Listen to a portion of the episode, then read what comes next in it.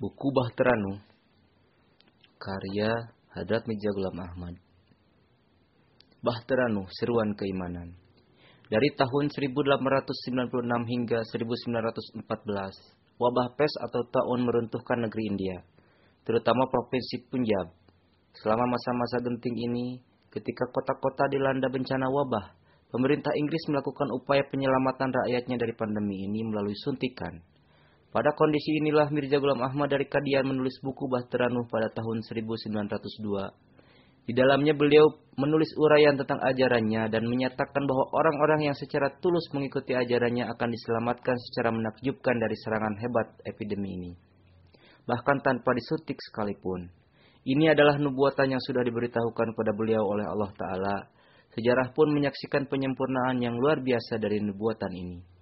Buku Bahteranuh memancarkan suara harapan tidak hanya bagi orang-orang di masa lalu, tetapi juga di masa sekarang dan akan terus memberikan keselamatan kepada dunia di segala zaman. Ini adalah sebuah buku yang tampil sebagai salah satu karya paling berpengaruh dari Hazrat Masih dan Imam Mahdi, dan akan terus mengubah kehidupan bahkan hingga hari ini.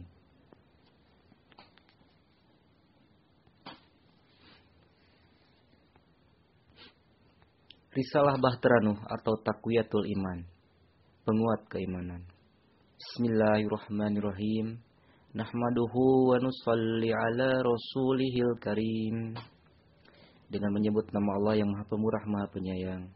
Kami memujinya dan memohon salawat. Semoga terlimpah kepada yang mulia Rasulullah Sallallahu Alaihi Wasallam. Subjudul Vaksinasi Wabah Pes la yusibana illa ma kataballahu lana huwa maulana wa 'alallahi falyatawakkalul mu'minun. Quran surat At-Taubah ayat 51. Sekali-kali tidak akan menimpa musibah kepada kami selain apa yang telah ditetapkan Allah bagi kami. Dia pelindung kami dan hanya kepada Allah lah hendaknya orang-orang mungkin bertawakal. Patutlah bersyukur bahwa karena rasa kasihan kepada rakyatnya dalam rangka usaha membasmi wabah pes atau taun, pemerintah kerajaan Inggris telah merencanakan gerakan vaksinasi atau suntikan untuk kedua kalinya. Dan demi kesejahteraan umat Tuhan, pemerintah telah memikul biaya ratusan ribu rupiah.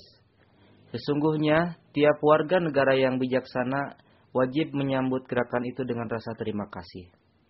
Dan mereka yang berprasangka terhadap gerakan suntikan itu sungguh amat bodoh dan sebenarnya memusuhi dirinya sendiri. Telah berkali-kali terbukti pemerintah sangat berhati-hati dalam tindakannya. Tidak mau melancarkan suatu cara pengobatan yang berbahaya. Bahkan pemerintah selamanya memperkenalkan suatu usaha yang terbukti efektif dalam program serupa itu. Adalah suatu sikap yang jauh dari kewajaran dan kemanusiaan jika orang mengadakan penilaian buruk terhadap tindakan pemerintah, yang dengan tulus ikhlas telah mengeluarkan beratus-ratus ribu rupiah, serta rasa simpati yang tulus kepada rakyatnya. Alangkah malangnya nasib mereka yang mempunyai prasangka buruk itu. Sedikit pun tidak diragukan, sampai sekarang upaya lahiriah berupa pemberian vaksin yang dilakukan oleh pemerintah merupakan upaya terbaik. Dan bagaimanapun tidak dapat diingkari bahwa upaya itu telah terbukti efektif. Maka merupakan kewajiban bagi semua warga negara untuk mengambil manfaat dari sarana yang tersedia itu dan membantu mengurangi beban pemerintah yang bersusah payah ingin menyelamatkan jiwa rakyatnya. Akan tetapi dengan segala hormat, kami ingin mengatakan kepada pemerintah yang baik hati itu bahwa seandainya tidak ada suatu rintangan samawi, maka kamilah yang pertama-tama di antara semua warga negara untuk disuntik. Rintangan samawi itu ialah Tuhan di zaman ini hendak memperlihatkan suatu tanda kasih sayangnya kepada umat manusia. Dia berfirman kepadaku bahwa engkau bersama orang-orang yang tinggal di dalam tembok rumahmu, mereka yang dengan tanpa syarat telah mengikuti engkau dan taat serta patuh kepada engkau, dan mereka yang karena ketakwa, ketakwaannya yang sempurna telah menjadi pengikut engkau yang setulus-tulusnya, akan diselamatkan dari wabah pes atau taun. Ini akan menjadi sebuah tanda ilahi di, di akhir zaman ini. Sehingga dia dapat memperbedakan antara satu kaum dengan kaum yang lainnya. Akan tetapi mereka yang tidak mematuhi engkau secara sempurna, maka mereka itu bukanlah dari pengikut engkau. Tidak usah dihiraukan mereka itu. Demikianlah perintah ilahi, oleh sebab itu aku dan setiap orang yang tinggal di dalam dinding rumahku tidak perlu disuntik. Karena sebagaimana telah kunyatakan, Tuhan yang maha menguasai langit dan bumi, yang tidak akan ada sesuatu pun melainkan dengan ilmu dan kuasanya, telah mewahyukan kepadaku, bahwa dia akan menyelamatkan setiap orang yang tinggal di dalam dinding rumah ini dari kematian akibat taun. Dengan syarat, mereka melepaskan segala kehendak untuk melawan lalu masuk ke dalam lingkungan orang-orang yang baiat dengan penuh keikhlasan, ketaatan, dan merendahkan diri. Baiat adalah sumpah setia kepada seorang pemimpin kerohanian. Ia, ia tidak takabur melawan, sombong, lalai, congkak, dan tinggi hati di hadapan perintah-perintah ilahi dan utusannya serta bertingkah laku sesuai dengan ajaranku. Tuhan juga telah memberitahuku bahwa kalian akan diselamatkan dari serangan wabah semacam itu, yaitu wabah yang telah menyebabkan orang-orang mati bagaikan anjing, dan orang-orang menjadi gila karena derita kesedihan dan kebingungan, dan juga memberitahuku bahwa pada umumnya semua anggota jemaatku, betapapun banyak jumlahnya, dibandingkan dengan orang-orang yang menentangku akan diselamatkan dari taun. Namun demikian, para pengikutku mungkin saja akan ada juga yang menjadi korban taun, yaitu mereka yang tidak menepati janji bayatnya dengan sepenuh-penuhnya atau dikarenakan oleh sebab lain yang tersembunyi yang perihal mereka hanya Allah saja yang maha mengetahui. Akan tetapi pada akhirnya, orang-orang akan mengakui dengan pandangan ketakjuban bahwa secara perbandingan relatif, pertolongan Tuhan ada di pihak jemaat ini. Dan demikian rupa dia telah menyelamatkan mereka melalui rahmat istimewanya yang dia tunjukkan dengan cara yang tidak ada tara bandingannya. Mendengar hal ini, sebagian orang yang tuna ilmu akan tercengang. Sebagian lagi akan mentertawakan. Sedangkan sebagian lagi akan menyebutku orang gila. Sebagian lagi akan merasa heran bahwa apakah ada Tuhan serupa itu yang dapat menurunkan rahmatnya tanpa bantuan sarana kebendaan apa pun Jawabnya ialah ya, Tuhan yang maha, yang maha kuasa, Tuhan yang maha kuasa serupa itu benar-benar ada. Seandainya Tuhan serupa itu tidak ada, maka orang-orang yang mempunyai ikatan perhubungan dengan dia pasti akan binasa di dalam kehidupan ini. Wujud yang maha kuasa itu ajaib, dan kemahakuasaannya yang kudus itu amat menakjubkan. Pada satu pihak dia membiarkan para penentang kebenaran menyerang sahabat-sahabatnya bagaikan terhadap anjing-anjing. Namun pada pihak lain dia memerintahkan para malaikat supaya menghidmati sahabat-sahabatnya itu. Demikian pula apabila kemurkaannya turun ke dunia dan kemurkaannya menimpa orang-orang aniaya, maka Allah Ta'ala menjaga dan memberi perlindungan kepada orang-orang pilihannya. Jika tidak demikian, maka seluruh misi orang-orang suci yang diutus oleh Allah Ta'ala akan menjadi kacau. Dan tidak akan ada seorang pun yang akan mengenal mereka. Kekuasaannya tidak terbatas. Akan tetapi kekuasaannya itu ditampakkan kepada orang-orang sesuai dengan kadar keimanan mereka. Mereka yang dianugerahi keyakinan dan kecintaan, serta mereka yang memutuskan segala perhubungan duniawi demi dia, dan mereka yang dijauhkan dari kebiasaan memanjakan hawa nafsu mereka, kepada mereka itulah mukjizat akan diperlihatkan. Allah Ta'ala berbuat sesuai dengan apa yang dia kehendaki. Akan tetapi kehendak untuk memperlihatkan kekuasaannya yang menakjubkan itu, dia khususkan hanya bagi mereka yang bersedia merusak kebiasaan buruk mereka demi mementingkan dia. Pada zaman ini, sangat sedikit orang-orang yang mengenal dia dan percaya kepada kekuasaannya yang ajaib itu. Kebalikannya, terdapat banyak sekali orang-orang yang sama sekali tidak percaya kepada Tuhan yang Maha Kuasa, yang suaranya didengar oleh segala sesuatu, yang baginya tiada, tiada sesuatu pun yang mustahil.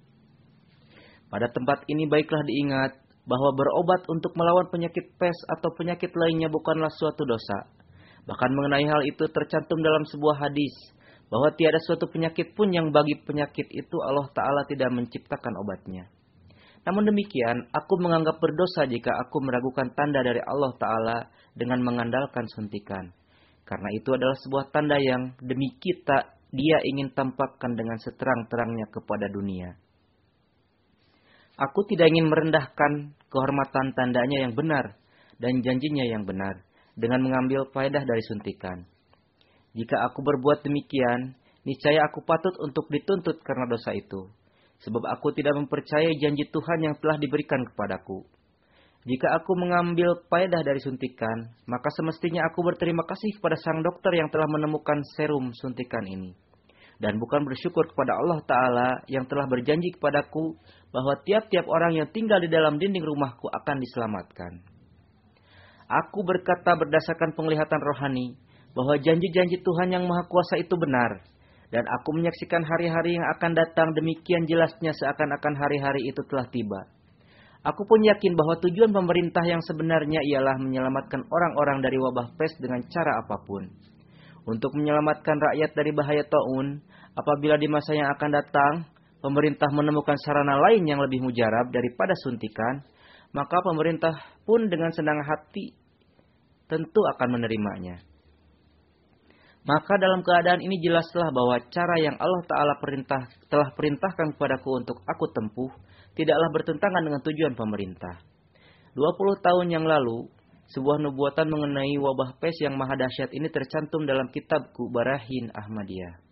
Dan juga tercantum di dalamnya mengenai janji istimewa bahwa jemaatku akan dilimpahi berkat.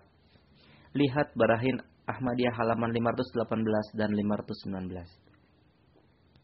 Kemudian selain itu, Allah Ta'ala juga telah menebuatkan dengan tegas bahwa dia akan menyelamatkan dari bencana wabah pes orang-orang muklis yang tinggal di dalam rumahku yang dan yang tidak bersikap takabur di hadapan Allah Ta'ala dan utusannya. Secara perbandingan relatif, Allah Ta'ala akan menganugerahi jemaat ini dengan rahmat yang istimewa. Walaupun demikian, boleh jadi peristiwa semacam itu menimpa juga beberapa orang di dalam jemaatku yang disebabkan oleh kelemahan iman, atau oleh karena suatu cacat di dalam amalnya, atau oleh karena ajal yang telah oleh karena ajal yang telah menjadi suratan takdir. Atau oleh karena suatu sebab lain yang diketahui Allah Ta'ala. Namun peristiwa semacam itu walau jarang, tidak dapat disimpulkan sebagai mewakili secara keseluruhan.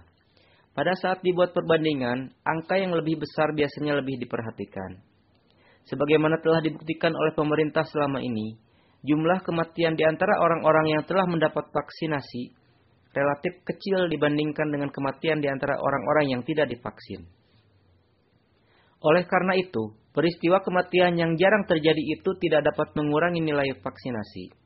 Demikian pula mengenai tanda ini, jika di Kadian, karena peristiwa tahun terjadi, kadangkala ada juga orang-orang di dalam jemaat ini meninggal dunia akibat penyakit itu. Maka tidak mengurangi nilai tanda samawi itu. Nubuatan ini ditulis sesuai dengan kalimat yang diucapkan oleh kalam suci Tuhan.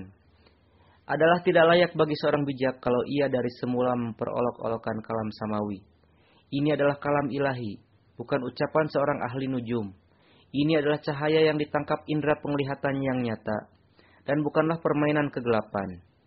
Ini adalah kalam ilahi yang telah membangkitkan wabah pes, dan dialah yang dapat melenyapkannya. Pemerintah pasti akan menghargai nubuatan ini kelak. Bila pemerintah menyaksikan betapa mengherankannya orang-orang dari anggota jemaat yang tetap selamat dan sehat dibandingkan dengan orang-orang yang mendapat suntikan. Dan aku berkata dengan sejujur-jujurnya bahwa apabila nubuatan ini tidak terjadi sesuai dengan yang telah dipublikasikan 20 atau 22 tahun yang lalu, maka aku bukanlah dari Tuhan. Sebagai tanda bahwa aku datang dari Tuhan ialah Orang-orang muklis yang tinggal di dalam dinding rumahku akan tetap terpelihara dari kematian akibat penyakit ini. Dan warga jemaatku seutuhnya secara perbandingan relatif akan tetap terpelihara dari serangan wabah pes. Dan kesejahteraan yang terdapat di dalam jemaat ini pasti tidak terdapat tara bandingannya pada golongan lain. Dan kegemparan wabah pes yang membinasakan itu tidak akan melanda kalian, kecuali sedikit atau jarang-jarang sangat disayangkan. Seandainya saja hati hati orang-orang itu bersih dan takut kepada Tuhan, maka mereka benar-benar akan diselamatkan. Sebab azab tidak diturunkan kepada seseorang di alam dunia ini disebabkan oleh perbedaan agama. Mengenai hal itu akan diputuskan nanti pada hari kiamat. Sesungguhnya dunia ini ditimpa azab oleh sebab menyebar luasnya kejahatan, keangkuhan, dan menyebarnya perbuatan dosa. Dan hendaklah diingat di dalam Al-Quran suci dan bahkan juga di dalam beberapa bagian Taurat terdapat kabar bahwa di masa masih Maud akan berjangkit wabah pes. Bahkan Hadrat Isa al-Masih alaihissalam pun mengabarkan mengenai itu di dalam Injil. Dan tidaklah mungkin kalau nubuatan-nubuatan para nabi itu akan meleset. Catatan, kabar gaib tentang akan berjangkitnya wabah pes di zaman al-Masih yang dijanjikan atau masih Maud telah tercantum dalam beberapa kitab Bible, yaitu Zakaria ayat 12, Injil Matius ayat 8 dan Wahyu-Wahyu ayat 8. Hendaknya juga diingat bahwa karena sudah ada janji ilahi, maka wajib bagiku untuk menjauhi upaya-upaya apa pun yang diciptakan oleh manusia. Kalau tidak, maka para penentang akan mengaitkan tanda ilahi ini kepada hal-hal lain. Namun demikian, seandainya selain itu Allah Ta'ala sendiri dengan perantaran kalamnya memberitahukan kepadaku suatu sarana atau obat lainnya, maka upaya atau obat serupa itu tidak menjadi halangan bagi tanda itu. Sebab sarana atau obat itu berasal dari Tuhan yang menampakkan tanda itu. Hendaknya jangan ada yang mempunyai, yang mempunyai dugaan bahwa kalau ada seseorang di dalam jemaatku meninggal disebabkan oleh wabah pes, lalu nilai serta martabat tanda itu menjadi berkurang. Sebab pada zaman dahulu, Nabi Musa alaihissalam dan Yesaya alaihissalam, dan pada akhirnya Nabi kita Shallallahu alaihi wasallam mendapat perintah untuk membunuh mereka yang telah terlebih dahulu mengangkat pedang dan yang telah menumpahkan darah ratusan orang. Ini merupakan suatu tanda dari para nabi itu, yang sesudah itu mereka mendapat kemenangan besar. Padahal dalam bentrokan itu di pihak para pengikut kebenaran pun terdapat, terdapat juga yang tewas oleh pedang pihak lawan. Akan tetapi jumlahnya sedikit. Kehilangan semacam itu tidaklah berpengaruh apa-apa terhadap keagungan tanda itu. Dengan demikian, apabila ada beberapa orang yang beberapa orang dalam jemaatku telah terkena oleh wabah pes dikarenakan oleh sebab-sebab yang telah diterang, diterangkan terdahulu, maka peristiwa itu sama sekali tidak menodai sedikit pun tanda ilahi itu. Tidakkah ini merupakan suatu tanda agung bahwa seperti telah berkali-kali kukatakan bahwa Allah Ta'ala akan menampakkan nubuatan itu demi, sedemikian rupa sehingga setiap pencari kebenaran tidak akan ragu-ragu dan mereka akan mengerti bahwa Allah Ta'ala telah melindungi jemaat ini dengan mukjizat. Bahkan sebagai akibat dari adanya tanda ilahi ini, dengan perantaraan wabah pes, jemaat ini akan berlipat-lipat ganda jumlahnya dan akan mencapai kemajuan yang tidak terbayangkan sebelumnya sehingga ia akan menyebar luas ke mana-mana secara mengagumkan. Seandainya Tuhan tidak menampakkan perbedaan antara jemaat ini dengan yang lainnya sesuai dengan nubuatan, maka para penentang yang sebenarnya telah menderita kekalahan demi kekalahan, sebagaimana yang telah kutulis dalam kitab Nujulul Masih. Niscaya mereka akan mendapatkan pembenaran untuk menuduhku sebagai seorang pendusta Hingga sekarang dengan mendustakanku mereka hanya mengundang laknat bagi diri mereka sendiri. Umpamanya, mereka berulang-ulang berteriak-teriak bahwa Atam tidak mati dalam tempo 15 bulan. Catatan, Abdullah Atam adalah pensiunan aparat sipil dan seorang Kristen terkemuka yang terkenal telah berdebat dengan Hadrat Masih Maud alaihissalam tentang kebenaran Kristen dan Islam. Perdebatan itu berlangsung dari 22 Mei hingga 5 Juni 1893. Umpamanya, mereka berulang-ulang berteriak-teriak bahwa Atam tidak mati dalam tempo 15 bulan. Sedangkan nubuatannya dengan tegas mengatakan bahwa apabila ia kembali kepada kebenaran, maka ia tidak akan mati di dalam tempo 15 bulan itu. Dan demikianlah yang terjadi di tengah berlangsungnya perdebatan di hadapan 70 orang-orang terhormat ia bertobat dari menyebut Rasulullah SAW sebagai Dajjal. Dan bahkan bukan hanya itu. Ia pun telah membuktikan tobatnya dengan tutup mulut dan menunjukkan ketakutan selama 15 bulan. Latar belakang nubuatan itu ialah karena ia telah menyebut Rasulullah SAW sebagai Dajjal. Oleh karena itu ia mengambil faedah dari tobatnya hanya sekedar sampai situ yakni matinya akan terjadi sesudah 15 bulan. Tapi memang akhirnya ia mati juga. Hal demikian terjadi karena di dalam nubuatan itu dinyatakan bahwa salah satu di antara kedua pihak yang tidak benar dari segi kepercayaannya, ia akan mati lebih dahulu. Maka ia mati lebih dahulu daripada diriku. Demikian pula kabar-kabar gaib yang telah disampaikan Allah Ta'ala kepadaku dan telah menjadi kenyataan pada waktunya adalah berjumlah tidak kurang dari 10.000 tanda. Akan tetapi di dalam kitab Nujulul Masih yang sedang dicetak hanya disebutkan 150 tanda sebagai contoh. Yang disertai bukti dan saksi-saksinya. Seluruh nubuatan-nubuatanku itu telah menjadi kenyataan. Atau dari dua bagian nubuatan itu sebagiannya telah menjadi sempurna. Sekalipun jika seseorang mencari-cari sampai ia tutup usia, tidak akan ia dapati sebuah nubuatan pun yang telah diucapkan mulutku dan mengenai itu ia dapat mengatakan bahwa nubuatan itu hampa belaka. Akan tetapi jika tidak punya rasa malu atau karena kebodohannya, seseorang bebas mengatakan apa pun yang ia suka. Aku dengan tegas menyatakan bahwa ribuan nubuatanku dengan sejelas-jelasnya telah menjadi kenyataan. Dan ratusan ribu orang telah menjadi saksi terhadap kebenaran nubuatan-nubuatan itu. Kecuali pada wujud Rasulullah SAW, persamaannya tidak akan dijumpai pada nabi-nabi terdahulu. Andai kata para penentangku menghakimi aku dengan cara itu, maka sudah sejak lama mata mereka terbuka. Seandainya mereka dapat menampilkan tandingan bagi nubuatan-nubuatan itu di dunia ini, maka aku bersedia memberi mereka hadiah besar. Menurutku semata-mata karena tidak punya rasa malu atau kebodohan sajalah yang, menyatak, yang mengatakan bahwa nubuatan yang ini atau yang itu tidak menjadi kenyataan. Mengenai itu tidak ada yang dapat kami perbuat selain mengatakan bahwa ucapan-ucapan itu bersumber pada kekejian dan persangkaan buruk belaka. Sekiranya di dalam suatu pertemuan diadakan tukar pikiran untuk menyelidiki hal itu, niscaya mereka akan menarik kembali ucapannya, atau terpaksa harus disebutkan tidak punya rasa malu.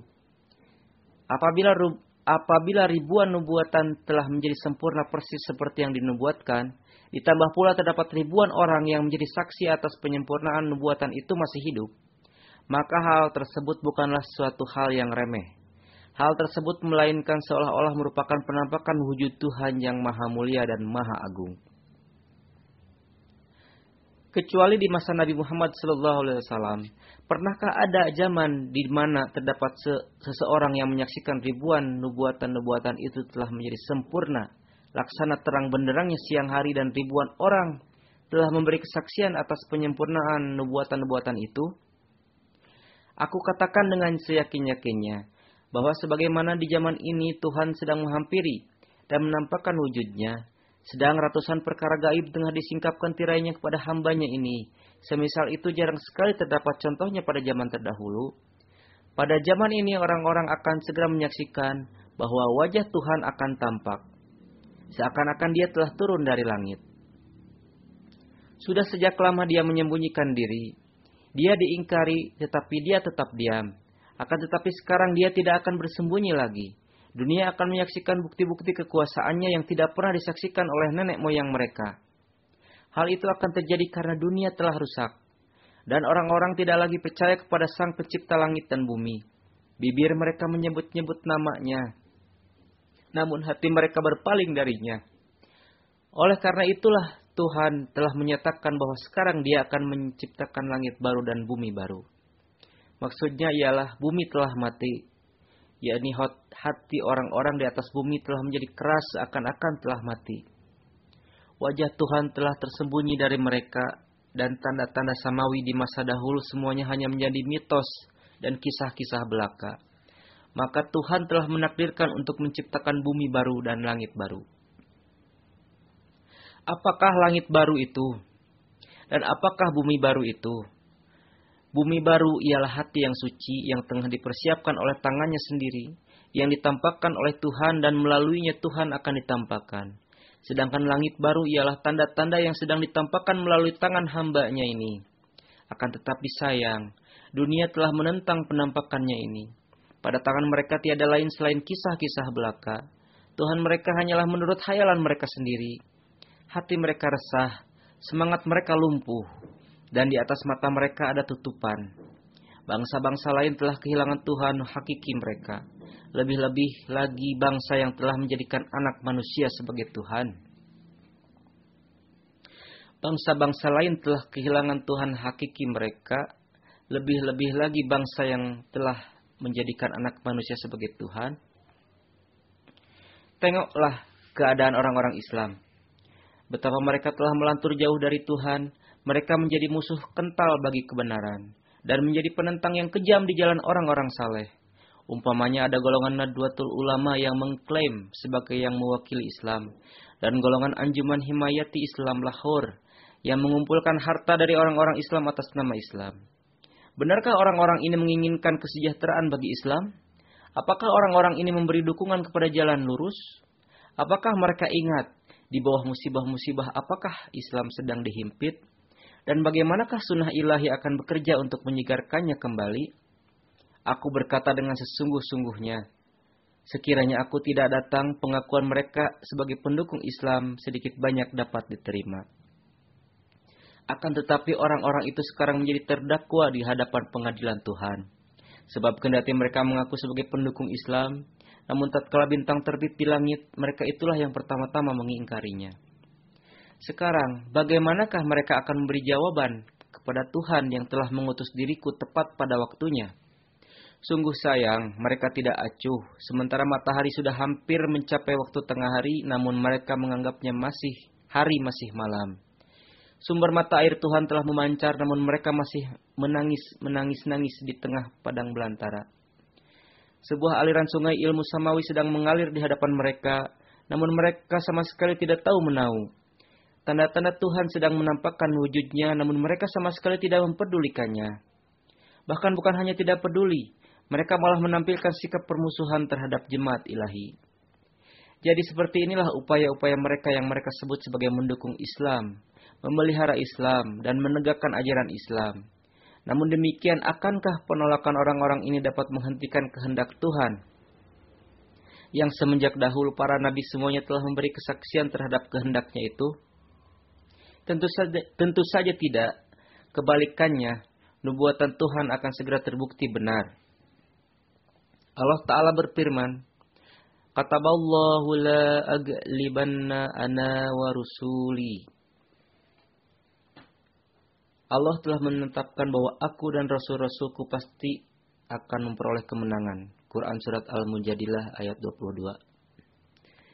Sebagaimana 10 tahun yang silam, Tuhan telah mengadakan gerhana matahari dan bulan di langit pada bulan Ramadan untuk menampakkan kebenaran hambanya ini. Dan dia menunjukkan dua buah tanda dengan cahaya siang dan cahaya malam, guna memberi kesaksian bagi diriku Demikian pula dia telah menampakkan dua buah tanda di atas permukaan bumi sesuai dengan nubuatan para nabi. Tanda pertama ialah sebagaimana Anda sekalian baca di dalam Al-Quran suci. Kemudian dalam hadis Anda sekalian membaca. Waidal isaru uttilat. Apabila unta-unta akan dibebas tugaskan. Quran Surat At-Takwir ayat 5 wala yat'rakannal kilasu fala yus'a 'alaiha dan akan dilepaskan unta-unta lalu tidak akan dipergunakan.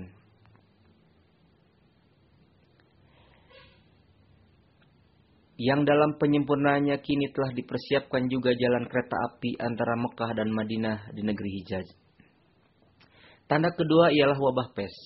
Sebagaimana Allah Ta'ala berfirman, wa im min qaryatin illa nahnu muhlikuha qabla yaumil qiyamati aw mu'adzibuha adzaban sadida dan tidak ada suatu negeri pun melainkan kami membinasakannya sebelum hari kiamat atau kami beri azab kepada penduduknya dengan azab yang keras. Quran surat Bani Israel ayat 59. Jadi Allah Ta'ala telah memungkinkan kereta api berjalan di negeri ini dan juga menjangkitkan tahun agar bumi menjadi saksi. Begitu juga langit menjadi saksi. Oleh karena itu janganlah berperang dengan Tuhan. Karena berperang dengan Tuhan adalah suatu tindakan yang bodoh. Sebelum ini ketika Tuhan mengumumkan hendak menjadikan Adam alaihissalam sebagai halifah, para malaikat menghalang-halangi kehendak itu. Akan tetapi apakah Tuhan membatalkan kehendaknya karena perkataan mereka itu? Sekarang pada saat dia membangkitkan Adam yang kedua, Tuhan berfirman lagi, aradtu an astakhlifa fa khalaqtu Adam. Yani aku telah berkehendak untuk menjadikan khalifah, maka aku telah menciptakan Adam ini. Sekarang cobalah katakan, apakah Anda sekalian dapat merintangi kehendak Tuhan? Jadi mengapakah Anda berprasangka sia-sia dan tidak menempuh jalan keyakinan? Janganlah kalian menempatkan diri kalian dalam ujian. Camkanlah dengan seyakin-yakinnya bahwa tidak ada seorang pun yang dapat menggagalkan kehendak Tuhan. Konfrontasi-konfrontasi seperti itu adalah bertentangan dengan jalan ketakwaan. Andaikan, seos, andaikan seseorang memiliki rasa was-was, maka ia dapat menempuh cara yang lain. Berdasarkan kepada ilham dari Tuhan, aku telah menerima kabar suka bahwa sekelompok orang yang mengikuti ajaranku, maka mereka akan diselamatkan dari azab dari azab wabah pes. Dan mengenai hal ini telah dipublikasikan. Demikianlah pula apabila di dalam hati Anda sekalian ada hasrat untuk mendatangkan kesejahteraan bagi kaum Anda, Hendaknya Anda pun mendapatkan kabar suka dari Allah Ta'ala untuk keselamatan kawan-kawan seagama Anda dari wabah pes. Lalu menyiarkan surat selebaran seperti yang telah kulakukan. Agar halayak ramai mengerti bahwa Tuhan beserta Anda. Bahkan kesempatan ini pun sungguh baik sekali bagi umat Kristen yang selamanya berkata bahwa najat atau keselamatan itu terletak pada kepercayaan kepada Yesus Kristus. Maka wajib pula lah bagi mereka pada saat-saat musibah ini berkecamuk, menyelamatkan umat Kristen dari wabah pes. Di antara semua golongan yang ada, yang doa-doanya paling dikabulkan Tuhan, maka golongan itulah yang dianggap sebagai yang diterima Tuhan. Sekarang Tuhan memberi kesempatan kepada setiap orang agar jangan berdebat kusir antara satu dengan yang lainnya. Perlihatkanlah keunggulan dalam kemakbulan agar mereka selamat dari wabah pes. Dan kebenaran mereka nampak nyata juga, Teristimewa para pendeta Kristen yang menyatakan hanya Isa Al-Masih Ibnu Maryam sajalah juru, juru selamat di dunia dan di akhirat. Jika sekiranya mereka mempercaya dengan setulus hati bahwa Isa Ibnu Maryamlah Tuhan di dunia dan di akhirat, maka mereka berhak menyaksikan penampakan contoh najat atau keselamatan dengan perantaraan penebusan dosa oleh Ibnu Maryam. Dengan cara demikian, bagi pemerintah pun akan menjadi sebuah kemudahan apabila berbagai golongan yang ada di India yang berpegang pada kebenaran agamanya masing-masing berusaha melepaskan serta menyelamatkan golongannya dari wabah pes dengan memohon syafaat dari Tuhan yang mereka percayai atau dari sembahan lain selain Allah bagi orang-orang yang tertimpa musibah. Setelah mereka mendapatkan janji tegas dari Tuhan, hendaknya mereka siarkan janji itu dengan perantaran selebaran-selebaran, seperti yang telah kami lakukan. Cara itu semata-mata demi kesejahteraan makhluk Tuhan dan merupakan bukti mengenai kebenaran agama mereka. Lagi pula merupakan bantuan bagi pemerintah. Tentulah yang diinginkan pemerintah tiada lain selain keselamatan rakyat dari malapetaka wabah pes biar dengan cara apa pun. Terakhir, melalui pengumuman ini aku ingin memberitahu para anggota jemaatku yang tersebar di seluruh Punjab dan wilayah lain di India jika pemerintah dengan tegas memerintahkan untuk disuntik, maka seyogianya mereka harus mematuhi perintah itu dan segera minta disuntik sebagaimana yang diperintahkan kepada mereka. Dan akan lebih tepat bagi anggota jemaatku yang diperbolehkan menentukan pilihan untuk mengambil manfaat dari suntikan ini. Jika mereka tidak sepenuhnya mengamalkan ajaranku yang telah diajarkan kepada mereka, agar mereka tidak tersandung dan tumbang, atau agar keadaan pribadi mereka yang buruk tidak mengelabui mata orang-orang tentang janji Tuhan itu. Secara ringkas di bawah ini, aku jelaskan kepada mereka yang mungkin tertarik ingin mengetahui ajaran yang dengan mengikutinya secara sesempurna-sempurnanya dapat menyelamatkan dari serangan wabah pes itu. Subjudul Ajaranku Hendaknya dipahami dengan jelas bahwa ikrar bayat secara lisan saja tidaklah berarti apa-apa selama bayat itu tidak diamalkan dengan sempurna, disertai kebulatan tekad dalam hati. Jadi barang siapa yang mengamalkan ajaranku dengan sempurna, maka ia masuk ke dalam rumahku, rumah yang telah tersirat janji dalam kalam ilahi. Ini uhafidu kullamang fidar. Tiap-tiap orang yang tinggal di dalam rumahku akan kuselamatkan. Hal ini hendaknya tidak diartikan penghuni rumahku hanya mereka yang berdiam di dalam rumahku yang terbuat dari tanah dan batu bata ini. Melainkan dimaksudkan juga bagi mereka yang mengikutiku dengan sempurna dan tinggal sebagai penghuni rumah rohaniku. Untuk mengikuti ajaranku hendaknya mereka harus meyakini bahwa mereka mempunyai satu Tuhan yang kodir, maha kuasa, koyum, berdiri sendiri dari dan segala sesuatu bergantung bergantung padanya. Dan Holikul Kul, pencipta segala sesuatu yang ada, yang sifat-sifatnya kekal abadi dan tidak pernah berubah. Dia bukan anak seseorang dan dia tidak mempunyai anak. Dia bersih dari penanggungan derita dan dinaikkan ke tiang salib dan dari kematian. Dia adalah demikian rupa keadaannya walaupun jauh namun dekat, dan meskipun dia dekat tapi jauh. Walaupun tunggal namun penampakannya beragam. Jika di dalam diri manusia terjadi suatu perubahan baru, maka baginya dia pun menjadi Tuhan yang baru. Dan dia memperlakukannya dengan penampakannya yang baru pula. Orang itu melihat suatu perubahan di dalam wujud Tuhan, menurut kadar atau proporsi perubahan yang terjadi atas dirinya. Tetapi hal itu tidak berarti bahwa ada perubahan terjadi dalam wujud Tuhan. Kebalikannya, semenjak ajali dia tidak pernah mengalami perubahan dan wujudnya paripurna. Akan tetapi pada waktu terjadi perubahan-perubahan di dalam diri manusia yang menuju kebaikan, Tuhan pun menampakkan dirinya kepada orang itu dengan penampakan baru. Dan pada setiap kemajuan yang dicapai oleh manusia, penampakan kekuasaan Tuhan pun terjadi lebih meningkat. Dia memperlihatkan kekuasaannya yang luar biasa manakala terjadi perubahan luar biasa. Inilah pangkal keajaiban serta mukjizat. Itulah Tuhan yang merupakan syarat bagi jemaatku. Berimanlah kepadanya dan hendaklah mengutamakan dia lebih dari dirimu, kesenanganmu, dan segala perhubunganmu. Dengan perbuatan nyata serta disertai keberanian, Perlihatkanlah kesetiaan itu dengan sejujur-jujurnya. Orang kebanyakan di dunia ini tidak mengutamakan dia dari harta benda mereka dan karib kerabat mereka. Akan tetapi kamu sekalian hendaknya mengutamakan dia, agar kamu sekalian di langit akan dituliskan di dalam daftar jemaatnya. Memperlihatkan tanda-tanda kasih sayang merupakan sunnah ilahi semenjak zaman bihari. Akan tetapi kamu sekalian baru akan dapat memperoleh bagian dalam sunnah itu apabila di antara kamu sekalian dan dia tidak ada jarak pemisah sedikit pun. Keinginan keinginanmu menjadi keinginannya dan kedambaanmu menjadi kedambaannya. Dan selama-lamanya baik dalam suasana keberhasilan maupun dalam suasana kegagalan, kepalamu rebah di hadapan istananya, agar dia boleh berbuat apa saja yang dia kehendaki.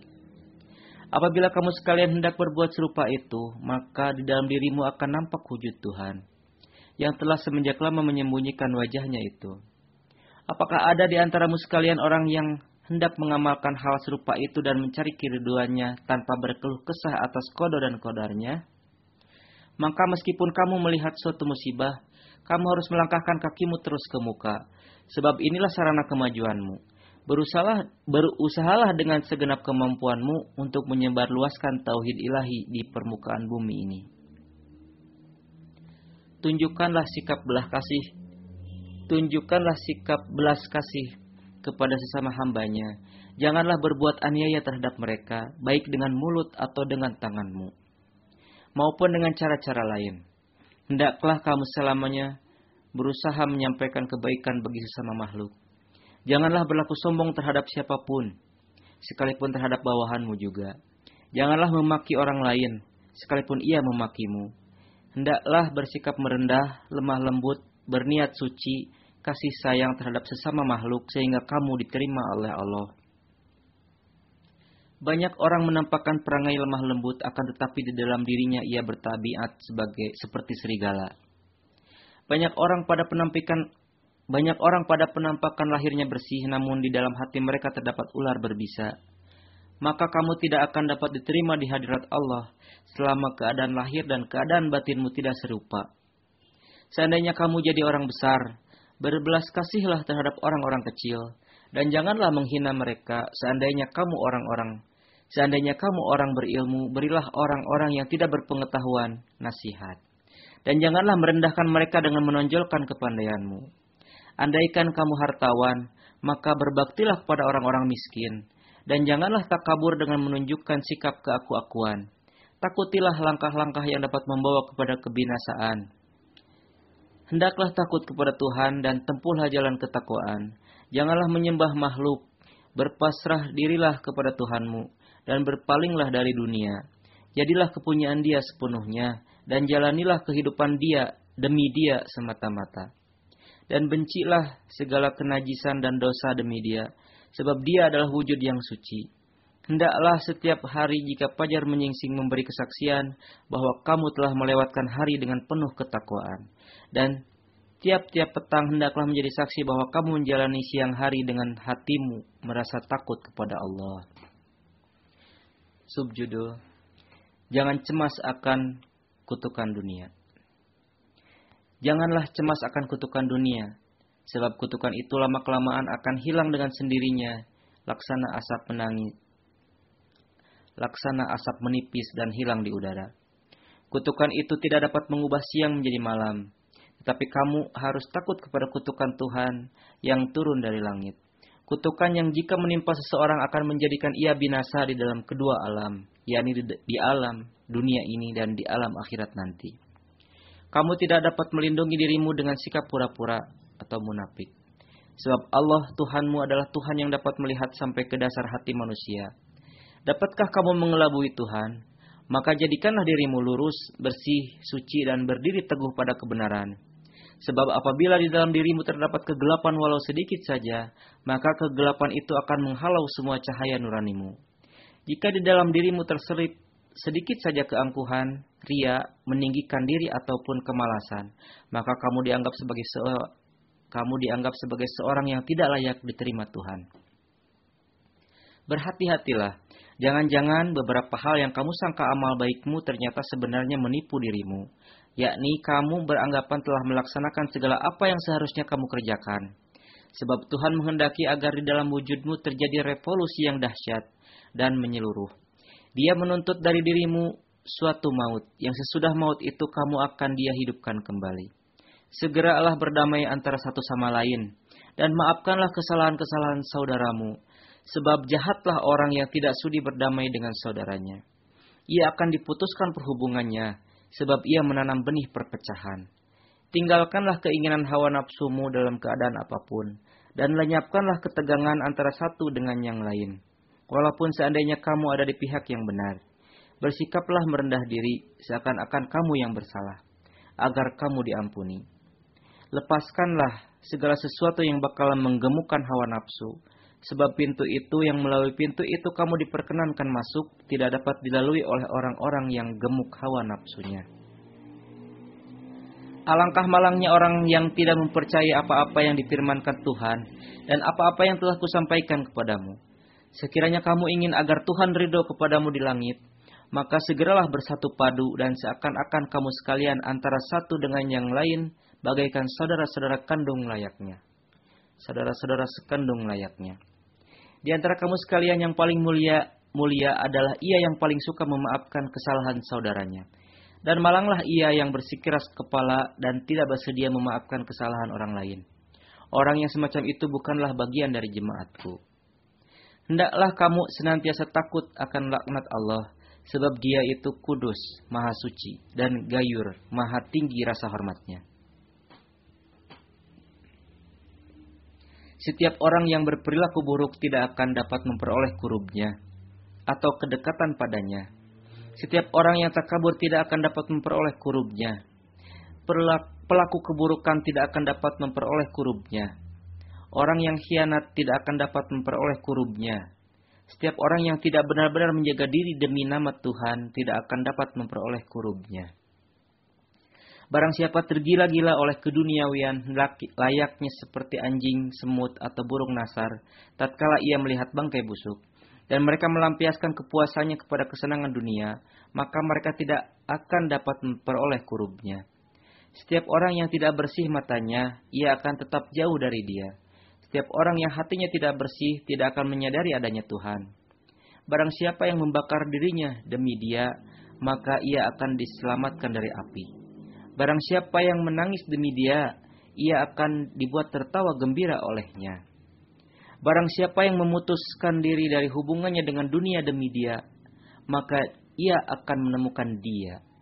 Dengan kesungguhan hati dan dengan penuh ketulusan serta langkah dengan langkah-langkah bersemangat, jadilah sahabat Tuhan, agar Tuhan pun menjadi akan menjadi sahabatmu. Perlihatkanlah belas kasih terhadap bawahanmu istrimu dan saudara-saudaramu yang tak berada, agar kamu pun di langit akan dilimpahi kasih sayang. Hendaknya kamu benar-benar menjadi kepunyaannya, agar Tuhan pun menjadi kepunyaanmu.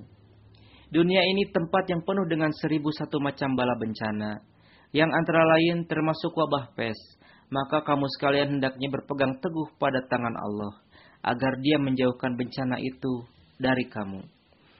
Tak akan ada bencana timbul di atas permukaan bumi ini selama belum ada perintah dari langit. Dan bencana tidak akan pernah hilang lenyap selama belum turun rahmat belas kasih dari langit. Oleh karena itu, akan bijaksanalah apabila kamu berpegang kuat pada akar, bukan pada dahan. Kamu sekalian tidak dilarang untuk berobat atau berikhtiar, akan tetapi yang dilarang ialah menggantungkan kepercayaan pada hal-hal itu. Kesudahannya adalah kehendak Allah, jualah yang akan terjadi.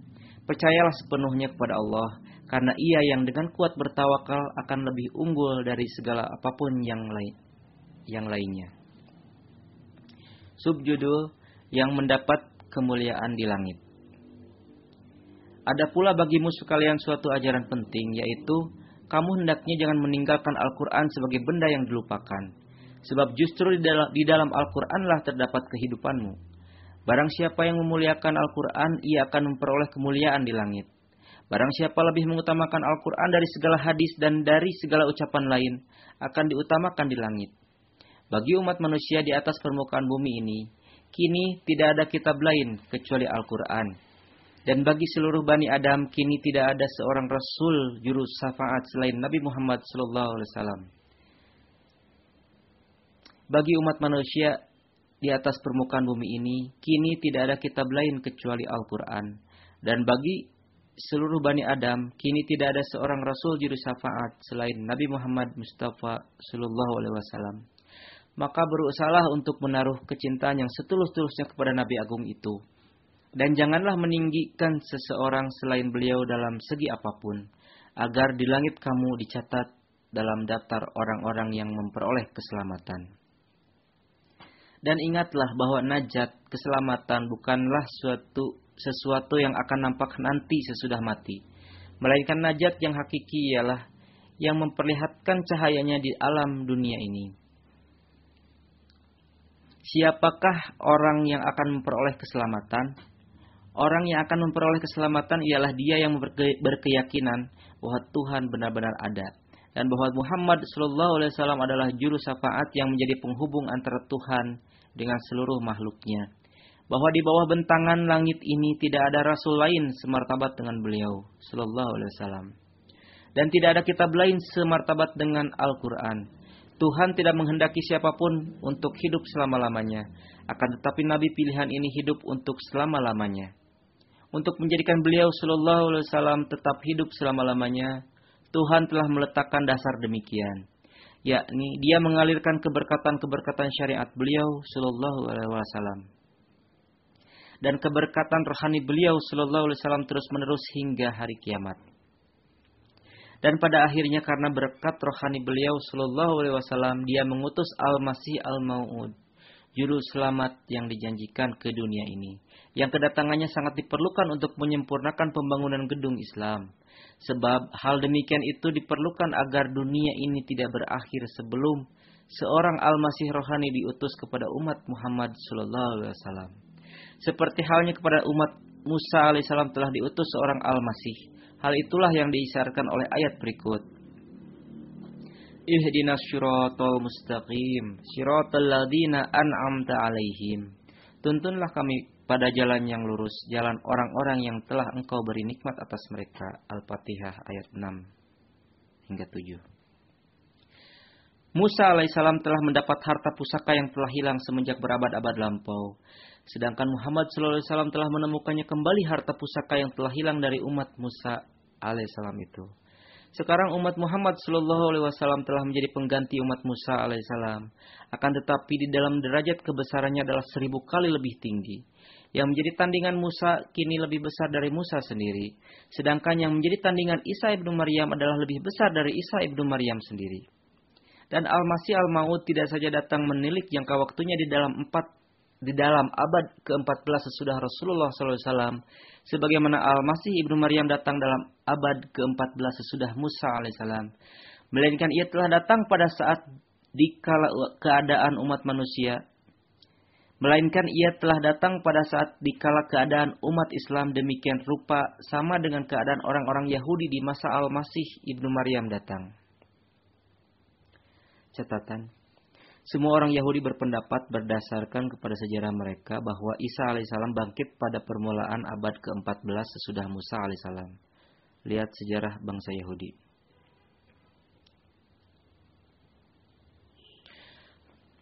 Maka akulah sesungguhnya Al-Masih yang dijanjikan itu.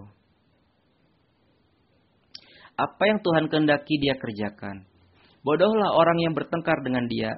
Jahillah orang yang mengecam terhadap dia dengan mengatakan jangan begitu melainkan harus begini. Dia telah mengutusku disertai tanda-tanda cemerlang yang melebihi sepuluh ribu jumlahnya. Dari jumlah itu satu di antaranya ialah wabah pes. Pendek kata, barang siapa bayat kepadaku dengan sesungguh-sungguhnya, dan menjadi pengikutku dengan hati yang setulus-tulusnya dan juga membuat dirinya tenggelam sirna di dalam ke ketaatan kepadaku hingga ia meninggalkan segala keinginan-keinginan pribadinya. Dialah yang pada hari-hari penuh derita rohku akan memberi syafaat kepadanya. Maka wahai sekalian orang yang merasa dirinya tergolong sebagai anggota jemaatku, kamu sekalian di langit baru akan dihitung sebagai anggota jemaatku setelah kamu sekalian benar-benar melangkahkan kakimu pada jalan ketakwaan. Oleh karena itu dirikanlah sholat kelima waktu dengan penuh rasa ketakutan dan pemusatan pikiran. Seakan-akan kamu sekalian melihat wajah ilahi di hadapanmu. Jalanilah hari-hari puasamu karena Allah dengan penuh ketulusan. Setiap orang yang wajib membayar zakat, hendaklah ia melunasi zakat. Barang siapa telah memenuhi syarat untuk menunaikan ibadah haji, dan tidak ada yang menghalangi, hendaklah ia menunaikan ibadah haji. Kerjakanlah segala amalan baik dengan cermat, dan tinggalkanlah perbuatan buruk disertai perasaan jengkel. Ingatlah dengan seyakin-yakinnya bahwa tiada sesuatu amal dapat sampai ke hadirat Allah apabila amal itu kosong dari takwa. Setiap amal baik berakar pada takwa. Sesuatu amal yang tidak kehilangan akar itu, amal itu sekali-kali tidak akan sia-sia sudahlah pasti bahwa kamu sekalian akan diuji dengan berbagai duka nestapa dan musibah seperti ujian yang dialami orang-orang mukmin dahulu. Maka waspadalah, jangan-jangan kamu nanti tergelincir. Bumi tidak akan dapat membinasakan kamu sedikit pun. Andai kata hubunganmu dengan langit terjalin erat, manakala sesuatu kemalangan menimpa dirimu, itu bukanlah dikarenakan perbuatan musuhmu, melainkan oleh tanganmu sendiri apabila kemuliaan duniawimu satu demi satu hilang, Allah akan menganugerah Allah akan menganugerahimu di langit kemuliaan yang kekal abadi. Oleh karena itu janganlah kamu melepaskan dia. Kamu sekalian pasti akan diberi bermacam-macam duka cita, sedangkan beberapa harapanmu tidak akan terlaksana. Jadi dalam menghadapi keadaan serupa itu, kamu sekalian jangan putus asa. Sebab Tuhanmu sedang mengujimu, apakah langkahmu pada jalannya teguh atau tidak.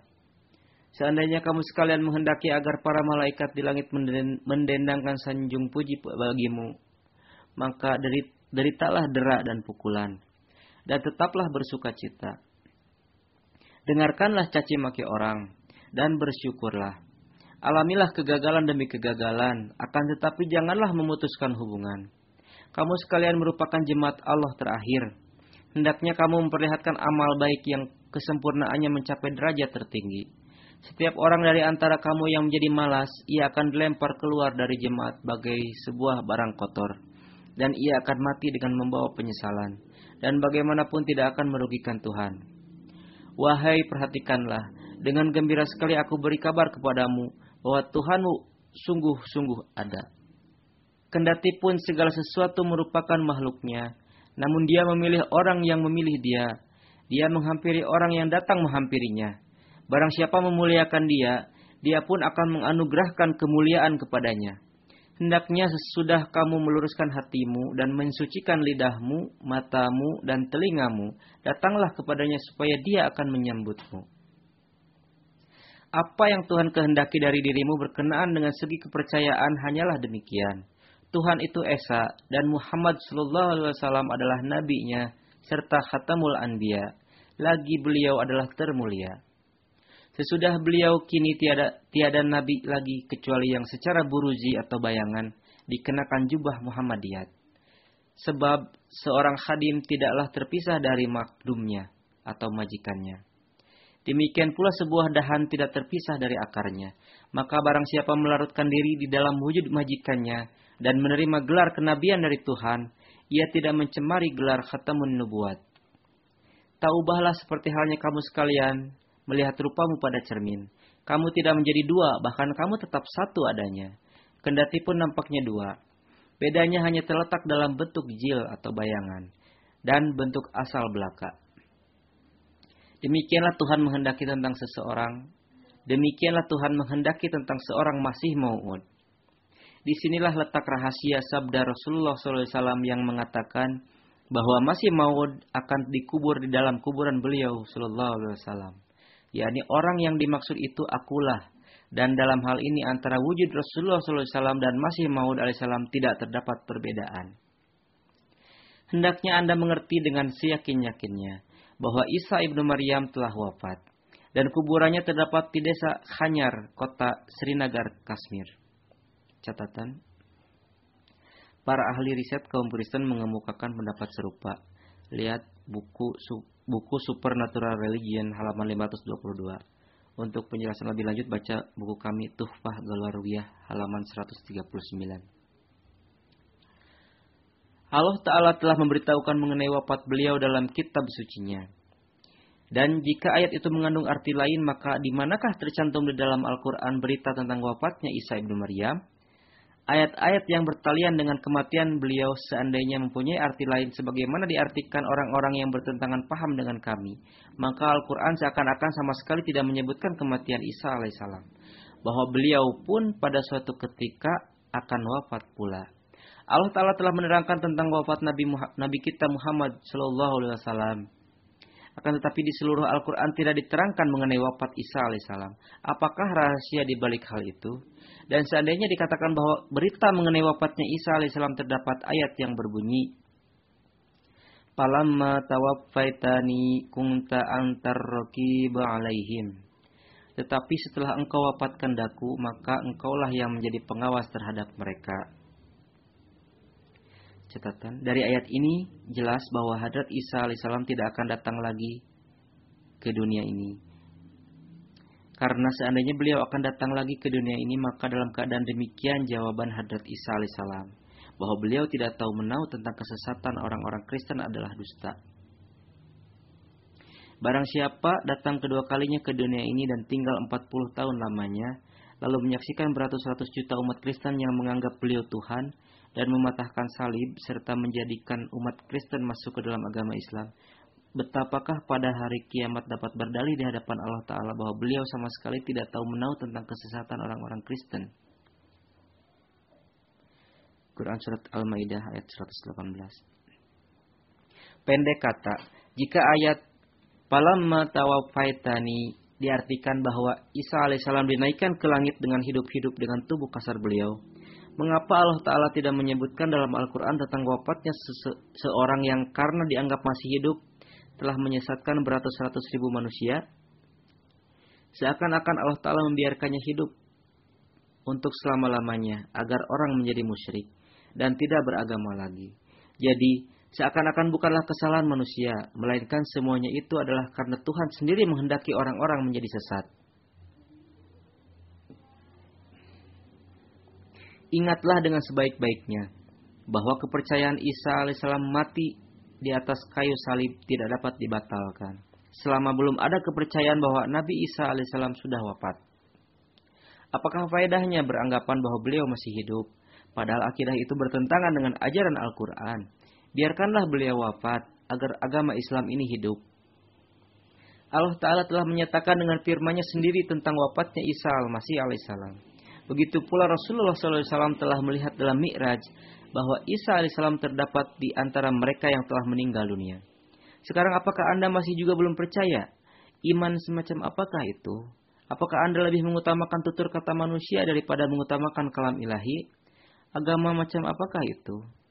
Dan Nabi kita Muhammad SAW tidak saja memberi kesaksian bahwa beliau SAW melihat Isa alaihissalam terdapat di antara roh-roh mereka yang telah meninggal tapi juga dengan wafatnya beliau sendiri terbukti bahwa tidak ada seorang nabi pun masih hidup. Catatan. Diisyaratkan pada sebuah ayat Al-Quran dengan jelas tentang Kashmir bahwa Isa al-Masih alaihissalam dan bundanya telah bertolak ke Kashmir setelah peristiwa salib. Sebagaimana dia berfirman, wa huma ila rabbatin dati wa ma'in. Dan kami berikan kepada Isa dan ibunya tempat di atas bukit yang tentram damai. Dan di sana terdapat air jernih, yakni mata air. Quran Surat Al-Mu'minun, ayat 51. Jadi, di dalam ayat ini Allah Ta'ala menggambarkan suasana Kashmir. Kata awai, awa menurut kamus bahasa Arab adalah menyatakan arti memberi perlindungan dari sesuatu dari suatu musibah atau kesulitan. Sedangkan sebelum peristiwa salib Isa alaihissalam dan bundanya tidak pernah mengalami masa penderitaan yang demikian rupa gawatnya. Sehingga kedua beliau perlu diselamatkan. Jadi dari situ ternyata bahwa Allah Ta'ala telah mengirimkan Isa alaihissalam dan bundanya ke atas bukit itu setelah terjadi peristiwa salib.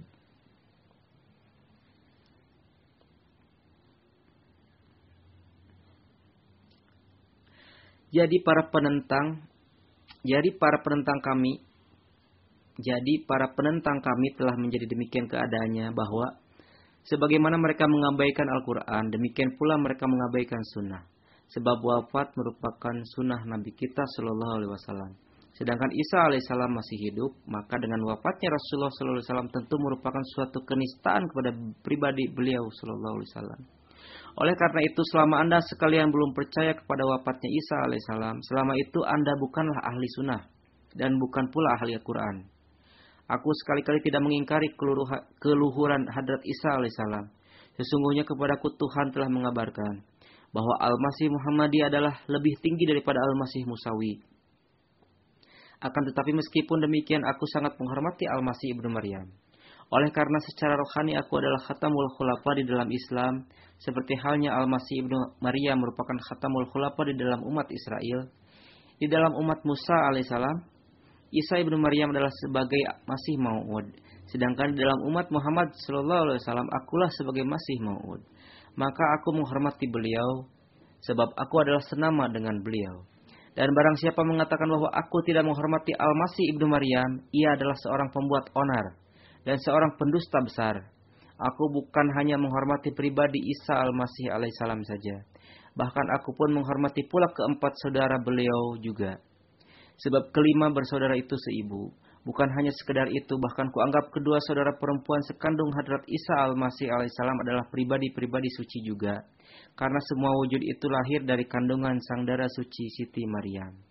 Keluhuran Siti Maryam ialah bahwa beliau selama jangka waktu selama, selama jangka waktu lama menahan diri dari menikah. Kemudian atas desakan para orang saleh di kalangan kaumnya beliau dinikahkan.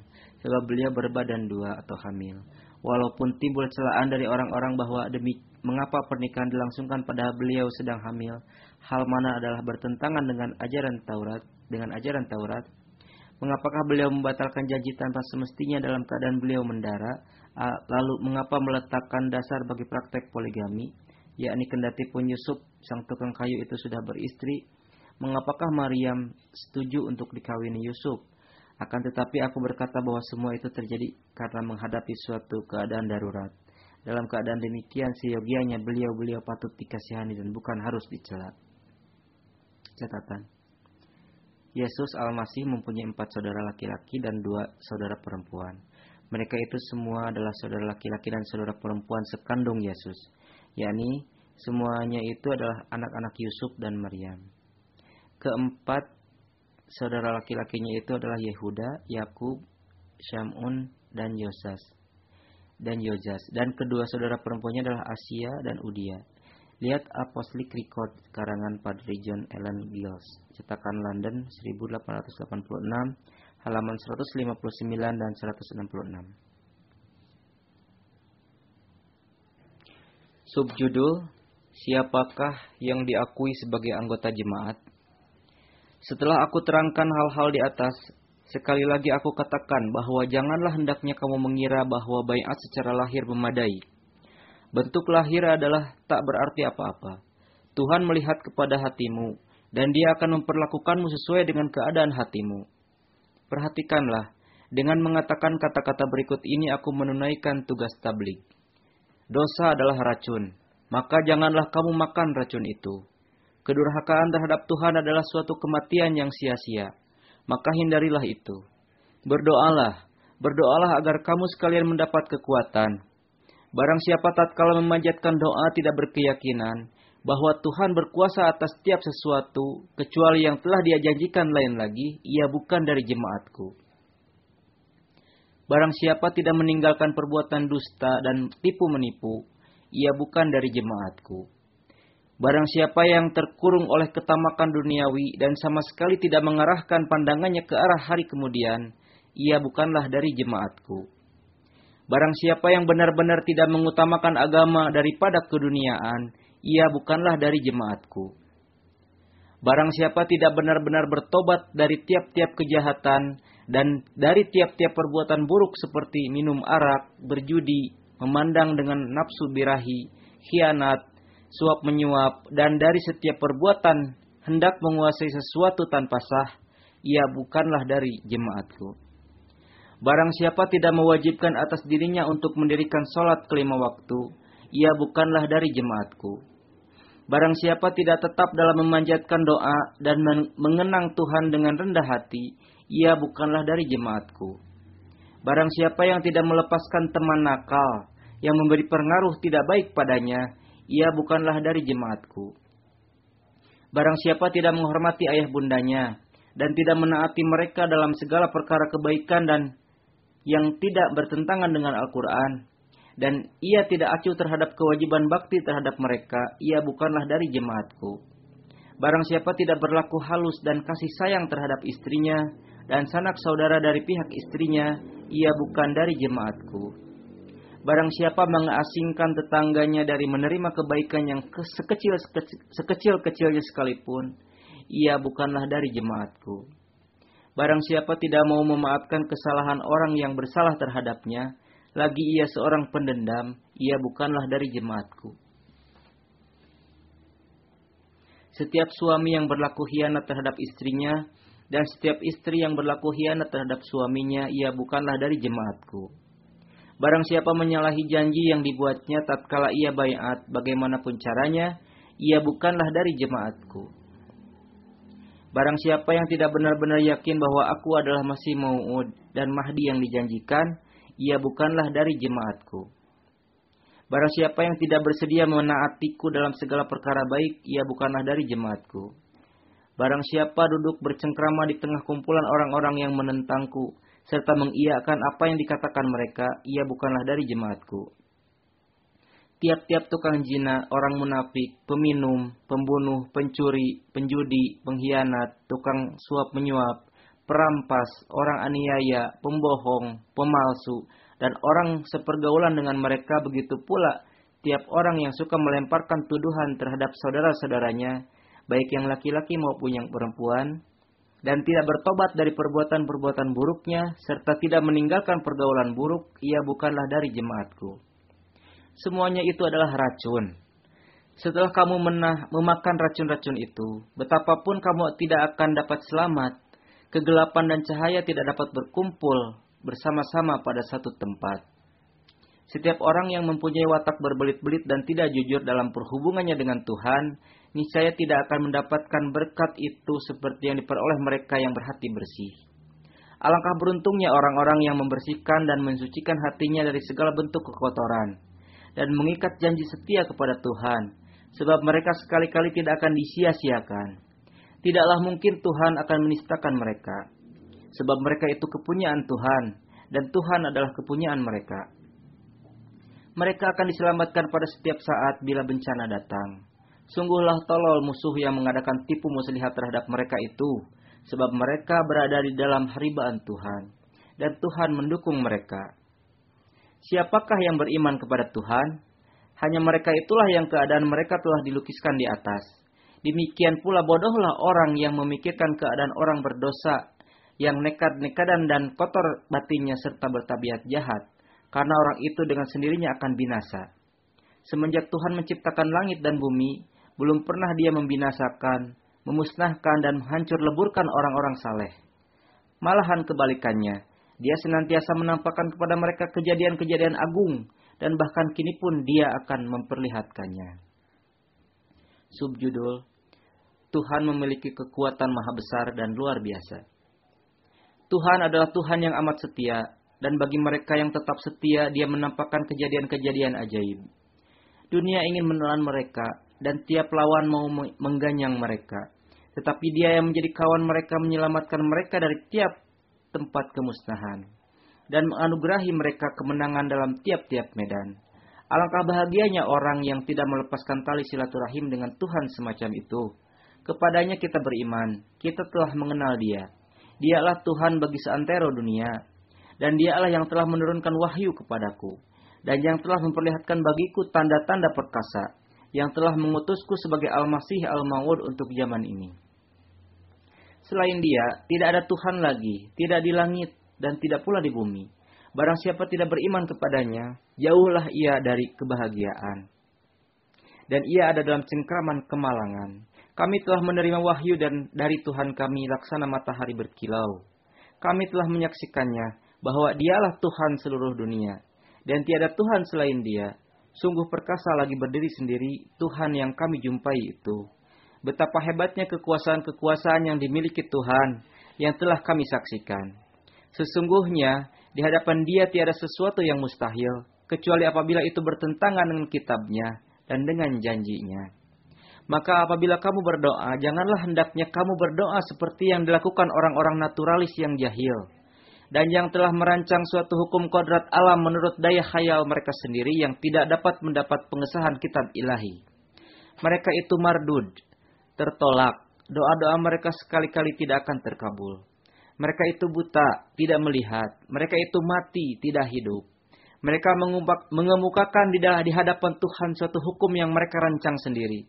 Dan mereka membatasi kodrat-kodratnya yang tidak berhingga itu. Dan menganggapnya lemah.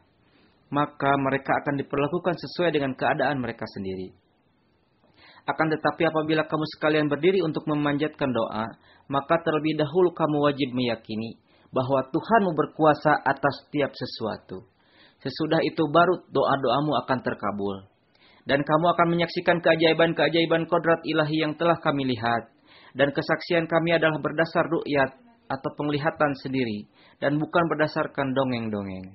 Bagaimanakah doa orang-orang doa-doa orang yang semacam itu terkabul dan juga bagaimanakah ia akan mempunyai keberanian untuk memanjatkan doa waktu it, waktu ia dihadapkan kepada kesulitan-kesulitan besar kalau ia tidak percaya bahwa Tuhan berkuasa atas setiap sesuatu. Sebab hal itu bertentangan dengan hukum kodrat yang dibuatnya sendiri. Akan tetapi wahai orang-orang budiman, hendaklah kamu jangan berbuat seperti itu. Tuhanmu adalah wujud yang menggantungkan bintang-bintang yang tak terhitung banyaknya di cakrawala itu tanpa tiang satupun. Dan telah menciptakan bumi dan langit dari serba tiada. Apakah kamu berprasangka terhadap dia bahwa dia tidak akan berdaya untuk memenuhi keperluanmu, bahkan prasangkamu itu sendirilah yang akan merugikan dirimu. Dalam wujud Tuhan kami ada terdapat keajaiban-keajaiban yang tak terhingga banyaknya. Akan tetapi hanya merekalah yang menjadi kepunyaan dia berkat ketulusan serta kesetiaan mereka dapat melihat keajaiban-keajaiban itu.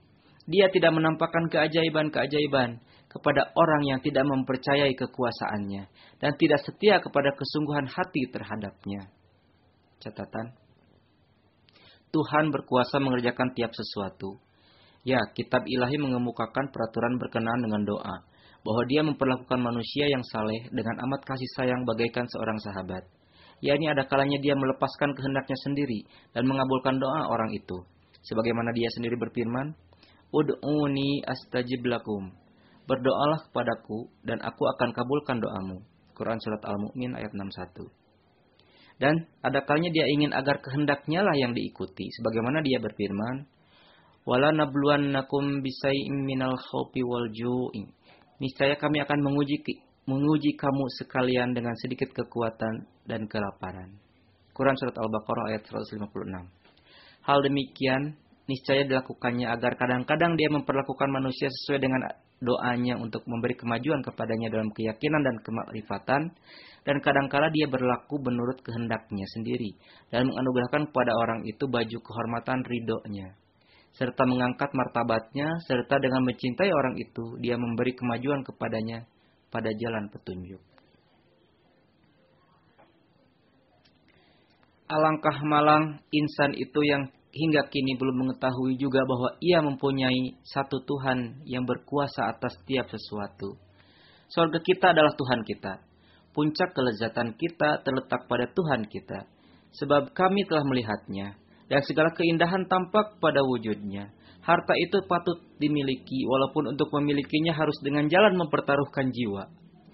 Intan itu patut dibeli, sekalipun untuk memperolehnya harus dengan jalan meniadakan segala wujud kita. Wahai orang-orang yang merugi, bergegaslah lari menuju sumber mata air ini, agar oleh mata air itu dahagamu akan dilepaskan. Inilah sumber mata air kehidupan yang bakal menyelamatkan kamu sekalian. Apalagi kamu, apalagi yang harus kuperbuat, dan bagaimanakah harus kusampaikan berita ini kepada setiap kalbu manusia.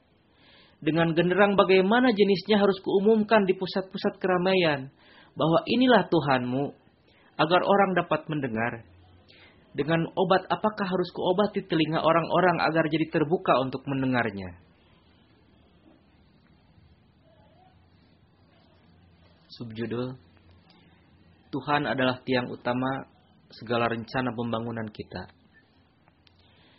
Jika kamu menjadi kepunyaan Tuhan, maka ketahuilah dengan siyakin-yakinnya bahwa Tuhan akan menjadi kepunyaanmu sendiri. Dikala kamu sedang tidur, maka Tuhan akan menjagaimu. Di tengah kamu lengah dari musuhmu, Tuhan akan mengamat-amati musuhmu dan akan mematahkan siasat-siasatnya. Kamu sekalian sampai kini belum mengetahui kodrat-kodrat apakah yang Tuhan memiliki. Sekiranya kamu mengetahui, tentulah tidak ada hari akan tiba kepadamu bila kamu bila kamu amat bersedih hati memikirkan urusan keduniaan. Seorang yang memiliki sejumlah harta benda, maukah ia menangis dan meratap-ratap lalu membinasakan dirinya hanya karena uangnya sesen telah hilang? Kemudian jikalau kamu maklum akan harta itu, dan kamu maklum bahwa Tuhan akan mencukupi segala keperluanmu, maka mengapakah kamu demikian asik tenggelam dalam urusan duniawi? Tuhan adalah suatu khazanah kesayangan, maka hargailah dia, sebab dia adalah penolongmu dalam tiap langkah tindakanmu. Tanpa dia kamu sekalian tak berarti sedikit pun. Begitu pula daya, daya upayamu tiada berarti. Janganlah meniru kaum lain yang hanya menggantungkan diri pada sarana-sarana duniawi. Sebagaimana seekor ular makan tanah, kaum lain bergantung pada upaya materi atau sarana duniawi yang rendah itu. Bagai seekor burung nasar dan anjing makan bangkai. Mereka membenamkan rahang ke dalam bangkai. Kaum lain sudah sangat jauh melantur dari Tuhan, menyembah manusia-manusia, makan daging babi dan minum arak laksana minum air karena mereka terlampau menggantungkan diri pada sarana-sarana materi dan tidak memohon bantuan kekuatan dari Tuhan. Mereka jadi mati dan roh samawi telah keluar dari diri mereka. Tak ubahnya seperti seekor burung merpati meninggalkan sarangnya. Batin mereka dihinggapi penyakit kusta. Penyakit memuja kebendaan yang telah menggerogoti seluruh anggota tubuh batiniah mereka. Maka takutilah penyakit kusta semacam itu. Aku tidak melarang kamu sekalian mempergunakan sarana-sarana kebendaan sampai batas tertentu. Tetapi yang kularang ialah kamu hendaknya jangan seperti kaum lain menjadi budak sarana-sarana kebendaan semata-mata, lalu melupakan Tuhan yang mengadakan sarana-sarana itu juga. Jika sungguh kamu punya mata, niscaya kamu akan menyaksikan bahwa hanyalah Tuhan yang berwujud, dan segala yang lain tidak ada artinya sama sekali. Kamu tidak dapat merentangkan tanganmu, begitu pula tidak dapat melipatnya tanpa seizin Tuhan Seorang yang mati rohaninya akan menertawakan hal itu. Tetapi alangkah baik baginya jika ia mati saja sekalian daripada ia tertawa. Subjudul, janganlah membebek kepada kaum lain. Waspadalah, demi terlihat olehmu betapa kaum lain telah mencapai kemajuan besar di, dalam duniawi mereka. Mereka jangan, maka janganlah hendaknya kamu lantas meniru mereka dan mengikuti jejak mereka dengarlah dan pahamilah bahwa mereka itu sangat terasing dan lengah dari Tuhan yang yang memanggil kamu sekalian supaya datang kepadanya. Apakah arti Tuhan mereka yang hanya seorang insan hina dina itu? Oleh karena itu mereka dibiarkan dalam kelalaian. Aku tidak melarang kamu berusaha mencari dan memperoleh kebahagiaan duniawi. Melainkan kamu jangan mengikuti orang-orang yang memandang dunia ini sebagai segala-galanya. Hendaknya di dalam tiap sesuatu yang kamu kerjakan, baik yang bersangkutan dengan dunia maupun yang bertalian dengan agama, kamu terus memohon kepada Tuhan supaya Dia menganugerahimu kekuatan serta taufik. Akan tetapi tidaklah cukup hanya dengan bibir saja, melainkan kamu hendaknya benar-benar percaya bahwa setiap berkat turun hanya dari langit. Kamu baru dapat menjadi orang saleh apabila di dalam setiap pekerjaan dan di dalam setiap kesulitan yang kamu hadapi, sebelum kamu mengatur rencanamu, kamu menutup pintu kamarmu, lalu merebahkan dirimu di hadapan singgasana ilahi, dan meratap bahwa kamu sedang ditimpa kesulitan dan memohon karunia-Nya untuk mengatasi kesulitan itu. Niscayalah nanti Rohul Kudus akan menolongmu. Dan dengan jalan gaib dia akan membuka jalan keluar bagimu. Kasihanilah dirimu dan janganlah mengikuti orang-orang yang sama sekali telah memutuskan tali silaturahim dengan Tuhan dan yang sepenuhnya menggantungkan diri pada sarana-sarana duniawi sehingga untuk memohon pertolongan pun mereka tidak mau mengucapkan kalimat insya Allah juga. Semoga Tuhan membukakan membuka matamu supaya kamu mengetahui bahwa Tuhanmu adalah tiang utama bagi segala rencanamu. Kalau tiang rebah, apakah kiranya kasau-kasau dapat bertahan di, di atas atapnya? Tidak, bahkan dengan segera pula akan runtuh. Dan boleh jadi dengan runtuhnya akan menyebabkan banyak korban jatuh. Demikian pula, rencana-rencanamu tanpa pertolongan ilahi tidak dapat terwujud. Apabila kamu tidak meminta bantuan daripadanya, dan memohon pertolongan daripadanya tidak kamu jadikan sebagai peganganmu, maka kamu tidak akan berhasil. Dan kesudahannya kamu akan mati dengan menanggung penyesalan yang amat besar. Hendaklah kamu jangan memikirkan dengan pandangan keheran-heranan, mengapa bangsa lain maju, padahal mereka tidak tahu menau tentang Tuhanmu yang paripurna dan maha perkasa. Jawabannya ialah, karena mereka telah meninggalkan Tuhan. Dengan demikian mereka telah dihadapkan kepada ujian secara materi, Kadangkala ujian dari Tuhan itu mengambil bentuk demikian, yaitu barang siapa yang meninggalkannya hatinya lekat pada kemabukan dan kelezatan dunia, lagi mendambakan kekayaan duniawi, maka kepadanya pintu keduniaan dibukakan. Tetapi ditilik dari segi agama, ia sama sekali miskin dan telanjang belaka. Akhirnya ia mati di dalam angan-angan duniawi dan dimasukkan ke dalam neraka jahanam yang abadi dan kadangkala ujian itu mengambil bentuk di dunia pun ia tidak akan berhasil. Akan tetapi ujian yang terakhir tidaklah begitu berbahaya seperti yang pertama. Sebab yang mengalami ujian pertama lebih menyombong. Betapapun juga kedua-dua golongan itu dimurkai Tuhan. Tuhan adalah sumber kesejahteraan hakiki. Jadi apabila orang-orang itu tidak mengetahui Tuhan yang hayul kayum, yang maha hidup, dan bersendiri-sendiri, bahkan mereka tidak peduli dan berpaling muka daripadanya, maka bagaimanakah mereka dapat memperoleh kesejahteraan yang hakiki? Berbahagialah orang yang mengerti rahasia itu, dan binasalah orang yang tidak mengerti rahasia itu. Demikian pula hendaknya kamu jangan mengikuti jejak para filsuf dunia, dan jangan mengagumi mengagumi mereka, sebab pikiran mereka hanya memperlihatkan ketololan belaka. Filsafat sejati ialah yang Tuhan ajarkan di dalam firman-Nya, Celakalah orang-orang yang mengagumi filsafat dunia, dan berbahagialah orang-orang yang mencari ilmu sejati dan filsafat di dalam kitab ilahi. Mengapakah kamu menempuh jalan ketidakpahaman? Apakah kamu akan mengajar Tuhan hal-hal yang dia tidak tahu? Apakah kamu hendak berlari-lari di belakang orang buta dengan harapan supaya ia dapat menunjuki jalan kepadamu? Wahai orang-orang yang tidak paham, betapa ia dapat menunjuki jalan kepadamu jikalau ia sendiri orang seorang buta kebalikannya filsafat sejati itu diperoleh dengan perantaran Rohul Kudus yang telah dijanjikan kepadamu. Kamu akan disampaikan kepada ilmu-ilmu kudus dengan perantaran Rohul Kudus yang oleh orang-orang lain tidak dicapai. Jika kamu sekalian memohon dengan tulus hati pada akhir, pada akhirnya kamu akan memperolehnya juga maka baru kamu akan menyadari bahwa itulah sebenarnya ilmu yang memberi kesegaran serta kehidupan, dan menyampaikan kamu ke puncak menara keyakinan. Dari manakah orang yang ia sendiri suka makan bangkai dapat membawakan makanan yang bersih kepadamu? Bagaimanakah orang yang ia sendiri buta dapat memperlihatkan sesuatu? Setiap hikmah suci turun dari langit. Maka, apakah yang dapat kamu cari dari orang-orang duniawi? Orang-orang yang rohnya terbang menuju ke langit, merekalah yang mewarisi hikmah itu. Betapa orang-orang yang mereka sendiri tidak mempunyai ketentraman hati dapat memberi ketentraman kepadamu. Akan tetapi yang lebih dahulu dan lebih penting adalah kebersihan hati. Yang lebih dahulu dan lebih penting adalah ketulusan dan kejernihan hati. Kemudian barulah kamu akan memperoleh segala sesuatu itu. Subjudul Pintu Wahyu masih tetap terbuka. Hendaknya jangan kamu mengira bahwa wahyu ilahi tidak ada lagi, dan hanya berlaku di masa lampau saja. Dan pada waktu sekarang Rohul Kudus tidak dapat turun dan hanya turun pada zaman dahulu saja. Aku berkata dengan sesungguh-sungguhnya bahwa segala pintu dapat tertutup, akan tetapi pintu untuk turunnya Rohul Kudus tidak tertutup untuk selamanya.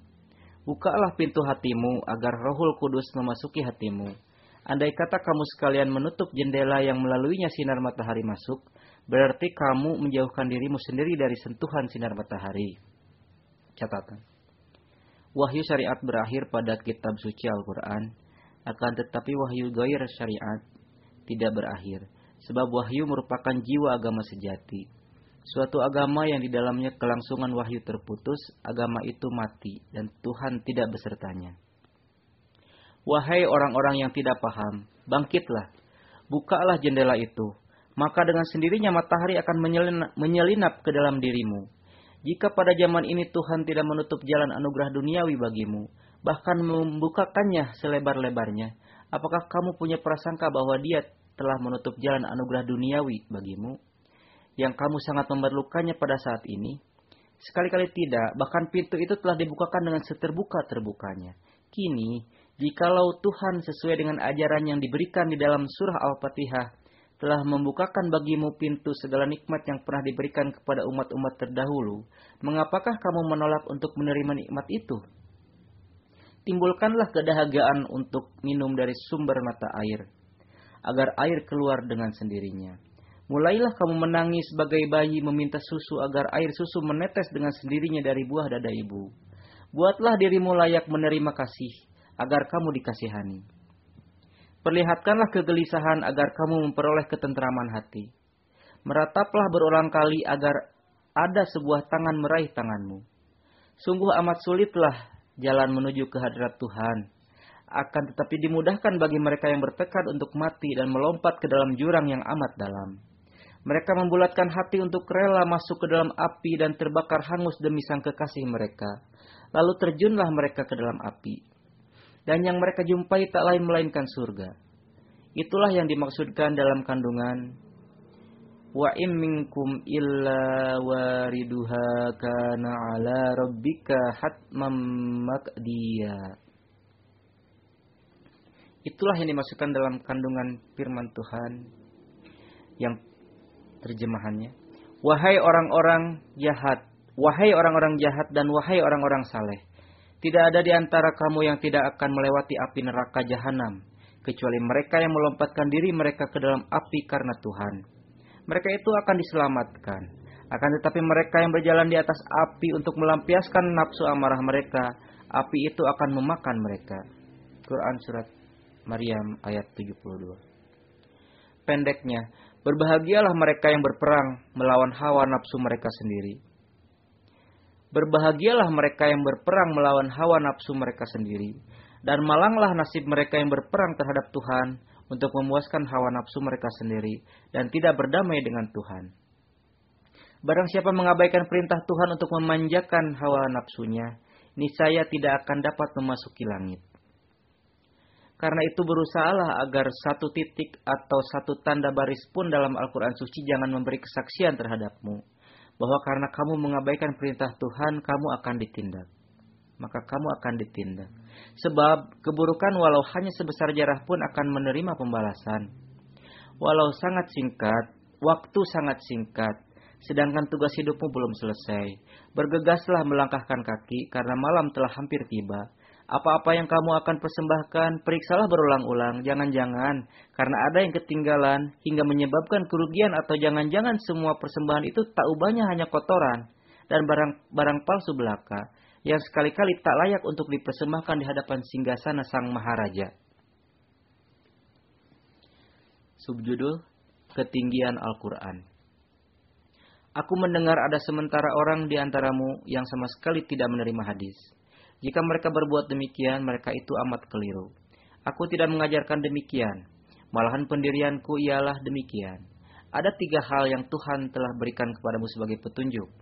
Yang pertama-tama adalah Al-Quran, yang di dalamnya diutarakan diutarakan ketauhidan, kebesaran, dan keagungan ilahi, juga di dalamnya perselisihan-perselisihan yang ada di antara kaum Yahudi dan kaum Nasrani diputuskan, seperti perselisihan dan kekeliruan mengenai terbunuhnya Isa ibnu Maryam dengan perantaraan kayu salib, dan menjadi seorang terkutuk. Dan seperti halnya nabi-nabi yang lain, beliau tidak diangkat ke langit. Begitu pula di dalam Al-Quran terdapat larangan untuk beribadah kepada sesuatu selain Tuhan. Terlarang untuk menyembah manusia, hewan, matahari, bulan, dan sesuatu planet lain. Begitu pula terlarang untuk memuja sarana-sarana duniawi dan dirimu sendiri. Catatan. Sarana petunjuk kedua ialah sunnah, yakni teladan suci yang diperlihatkan dengan amal perbuatan Rasulullah SAW.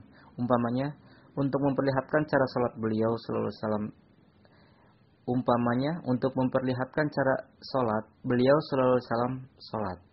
Dan untuk memperlihatkan cara puasa, beliau sendiri melakukan puasa. Yang demikian itu disebut sunnah, yakni amal perbuatan Nabi Shallallahu Alaihi Wasallam yang memperlihatkan firman Tuhan dalam bentuk amal perbuatan. Sarana petunjuk ketiga ialah hadis, yakni sabda-sabda Nabi Shallallahu Alaihi Wasallam yang dikumpulkan sesudah beliau tiada. Derajat hadis adalah lebih rendah dari Quran dan Sunnah, sebab kebanyakan hadis adalah meragukan. Akan tetapi jika disertai sunnah maka hadis itu akan menjadi sesuatu yang yakin.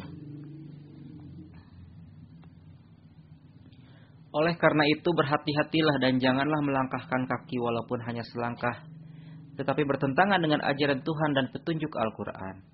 Aku berkata dengan sesungguh-sungguhnya bahwa barang siapa mengabaikan suatu perintah sekecil-kecilnya di antara sejumlah 700 buah perintah Al-Quran, ia menutup pintu keselamatan bagi dirinya sendiri dengan tangannya sendiri.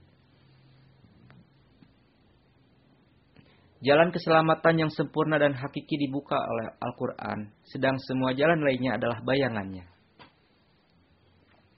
Maka bacalah Al-Quran dengan seksama dan hendaklah kamu sangat mencintainya. Dan dengan demikian rupa cintanya sehingga kamu belum pernah mencintai sesuatu yang lain dari itu.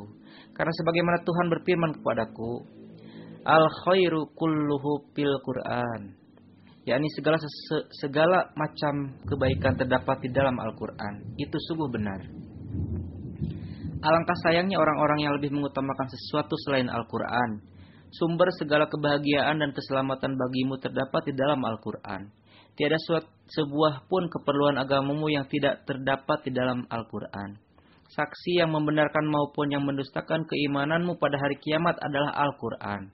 Di bawah kolong langit ini tidak ada sebuah kitab pun yang secara langsung dapat memberi petunjuk kepadamu kecuali Al-Quran. Allah Ta'ala telah berkenan berbuat banyak kebajikan kepadamu dengan menganugerahkan kepadamu sebuah kitab suci seperti Al-Quran. Aku berkata dengan sesungguh-sungguhnya kepadamu sekalian, bahwa kitab yang dibacakan kepadamu itu seandainya dibacakan kepada kaum Kristen, mereka tidak akan binasa dan nikmat serta petunjuk yang dilimpahkan kepadamu itu andaikan diberikan kepada kaum Yahudi sebagai pengganti kitab Taurat, maka sebagian firqah atau aliran mereka tidak akan mengingkari hari kiamat. Oleh karena itu hargailah nikmat yang dilimpahkan kepadamu. Nikmat itu sungguh berharga sekali. Nikmat kesayangan itu merupakan suatu harga pusaka.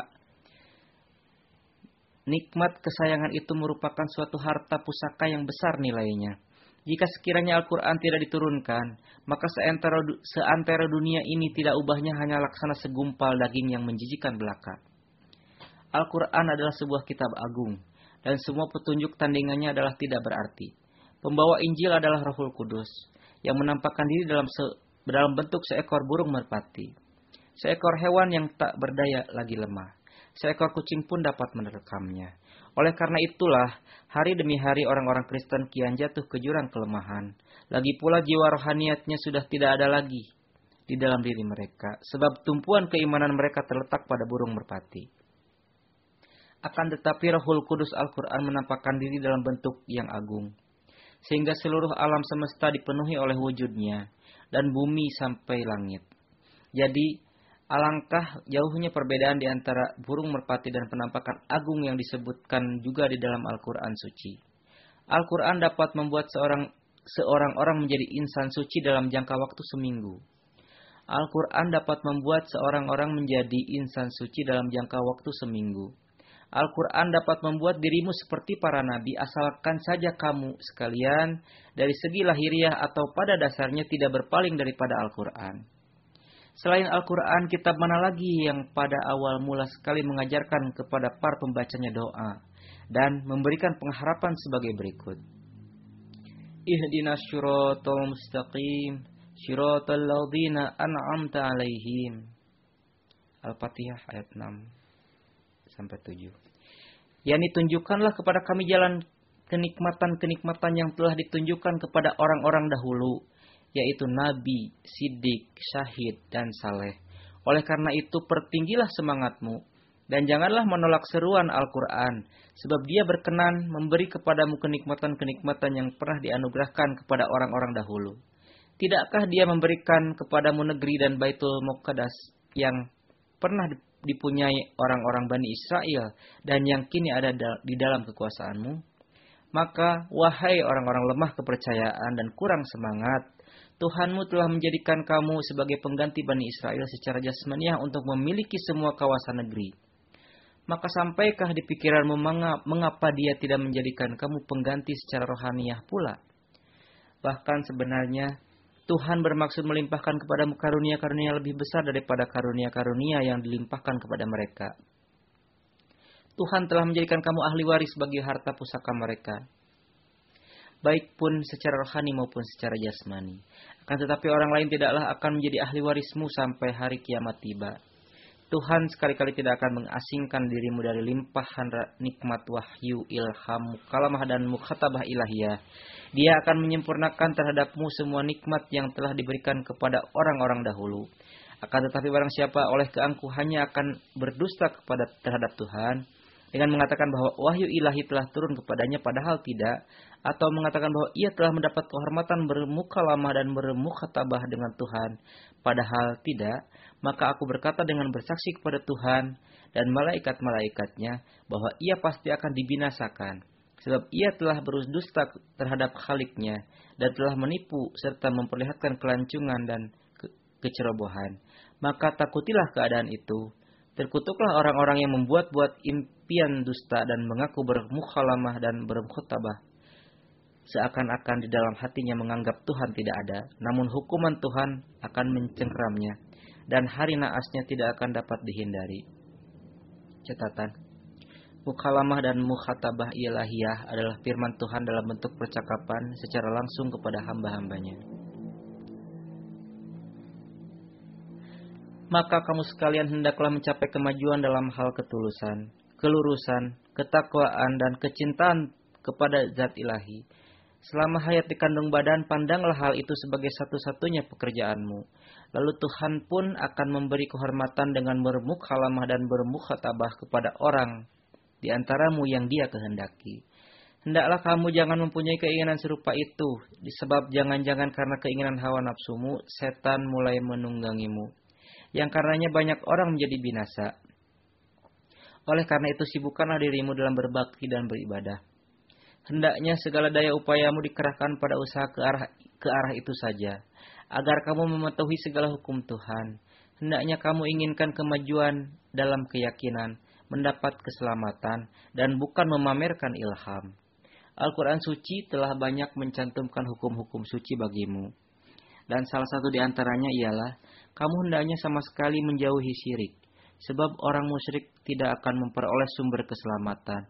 Janganlah kamu berdusta karena dusta pun merupakan sebagian syirik. Al-Quran tidak mengatakan kepadamu seperti yang dikatakan Injil, bahwa kamu jangan memandang kepada wanita-wanita bukan muhrim dengan pandangan buruk dan dengan pikirannya mengandung rasa birahi. Sedangkan memandang kepada mereka tanpa itu, pandangan buruk dan mengandung birahi adalah halal. Malahan Al-Quran mengatakan bahwa janganlah sekali-kali memandang pada mereka baik dengan pandangan buruk ataupun dengan pandangan baik. Karena hal itu semua dapat menyebabkan kamu tergelincir. Kebalikannya hendaklah kamu bila mana berhadapan dengan orang-orang bukan muhrim, meredupkan matamu. dan hendaklah jangan sedikit pun mengetahui parasnya. Akan tetapi diperkenankan memandang sampai batas seperti keadaan orang berpenyakit katarak, melihat dengan mata berkabut. Al-Quran tidak mengatakan kepadamu seperti yang dikatakan Injil, bahwa kamu hendaknya jangan minum minuman keras sebanyak yang dapat menjadikanmu mabuk. Tetapi Al-Quran mengatakan bahwa janganlah sama sekali meminumnya, sebab kamu tidak akan menemukan jalan Tuhan, dan Tuhan tidak akan bercakap-cakap denganmu lagi. Lagi dia tidak akan membersihkan kamu dari kekotoran-kekotoran. Dan Al-Quran mengatakan bahwa itu adalah penemuan setan, maka kamu harus menjauhinya. Al-Quran tidak hanya mengatakan kepadamu seperti yang dikatakan Injil, bahwa janganlah kamu marah kepada saudaramu tanpa sebab. Tapi tetapi ia Al-Quran mengatakan bahwa kamu hendaknya bukan hanya harus menahan amarahmu saja, bahkan amalkan amalkanlah pula tawasau bil marhamah, yaitu memberi nasihat dengan kasih sayang. Quran surat Al-Balad ayat 19, ayat 18 dan hendaknya kamu mengatakan pula kepada orang lain supaya berlaku serupa itu. Bukan hanya bukan hanya kamu sendiri yang berlaku kasih sayang, melainkan kamu mengamanatkan kepada semua saudaramu juga untuk berkasih sayang. Al-Quran tidak hanya mengatakan kepadamu seperti yang dikatakan Injil, bahwa hendaknya hendaklah kamu bersabar atas setiap perbuatan yang tidak senonoh istrimu kecuali jina, dan janganlah menjatuhkan talak. Akan tetapi Al-Quran mengatakan, At-tayyibatul tayyibin. Orang baik adalah bagi orang laki-laki yang baik. Tujuan yang dimaksud oleh Al-Quran ialah orang yang tidak bersih tidak dapat hidup berdampingan dengan orang bersih. Pendeknya, Pendeknya, apabila istrimu walaupun tidak berzina, akan tetapi ia memandang orang-orang yang bukan muhrim dengan pandangan birahi, dan berpelukan dengan mereka dan melakukan pendahuluan-pendahuluan perjinaan, walaupun zina belum lagi dilaksanakan dan diperlihatkan aurat kepada orang yang bukan muhrim, serta ia musyrik dan pembuat onar, dan Tuhan yang suci yang kamu imani tidak senang kepadanya, maka apabila ia tidak meninggalkan perbuatan itu, kamu dapat menjatuhkan talak kepadanya. Sebab ia dengan amal perbuatannya sendiri memisahkan diri daripadamu. Sekarang ia tidak merupakan bagian badanmu lagi, maka kamu tidaklah layak menjalani hidup bersama dia dengan tidak bermalu. Sebab ia tidak lagi merupakan bagian badanmu. Ia merupakan sebuah anggota badan yang jijik, lagi busuk, dan patut dipenggal. Sebab jangan-jangan ia mengotori seluruh badan dan kamu menjadi mati. Al-Quran tidak mengatakan kepadamu seperti yang dikatakan Injil, bahwa janganlah sekali-kali bersumpah. Tetapi Al-Quran melarangmu dari membuat persumpahan-persumpahan yang sia-sia Sebab dalam beberapa keadaan sumpah merupakan suatu sarana untuk menjatuhkan putusan. Dan Tuhan tidak menghendaki untuk menghilangkan sesuatu sarana bukti, karena dengan itu hikmahnya akan hilang. Adalah hal yang wajar apabila seseorang hikmahnya akan hilang. Adalah hal yang wajar apabila seseorang tidak memberi kesaksian dalam suatu perkara yang sedang diperselisihkan, maka untuk menjatuhkan putusan diperlukan kesaksian Tuhan dan persumpahan itu menjadi, menjadikan Tuhan sebagai saksi. Al-Quran tidak mengatakan kepadamu seperti yang dikatakan Injil, bahwa janganlah melawan orang jalim pada setiap kesempatan. Tetapi Al-Quran mengatakan, وَجَزَاءُ الشَّيْئَاتٍ شَيْئَاتٌ مِثْلُهَا فَمَنْ عَفَا وَأَصْلَحَ فَأَجْرُهُ عَلَى اللَّهِ Balasan terhadap suatu kejahatan adalah kejahatan yang serupa. Maka barang siapa yang memaafkan dan oleh karenanya menimbulkan perbaikan, maka pahalanya adalah di sisi Allah. Quran Surat Asyura ayat 41. Yakni balasan terhadap kejahatan adalah kejahatan yang setimpal. Akan tetapi barang siapa memberi maaf dan mengampuni kesalahan dan dengan pemberian maaf menimbulkan suatu perbaikan, maka Tuhan akan ridho kepadanya. Dan dia akan memberi pahala kepadanya. Jadi menurut Al-Quran tindakan balasan pada setiap kesempatan adalah tidak terpuji. Begitu pula pemberian maaf pada setiap kesempatan adalah tidak patut dipuji. Bahkan hendaknya harus menilik keadaan. Begitu pula hendaknya tindakan balasan atau memaafkan itu disertai oleh pertimbangan mengenai keadaan dan kemaslahatan. Tapi bukan dengan semena-mena. Itulah yang dimaksudkan oleh Al-Quran. Al-Quran tidak mengatakan kepadamu seperti yang dikatakan Injil bahwa kasihanilah musuh-musuhmu. Tetapi Al-Quran mengatakan bahwa janganlah kamu mempunyai musuh pribadi. Dan hendaknya rasa kasihmu merata kepada tiap-tiap orang. Akan tetapi orang-orang yang menjadi musuh bagi Tuhanmu pula menjadi musuh bagi Rasulmu dan menjadi musuh bagi kitab Allah, orang itulah musuhmu. Maka hendaknya kamu jangan mengasingkan orang-orang serupa itu juga dari seruan dan doa-doamu. Dan hendaklah kamu memusuhi perbuatan mereka saja, dan bukan kepada pribadi mereka. Berusahalah agar mereka menjadi orang-orang benar. Mengenai itu dia berfirman, Inna Allah ya'muru bil adli wal ihsani wa ita idil qurba. Dan sesungguhnya Allah menyuruh kamu berlaku adil dan membuat kebijakan. Dan memberi seperti kepada kerabat sendiri. Quran Surat An-Nahl ayat 91 yakni apakah yang dikehendaki Tuhan daripadamu. Tiada lain melainkan hal itulah, yaitu kamu hendaknya selalu berlaku adil terhadap seluruh umat manusia. Lebih lanjut lagi, kamu hendaklah berbuat baik terhadap mereka yang belum pernah berbuat baik kepadamu. Lebih daripada itu lagi, hendaklah kamu memperlakukan dengan rasa kasih terhadap umat Tuhan, sehingga kamu seakan-akan keluarga mereka yang sejati. Bagai ibu-ibu berlaku terhadap anak-anak mereka. Sebab di dalam kebajikan itu tersembunyi suatu unsur menonjolkan diri. Sedangkan orang yang berbuat kebajikan ada kalanya memamerkan juga kebajikannya. Akan tetapi orang yang karena dorongan alami bagai seorang ibu berbuat bajik, ia sekali-kali tidak dapat menonjolkan diri. Jadi derajat kebajikan yang terakhir itu adalah dorongan alami yang adalah bagai seorang ibu. Sedangkan ayat itu bukan hanya berkenaan dengan sesama makhluk saja, bahkan bertalian dengan Tuhan. Berbuat adil terhadap Tuhan ialah dengan mengingat segala nikmatnya, memperlihatkan kepatuhan terhadapnya. Berbuat ihsan terhadap Tuhan ialah mempunyai keyakinan terhadap zatnya demikian rupa, sehingga seakan-akan menyaksikan dia. Berbuat ita ezil kurba, memberi kepada kaum kerabat ialah beribadah kepadanya bukan karena ketamakan akan surga, dan bukan karena takut akan neraka, melainkan jika meskipun seandainya tidak ada surga dan neraka, maka tidak timbul perubahan di dalam semangat kecintaan dan ketaatan. Dan tercantum di dalam Injil bahwa barang siapa melaknati dirimu, hendaknya memohon berkat bagi mereka. Akan tetapi Al-Quran berkata bahwa jangan berbuat sesuatu karena keakuanmu. Hendaklah bertanya kepada hatimu yang merupakan tempat penampakan kebesarannya perlaku, perlakuan apa yang harus kamu ambil terhadap orang semacam itu. Maka apabila Tuhan meresapkan perasaan ke dalam hatimu demikian yaitu orang yang melaknat itu patut dikasihani dan dan langit tidak melaknatnya, maka kamu pun janganlah hendaknya melaknati melaknati dia, agar jangan kamu dianggap jadi lawan Tuhan. Akan tetapi apabila nuranimu membisikkan bahwa ia bersalah dan diresapkan ke dalam hatimu perasaan bahwa langit melaknat orang itu, maka hendaknya jangan memohon berkat baginya.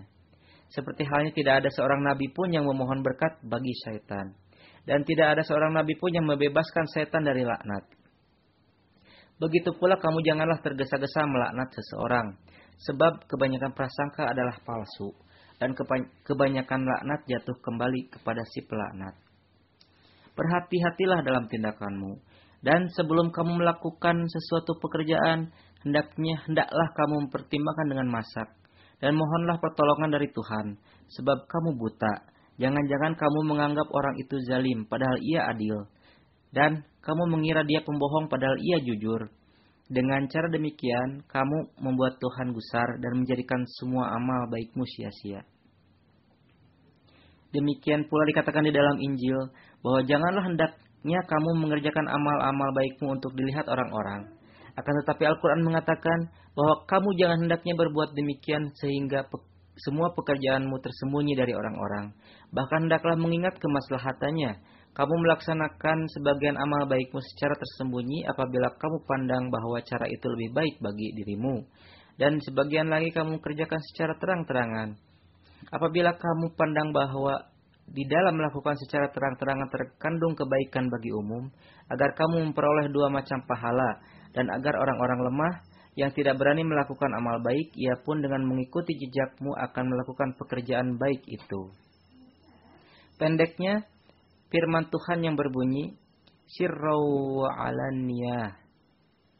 Quran Surat Al-Baqarah ayat 275, yakni lakukanlah amal baik secara sembunyi-sembunyi maupun secara terang-terangan juga. Adapun hikmah yang terkandung dalam perintah itu telah dijelaskan olehnya sendiri.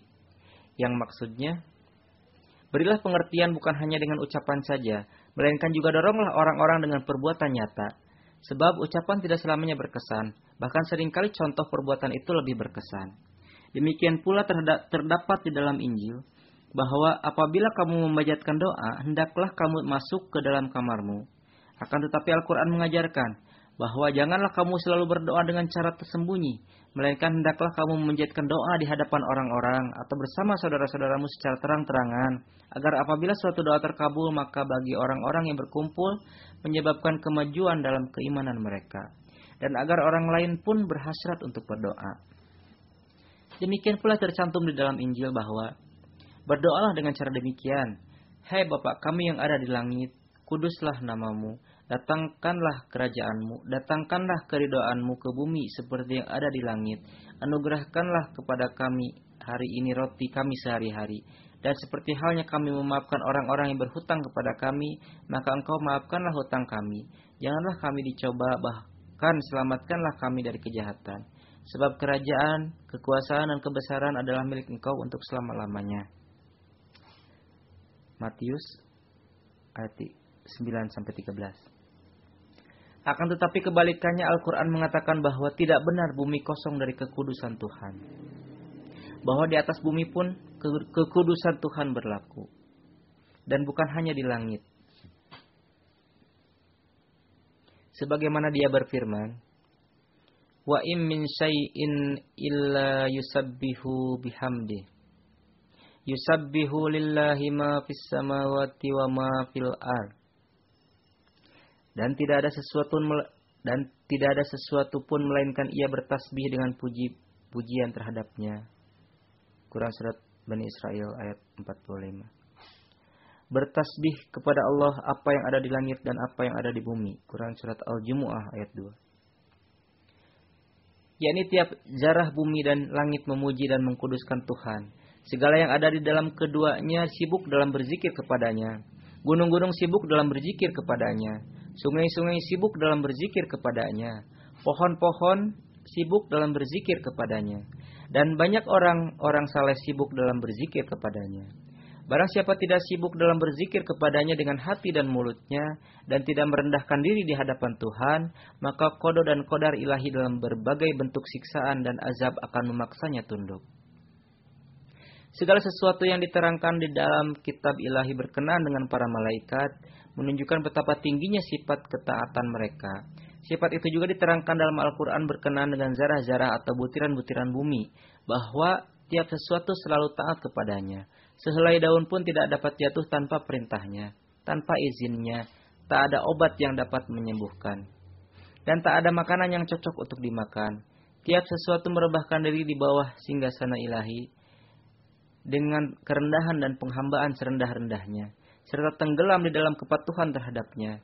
Zarah demi zarah gunung dan bumi, tetes demi tetes air sungai dan samudera, tunas demi tunas pepohonan dan tetumbuhan serta tiap bagiannya, dan seluruh zarah tubuh manusia dan hewan mengenal wujud Tuhan serta taat kepadanya dan sibuk memuji serta mengkuduskannya. Oleh karena itu Allah Ta'ala berfirman, Yusabbihu lillahi ma fis samawati wa ma fil ard. Bertasbih kepada Allah apa yang ada di langit dan apa yang ada di bumi. Quran surat Al-Jumu'ah ayat 2.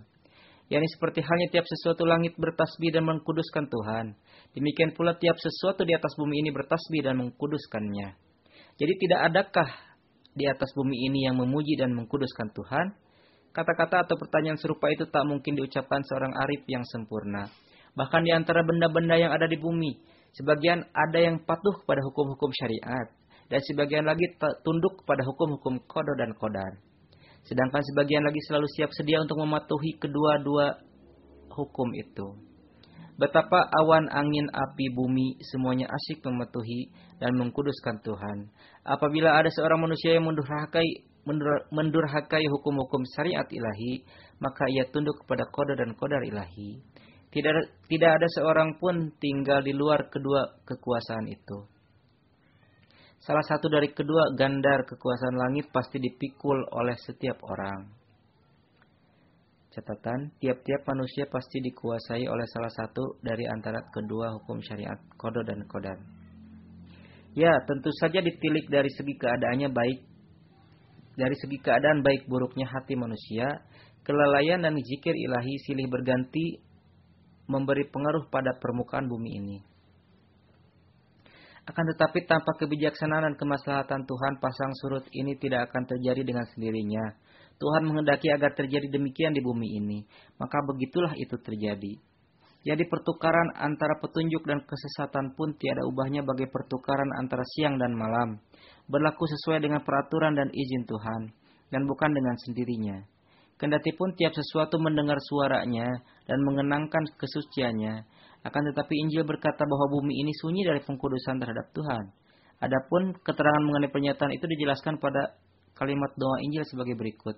Sekarang kerajaan Tuhan belum datang di atas permukaan bumi ini disebabkan oleh tidak adanya kerajaan Tuhan dan bukan oleh suatu sebab lain, maka kehendak Tuhan tidak dapat berlaku di atas permukaan bumi ini seperti halnya yang berlaku di atas langit.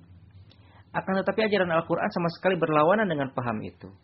Al-Quran dengan kata-kata tegas mengatakan bahwa tiada pencuri, pendurhaka, penjahat dapat mengerjakan sesuatu kejahatan di atas permukaan bumi ini selama belum diberikan kepadanya kemampuan dari langit.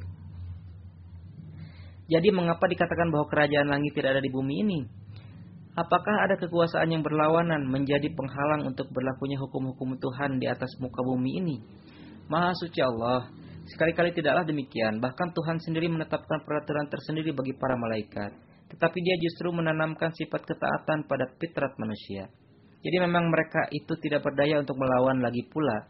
Mereka tidak, tidak dapat dihinggapi oleh kesalahan dan kealpaan. Akan tetapi kepada fitrat manusia diberikan kewenangan untuk menerima ataupun tidak menerima. Dan oleh karena kewenangan itu diberikan dari atas, maka tidaklah dapat dikatakan bahwa karena adanya manusia durhaka, lalu kerajaan Tuhan lenyap dari muka bumi. Melainkan dalam setiap keadaan kerajaan Tuhan tetap ada. Ya, hanya ada dua peraturan berlaku. berlaku. Yang pertama berlaku di langit untuk para malaikat, ialah peraturan kodo dan kodar. Mereka, malaikat-malaikat tidak berdaya untuk melakukan kejahatan.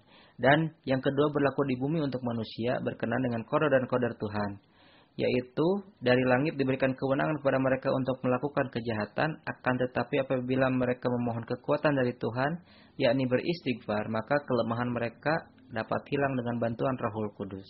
Dan kelemahannya pun dapat hilang. Dan mereka dapat terpelihara dan berbuat dosa seperti halnya para nabi dan rasul Tuhan terpelihara. Dan apabila ada orang yang serupa itu, yaitu mereka telah berdosa, maka faedah bagi mereka ialah mereka diselamatkan dari akibat dosa, yakni diselamatkan dari azab. Sebab dengan kedatangan cahaya, kegelapan akan lenyap. Orang-orang berdosa yang tidak membaca istighfar, yakni tidak memohon kekuatan dari Tuhan, mereka tetap mendapat hukuman bagi dosa-dosa mereka. Perhatikanlah, dewasa ini wabah pes juga berjangkit di atas bumi, muka bumi ini sebagai hukuman dan orang-orang durhaka terus-menerus binasa karena wabah itu. Kemudian betapa dapat dikatakan bahwa kerajaan Tuhan tidak ada di atas permukaan bumi ini. Janganlah menyangka mengapa apabila kerajaan Tuhan ada di atas muka bumi ini, lalu orang-orang melakukan dosa. Sebab dosa-dosa pun ada di bawah peraturan hukum kodo dan kodar Tuhan. Jadi walaupun orang-orang itu menyimpang dari hukum syariat, namun mereka tidak dapat menghindari hukum kejadian, yakni hukum kodo dan kodar. Pendek kata, betapa dapat dikatakan bahwa pundak orang-orang durhaka tidak dibebani gandar kerajaan ilahi.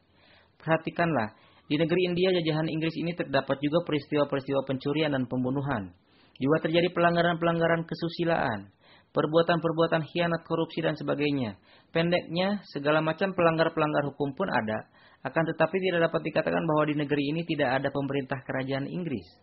Sebab memang ada kerajaan, akan tetapi pemerintah tidak memandang layak untuk sengaja menetapkan undang-undang kekerasan, yang karena kehebatannya kehidupan menjadi sulit dirasakan oleh orang-orang. Seandainya pemerintah ingin menghentikan tindakan pelanggaran, pemerintah dapat menjebloskan semua orang ke dalam sebuah rumah, tahan, rumah tahanan yang mengerikan.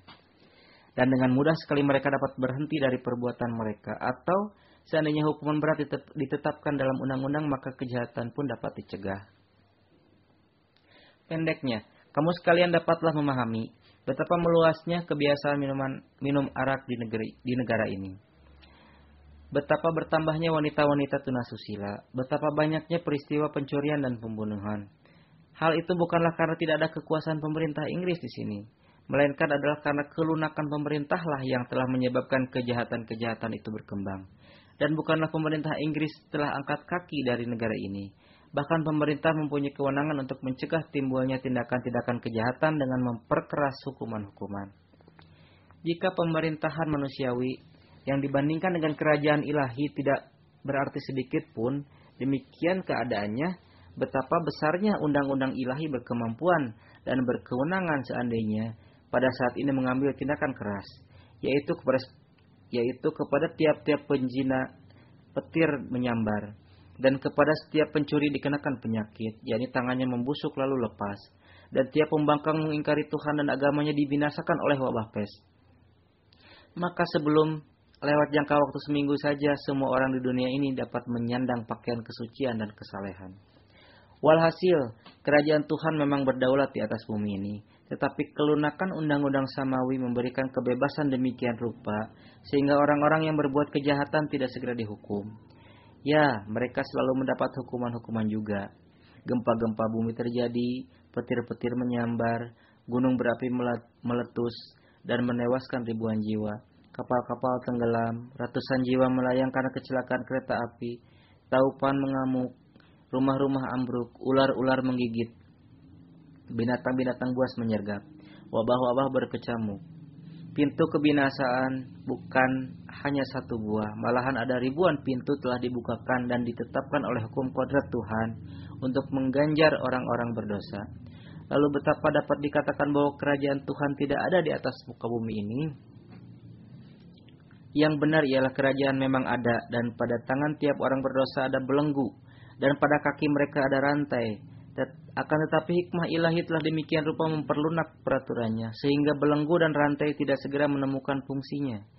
Jikalau orang tidak jerak, akhirnya ia akan disampaikan ke neraka jahanam yang abadi dan dimasukkan ke dalam azab, yang dengan azab itu seorang berdosa tidak hidup dan tidak pula mati. Pendek kata, peraturan ada dua macam. Peraturan pertama berkalian dengan para malaikat, yakni mereka diciptakan hanya semata-mata untuk taat dan ketaatan mereka hanya semata-mata merupakan ciri bagi cahaya fitratnya. Mereka tidak dapat berbuat dosa, namun mereka tidak dapat mengembangkan kebijakan pula. Peraturan kedua bertalian dengan manusia, yakni di dalam fitrat manusia tertanam suatu ciri khas, yaitu mereka dapat berbuat dosa, namun demikian mereka dapat mengembang, mengembangkan pula kebaikan, kebajikan. Kedua kedua peraturan fitrat itu tidak berubah. Dan seperti halnya malaikat tidak dapat menjadi manusia, begitu pula manusia pun tidak dapat menjadi malaikat. Kedua peraturan itu tidak dapat berubah, kekal dan pasti. Oleh karena itu peraturan semawi tidak dapat berlaku di atas bumi. Demikian pula peraturan duniawi tidak berlaku terhadap malaikat. Jika kealpaan manusia terhapus oleh tobat, maka manusia dapat menjadi lebih bagus dari malaikat. Sebab di dalam diri malaikat tidak terdapat bakat untuk maju, dosa manusia diampuni dengan jalan tobat.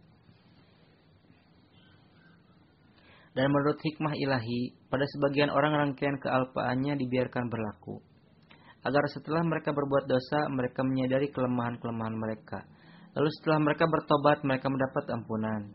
Demikian itulah peraturan yang telah ditetapkan bagi manusia. Itulah yang diinginkan oleh fitrah manusia. Kealpaan dan kelupaan merupakan ciri khas fitrah manusia dan bukanlah ciri khas malaikat. Lalu peraturan yang bertalian dengan malaikat betapa dapat berlaku bagi manusia adalah suatu kesalahan kalau mengalamatkan kelemahan terhadap Allah Ta'ala. Yang berlaku di atas muka bumi ini hanya buah pekerjaan peraturan. Naudzubillah, apakah Tuhan demikian tiada berdaya sehingga kerajaannya, kekuasaannya, dan kebesarannya hanya terbatas di langit saja? Ataukah di bumi itu ada Tuhan lain, ada Tuhan lain lagi sebagai tandingan yang menguasai bumi? Tidak pantaslah bila orang-orang Kristen menekankan, menekankan bahwa kerajaan Tuhan hanya terdapat di surga saja. Dan belum lagi berdaulat di atas bumi ini. Sebab mereka mengakui sendiri bahwa surga tidak ada wujudnya. Dengan demikian jelaslah bahwa andai kata surga di mana terdapat kerajaan Tuhan tidak ada wujudnya, dan kerajaan Tuhan belum berdaulat di atas muka bumi ini, maka kerajaan Tuhan seakan-akan tidak terdapat di mana jua pun. Selain itu, kita sedang menyaksikan dengan mata kepala sendiri kerajaan Tuhan di atas bumi ini. Sesuai dengan peraturannya, umur kita sampai kepada ajal, dan keadaan kita senantiasa berubah. Kita mengalami aneka, raka, aneka ragam suka dan duka, ribuan manusia mati karena perintah Tuhan dan ribuan mati dan ribuan manusia lahir. Doa-doa terkabul dan tanda-tanda menampakkan diri. Bumi menumbuhkan ribuan jenis tumbuhan, buah-buahan dan bunga-bunga atas perintahnya. Apakah semua itu terjadi tanpa berdaulatnya kerajaan Tuhan? Bahkan benda-benda langit senantiasa beredar menurut suatu sistem. Dan andai kata terjadi perubahan di dalam sistem itu, yang dengan perubahan itu diketahui sang pelakunya, maka perubahan itu sedikit pun tidak terasa. Akan tetapi bumi menjadi mangsa ribuan perubahan, revolusi dan pergantian. Tiap hari ada puluhan juta manusia berlalu dari dunia dan puluhan juta lahir. Di tiap segi dan caranya terasalah ada kehadiran suatu pencipta yang maha kuasa. Maka apakah kerajaan Tuhan belum juga berdaulat di atas muka bumi ini? Dan Injil tidak mengajukan suatu dalil pun mengenai, berkenaan dengan alasan mengapa kerajaan Tuhan belum juga berdaulat di atas muka bumi ini. Adapun Al-Masih sepanjang malam berdoa untuk keselamatannya sendiri di sebuah taman. Dan doanya terkabul sebagaimana tercantum dalam kitab Ibrani 5 ayat 7. Akan tetapi meskipun demikian, ketidakberdayaan Tuhan untuk menyelamatkan Al-Masih alaihissalam dari orang-orang Yahudi menurut anggapan orang-orang Kristen dapat ditampilkan sebagai dalil bahwa pada masa itu kerajaan Tuhan tidak berdaulat di atas muka bumi ini. Akan tetapi kami telah mengalami percobaan-percobaan lebih besar dari itu dan kami telah memperoleh keselamatan dari percobaan-percobaan itu. Bagaimanakah kami akan mengingkari kerajaan Tuhan? Apakah perkara pembunuhan yang diajukan pendeta Martin Clark di hadapan pengadilan hakim Kapten 12 dengan tujuan untuk membunuhku itu lebih ringan dari perkara yang diajukan orang-orang Yahudi di hadapan pengadilan Pilatus bertalian dengan pribadi Nabi Isa alaihissalam yang hanya semata-mata karena perselisihan agama dan bukanlah karena tuduhan mengenai usaha pembunuhan. Akan tetapi oleh karena Tuhan adalah raja di atas bumi ini juga. Seperti halnya dia raja di langit, maka sebelum perkara itu tercetus, dia memberi kabar kepadaku bahwa percobaan akan datang. Dan mengabarkan pula bahwa dia akan membebaskanku. Sedang kabar itu dikumandangkan jauh sebelum kepada ratusan manusia. Dan akhirnya aku dibebaskan. Catatan, Hadrat Mirza Gulam Ahmad alaihissalam menjadi sasaran tuduhan bahwa beliau terlibat dalam usaha pembunuhan. Adapun undang-undang dalam pemerintahan India jajahan Inggris menyebutkan bahwa hukuman bagi seorang pembunuh ialah hukuman gantung sampai mati. Pendeknya itulah kerajaan Tuhan yang telah menyelamatkanku dari perkara yang diadukan golongan-golongan Islam, Hindu, dan Kristen secara sepakat terhadap diriku. Demikianlah bukan hanya sekali, bahkan puluhan kali kusaksikan kerajaan Tuhan di atas bumi. Sehingga aku tidak boleh tidak harus percaya kepada firman Tuhan dalam ayat ini. Lahumul samawati wal ard. Quran surat Al-Hadid ayat 3. Yani kerajaan Tuhan ada di atas bumi dan ada di langit juga. Dan kemudian tidak boleh tidak harus percaya kepada ayat berikut ini innama amruhu idza arada syai'an ay yaqula lahu kun fayakun. Quran surat Yasin ayat 83.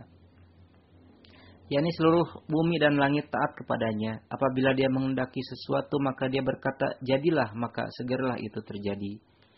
Kemudian dia berfirman, Wallahu ghalibun ala amrihi walakinna aksarun nasi la ya'lamun.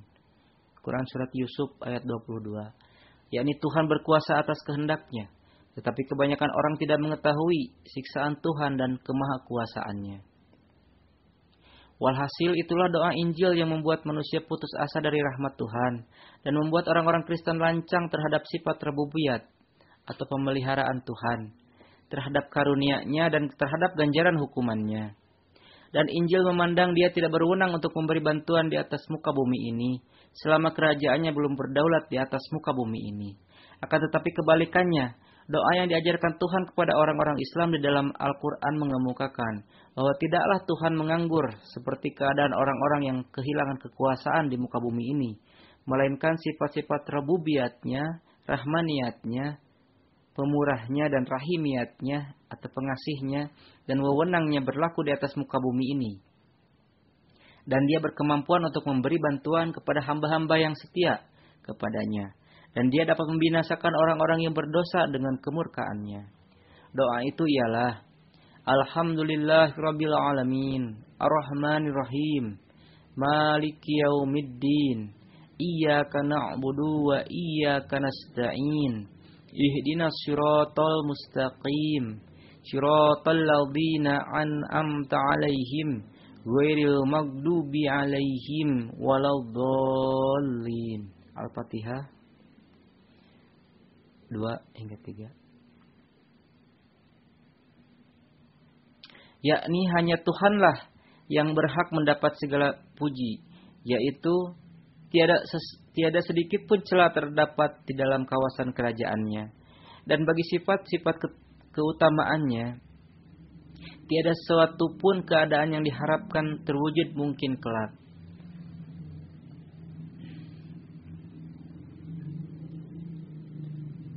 yakni hanya Tuhanlah yang berhak mendapat segala puji, yaitu tiada sedikit pun celah terhadap terdapat di, di dalam kawasan kerajaannya. Dan bagi sifat-sifat keutamaannya, tiada se, tiada suatu pun keadaan yang diharapkan terwujud mungkin kelak, tetapi kini belum lagi terwujud. Dan tiada sesuatu yang tidak bekerja dalam tata kerajaan Tuhan. Dia memelihara alam semesta, dia melimpahkan rahmat tanpa mengharap imbalan dan dia melimpahkan rahmat guna mengganjar tiap-tiap amal. Dia membalas dengan ganjaran atau hukuman pada waktu yang ditentukan. Kepadanya lah kami beribadah, dan kepadanya lah kami mohon pertolongan, dan kami memanjatkan doa. Tunjukilah kami jalan untuk memperoleh segala nikmat, dan hindarkanlah kami dari jalan kemurkaan dan dari jalan kesesatan. Amin. Doa yang terkandung dalam surah Al-Fatihah itu sama sekali berlawanan dengan doa Injil. Sebab Injil mengingkari adanya kerajaan Tuhan di atas muka bumi. Adapun menurut Injil ialah karena sampai sekarang kerajaan Tuhan belum berdaulat di atas muka bumi ini, maka rebubiat, rahmaniat, rahimiat, kodrat, ganjaran, dan hukuman Tuhan sama sekali tidak berlaku di bumi ini. Akan tetapi dari surat Al-Fatihah kita maklum bahwa kerajaan Tuhan ada di atas bumi. Oleh karena itu, di dalam surah Al-Fatihah diterangkan mengenai segala sesuatu yang bersangkutan dengan kerajaan Tuhan. Adalah jelas bahwa seorang raja hendaknya memiliki sifat-sifat seperti satu, memiliki kekuasaan mengayomi rakyatnya. Sifat itu dijelaskan di dalam surah Al-Fatihah dengan kalimat Rabbul Alamin. Dua, atas kemauan sendiri ia hendaknya melimpahkan kasih sayang yang, yang seyogianya diberikan seorang raja kepada rakyatnya dengan memenuhi segala persyaratan hidup mereka yang pokok demi kesejahteraan mereka tanpa mengharapkan imbalan jasa dari mereka. Jadi sifat itu telah dijelaskan dengan kata Ar-Rahman. Tiga, ia hendaknya memberi bantuan secara semestinya kepada rakyatnya guna menyelesaikan pekerjaan-pekerjaan yang tidak dapat mereka selesaikan dengan usaha mereka sendiri jadi sifat itu telah dibuktikan dengan kata Ar-Rahim. Sifat keempat yang hendak dimiliki seorang raja ialah ia hendaknya berkuasa untuk memberi ganjaran dan hukuman. Agar jangan timbul kekalutan dalam tata pemerintahan. Sifat itu dijelaskan dengan kata Malikiyaumiddin. Ringkasnya surah tersebut di atas telah mengemukakan segala persyaratan bagi suatu kerajaan. Yang dengan persyaratan itu terbukti bahwa kerajaan Tuhan dan kekuasaan kerajaan Tuhan memang ada di atas bumi ini. Dengan demikian, Rabubiyat, Rahmaniyat, Rahimiyat, rangkaian pertolongan dan rangkaian hukumnya pun memang ada. Walhasil, segala sesuatu yang terdapat di antara persyaratan bagi suatu kerajaan, semuanya dimiliki Allah Ta'ala di atas muka bumi ini. Tiada suatu jarah pun yang berada di luar lingkup hukumnya.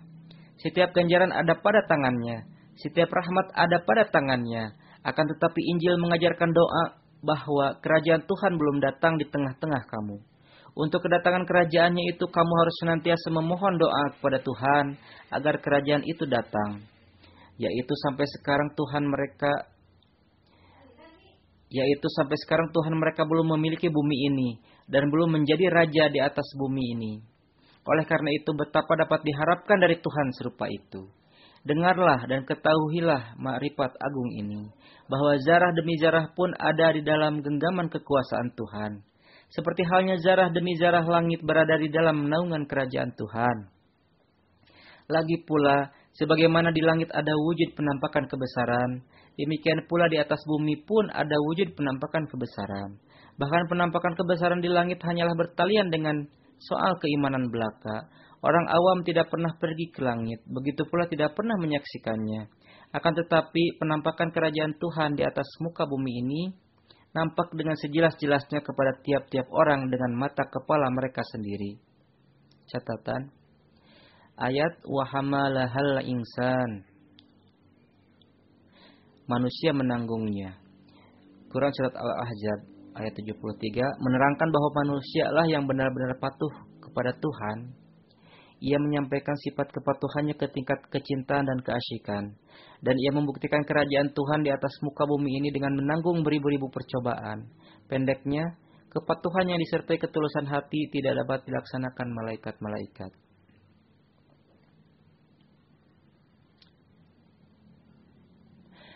Setiap insan betapapun ia kaya raya pasti akan minum piala maut.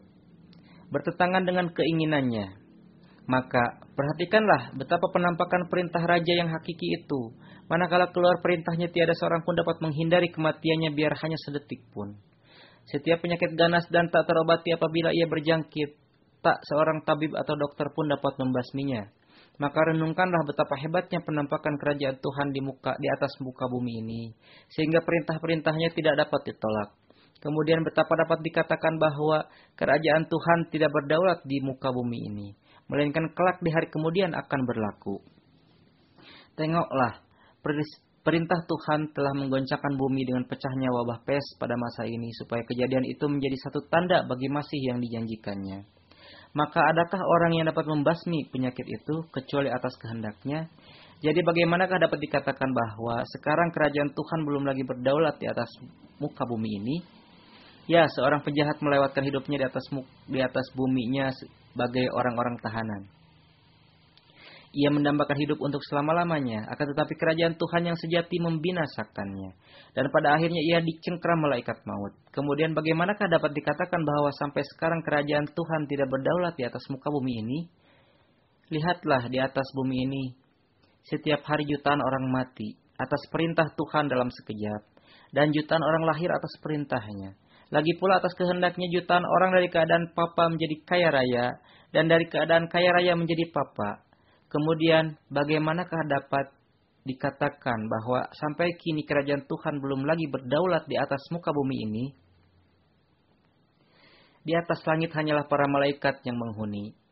Akan tetapi di permukaan bumi ini yang tinggal adalah baik manusia maupun malaikat yang merupakan karyawan Tuhan dan abdi kerajaannya dan yang ditugaskan untuk mengawasi berbagai perbuatan manusia dan mereka setiap saat mematuhi Tuhan serta senantiasa mengirimkan laporan-laporan kerja mereka. Kemudian bagaimanakah dapat dikatakan bahwa kerajaan Tuhan tidak berdaulat di atas muka bumi ini? Bahkan Tuhan lebih dikenal dari kerajaan buminya, sebab setiap orang mempunyai anggapan bahwa rahasia langit tersembunyi dan tidak kentara. Bahkan pada zaman sekarang ini hampir semua orang Kristen dan para filsuf mereka tidak mempercayai adanya wujud seluruh langit yang ada di dalam Injil dijadikan dasar pokok bagi kerajaan Tuhan. Akan tetapi bumi ini sebenarnya adalah sebuah bola raksasa di bawah telapak kaki kita. Dan di atasnya terjadi ribuan peristiwa kodo dan kodar. Yang dari situ jelas bahwa semua perubahan, pergantian, kejadian, dan kehancuran terjadi atas perintah suatu wujud tertentu yang berkuasa. Kemudian bagaimanakah dapat dikatakan bahwa di atas permukaan bumi ini tidak berdaulat kerajaan Tuhan? Ajaran serupa itu, yakni ketika di zaman ini orang-orang Kristen dengan keras mengingkari adanya seluruh langit, adalah sangat tidak serasi. Sebab di dalam doa Injil itu telah diakui bahwa kini kerajaan Tuhan belum berdaulat di atas muka bumi ini. Dan di pihak lain semua ahli penyelidik Kristen telah menerima dengan kesungguhan hati, yakni dengan penyelidikan mutakhir mereka sendiri telah menetapkan bahwa langit bukanlah apa-apa dan sama sekali tidak ada hakikatnya. Maka kesimpulannya ialah kerajaan Tuhan tidak ada di atas bumi ini maupun di atas langit. Orang-orang Kristen telah mengingkari adanya langit dan Injil menolak adanya kerajaan bumi. Dengan demikian, maka menurut pernyataan mereka sendiri, Tuhan tidak memiliki kerajaan di bumi maupun di langit. Akan tetapi Tuhan kita yang maha mulia dan maha agung, di dalam surah Al-Fatihah tidak menyebutkan kata langit, begitu pula tidak menyebutkan kata bumi. Dan dengan demikian kepada kita diberitahukan hakikat bahwa dia adalah Rabbul Alamin, pencipta sekalian alam yakni sepanjang ada penghuni-penghuni dan sepanjang adanya sesuatu jenis makhluk baik yang berupa fisik maupun berupa roh, maka yang menciptakan dan memelihara semua makhluk itu adalah Tuhan yang senantiasa memelihara mereka dan seluruh dan selalu mengurus mereka dengan cara semestinya. Lagi pula sifat-sifat rabubiatnya, rahmaniatnya, dan pengganjaran serta penghukumannya tetap bekerja setiap saat di seluruh alam. Catatan. Perhatikan betapa luasnya kandungan kata Rabbil Alamin, pencipta sekalian alam itu. Seandainya terbukti bahwa di dalam benda-benda langit ada penghuninya, niscaya penghuni-penghuni itu akan dirangkum di dalam kalimat itu. Perlu juga diingat bahwa kandungan kalimat Maliki Yaumiddin pada surah Al-Fatihah tidak hanya berarti bahwa ganjaran dan hukuman itu akan berlaku pada hari kiamat bahkan berkali-kali dan dengan jelas sekali diterangkan dalam Al-Quran suci bahwa kiamat adalah hari pembalasan besar. Akan tetapi suatu pembalasan dimulai di dunia ini juga. Seperti diisyaratkan oleh kata-kata Yaj'allakum purqana. Dia akan menjadikan bagimu suatu pembeda. Quran Surat Al-Anfal ayat 30. Maka baiklah hal ini diperhatikan pula bahwa di dalam doa Injil yang dimintai ialah roti sehari-hari. Demikianlah bunyinya. Berikanlah kami setiap hari makanan kami yang secukupnya. Lukas ayat 3. Akan tetapi mengherankan bahwa siapa yang punya kerajaan belum berdaulat, betapa dia dapat memberikan makanan. Sampai sekarang semua ladang dan semua buah-buahan tumbuh dan matang bukan atas perintah dia, melainkan matang dengan sendirinya hujan pun turun dengan sendirinya. Bagaimana dia mampu memberi makanan kepada seseorang apabila kerajaan akan berdaulat di atas muka bumi, barulah boleh minta makanan kepadanya. Sekarang dia belum memiliki kuasa terhadap setiap benda yang ada di muka bumi ini. Apabila dia sudah menguasai sepenuh-penuhnya atas harta kekayaan itu, barulah dia dapat memberi makanan kepada seseorang. Sementara itu meminta kepadanya adalah kurang tepat. Dan kemudian sesudah itu ungkapan Injil bahwa seperti halnya kami memaafkan orang-orang yang berhutang kepada kami, maka maafkanlah hutang-hutang kami. Dalam keadaan ini pun tidaklah benar karena dia belum memiliki kerajaan bumi. Sampai sekarang orang-orang Kristen belum makan apa pun dari tangannya. Lalu apa yang hendak dikata tentang hutang itu? Pendek kata, kita tidak memerlukan pembebasan hutang dari Tuhan yang hampa tangan serupa itu. Dan tidak perlu takutlah kepadanya, sebab sampai kini kerajaannya belum berdaulat di muka bumi ini. Dan cambuk kerajaannya tidak dapat menakut-nakuti. Bagaimana dia dapat menghukum seseorang yang berdosa? Atau bagaimana dia dapat membinasakan dengan wabah pes? Seperti dia pernah membinasakan kaum pendurhaka di zaman Musa. Atau seperti dia menghujani bangsa Lut dengan batu. Atau bagaimana dia dapat menghancurkan pendurhaka dengan gempa bumi atau petir atau dengan bentuk azab lainnya. Sebab sampai kini kerajaan Tuhan belum berdaulat di atas muka bumi ini. Maka oleh karena itu Tuhan orang-orang Kristen adalah Tuhan yang demikian lemah seperti halnya keadaan sang anaknya yang lemah itu. Dan demikian tidak berdayanya seperti halnya keadaan sang anaknya yang tak berdaya itu. Makanya memanjatkan doa kepadanya supaya kita dibebaskan dari hutang sia-sia saja. Bilakah dia memberi pinjaman yang akan dimaafkan atau tidak akan ditagih? Sebab sampai kini kerajaannya di atas bumi ini belum berdaulat. Oleh karena itu pertumbuhan bumi ini bukanlah atas perintahnya. Dan segala benda di bumi ini adalah bukan miliknya. Melainkan segala itu terwujud dengan sendirinya. Sebab perintahnya tidak berlaku di atas bumi ini. Dan manakala dia bukan penguasa dan raja di atas bumi ini. Dan segala kemudahan fasilitas di atas bumi ini bukan karena perintahnya maka dia tidak memiliki kewenangan ataupun hak untuk memberi hukuman. Oleh, oleh sebab itu, adalah suatu hal yang tidak logis kalau kita menjadikan wujud lemah semacam itu sebagai Tuhan dan menaruh harapan kepadanya untuk melaksanakan sesuatu di atas muka bumi ini. Sebab sampai kini kerajaannya belum berdaulat di atas muka bumi ini. Akan tetapi kepada kami diajarkan doa surah surah Al-Fatihah bahwa Tuhan setiap saat memiliki kekuasaan di alam dunia ini serupa dengan kekuasaan yang dia miliki di alam-alam lain. Pada awal permula, permulaan surah Al-Fatihah disebutkan sifat-sifat kekuasaan paripurna Tuhan, yang kitab-kitab lainnya di dunia ini tidak menyebutkan dengan jelas serupa itu. Sebagaimana Allah Ta'ala berfirman bahwa dia adalah Rahman, Rahim, Malik Yaumidin. Kemudian diajarkan untuk memohon doa kepadanya. Dan doa yang dipohonkan itu bukanlah seperti doa yang diajarkan Isa al-Masih alaihissalam hanya untuk memohon makanan sehari-hari saja. Melainkan dia mengajarkan doa untuk apa yang telah dianugerahkan kepada naluri insan. Berupa kemampuan yang dilimpahkan semenjak azali. Dan dia membangkitkan kedahagaan yaitu Ihdina syiratal mustaqim. Syiratal ladina an'amta alaihim. Tunjukilah kami ke jalan yang lurus Jalan orang-orang yang telah engkau beri nikmat atas mereka. Al-Fatihah ayat 6 dan 7. Yakni, wahai pemilik sifat-sifat paripurna, maha pemurah, segala zarah mendapat pemeliharaan wujud engkau dan mendapat kebahagiaan dan sifat engkau, rahmaniyat, rahimiyat, dan kekuasaan mengganjar serta menghukum. Jadikanlah kami ahli waris bagi orang-orang suci terdahulu. Segala nikmat yang telah dilimpahkan kepada mereka, berikanlah juga kepada kami Selamatkanlah kami agar kami jangan mendapat kemurkaan karena kedurhakaan. Selamatkanlah kami dari menjadi orang sesat karena sepi dari pertolongan Engkau. Amin. Dari segala penelaahan tersebut nampaklah perbedaan di antara doa Injil dan doa Al-Quran bahwa Injil menjanjikan kedatangan kerajaan Tuhan sedangkan Al-Quran menerangkan bahwa kerajaan Tuhan ada di tengah-tengahmu. Bukan hanya ada, bahkan secara amalan karunia-karunia senantiasa terlimpah atas dirimu. Walhasil di dalam Injil hanya terdapat janji belaka, akan tetapi Al-Quran tidak hanya janji belaka, melainkan memperlihatkan kerajaan yang sudah berdiri dan memperlihatkan karunia-karunianya. Dari itu sekarang ternyatalah keutamaan Al-Quran, bahwa ia mengemukakan Tuhan adalah penyelamat dan pemberi kesentausaan kepada orang-orang suci di dunia ini. Dan tiada jiwa yang hampa dari limpahan karunia-Nya. Bahkan karunia ini, karunia ini yakni sifat-sifat rabubiyat, rahmaniyat, rahimiyatnya senantiasa berlaku atas setiap jiwa menurut keadaan masing-masing. Akan tetapi Injil mengemukakan Tuhan yang kerajaannya belum berdaulat di muka bumi ini dan hanya mengemukakan janji belaka. Sekarang pikirlah yang manakah menurut akal yang patut diikuti? Benarlah apa yang dikatakan Hafiz Syairaji yang terjemahannya, Hai Tuan, mengapakah, mengapa engkau marah ketika aku berguru kepada guru lain? Karena engkau hanya janji-janji belaka, sedangkan dia membuktikannya dengan tunai.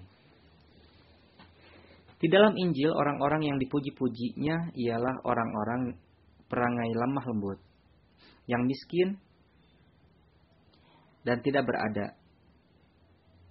Di samping itu terpujinya orang-orang teraniaya tapi tidak melawan. Akan tetapi Al-Quran tidak hanya mengatakan bahwa jadilah kamu sekalian senantiasa orang-orang miskin. Dan hendaklah jangan melawan kejahatan. Melainkan ia berkata bahwa perangai lemah lembut, kepapaan, kemiskinan, dan menghindari sikap melawan adalah baik. Akan tetapi bila perangai-perangai itu dipergunakan tidak pada tempatnya, itu adalah buruk.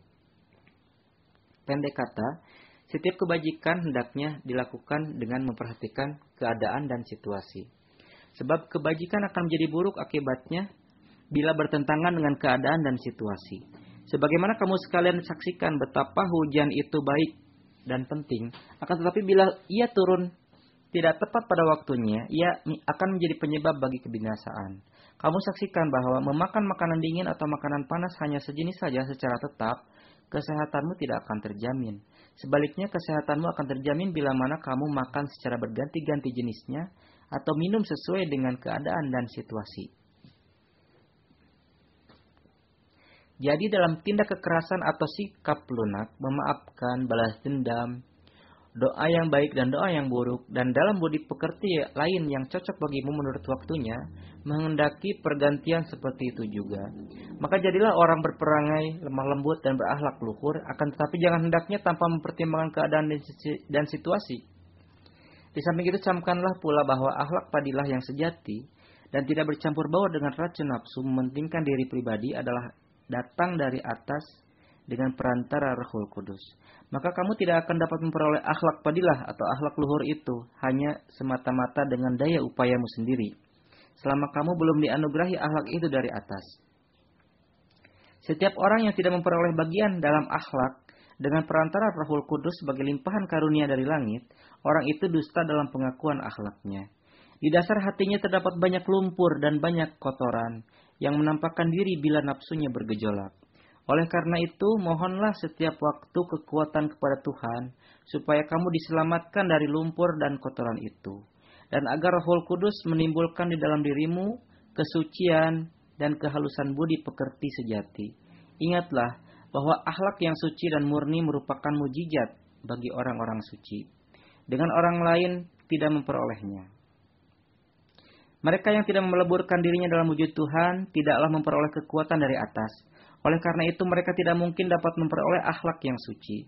Maka timbulkanlah pertalian yang suci dengan Tuhanmu. Tinggalkanlah kebiasaan saling mengejek, memperolok-olok, mendengki, kotor mulut, serakah, bohong, berbuat jahat, berpandangan birahi, berburuk sangka, memuja keduniaan, takabur, angkuh, keaku-akuan, egosentris, berbuat keji, dan bersilat lidah, kemudian barulah semua akhlak suci dan murni itu kelak kamu akan peroleh dari langit.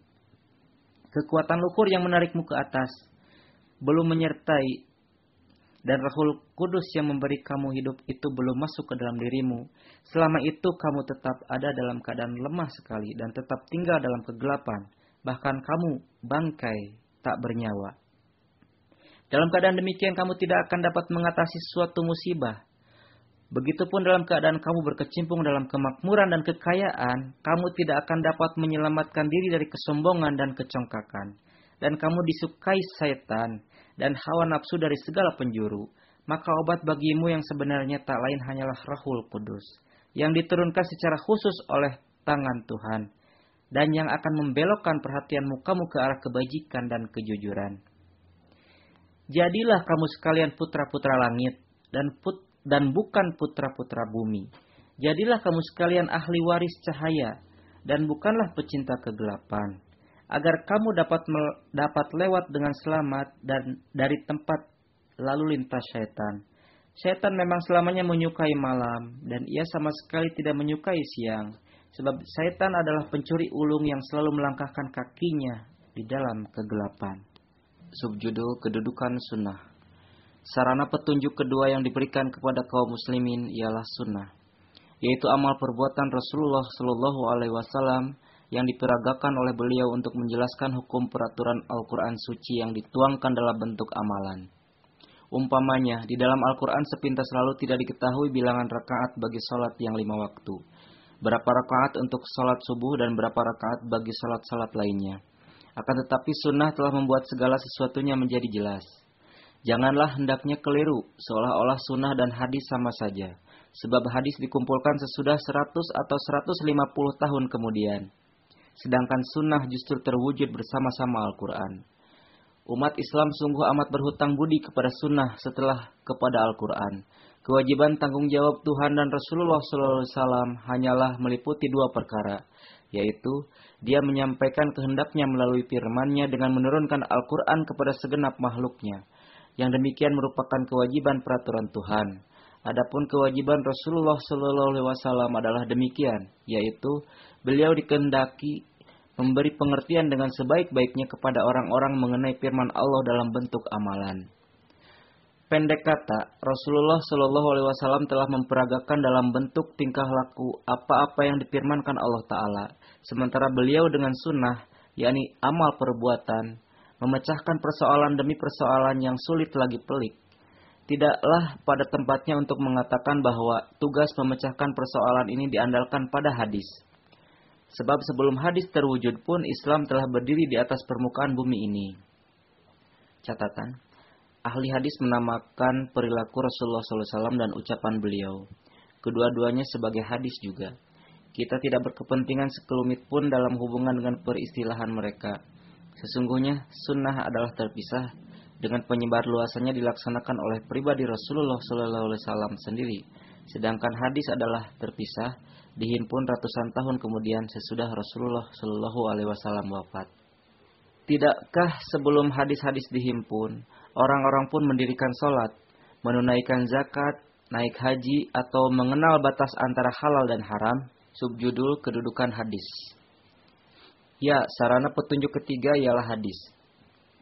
Sebab banyak sekali soal-soal yang berhubungan dengan sejarah Islam, budi pekerti dan fikoh atau jurisprudensi dengan jelas dibentangkan di dalamnya. Faedah besar daripada hadis selain itu ialah hadis merupakan khadim Al-Quran dan Sunnah. Ada sementara orang yang tidak dianugerahi pengertian mengenai kedudukan Al-Quran secara hakiki. Mereka dalam situasi itu mengatakan bahwa kedudukan hadis merupakan hakim bagi Al-Quran. Sebagaimana kaum Yahudi mengadakan, mengatakan mengenai hadis-hadis mereka. Akan tetapi kita mengambil ketetapan bahwa hadis merupakan khadim Al-Quran dan khadim Sunnah. Jelas kiranya bahwa kemudian seorang majikan akan bertambah besar dengan kehadiran hadim-hadim.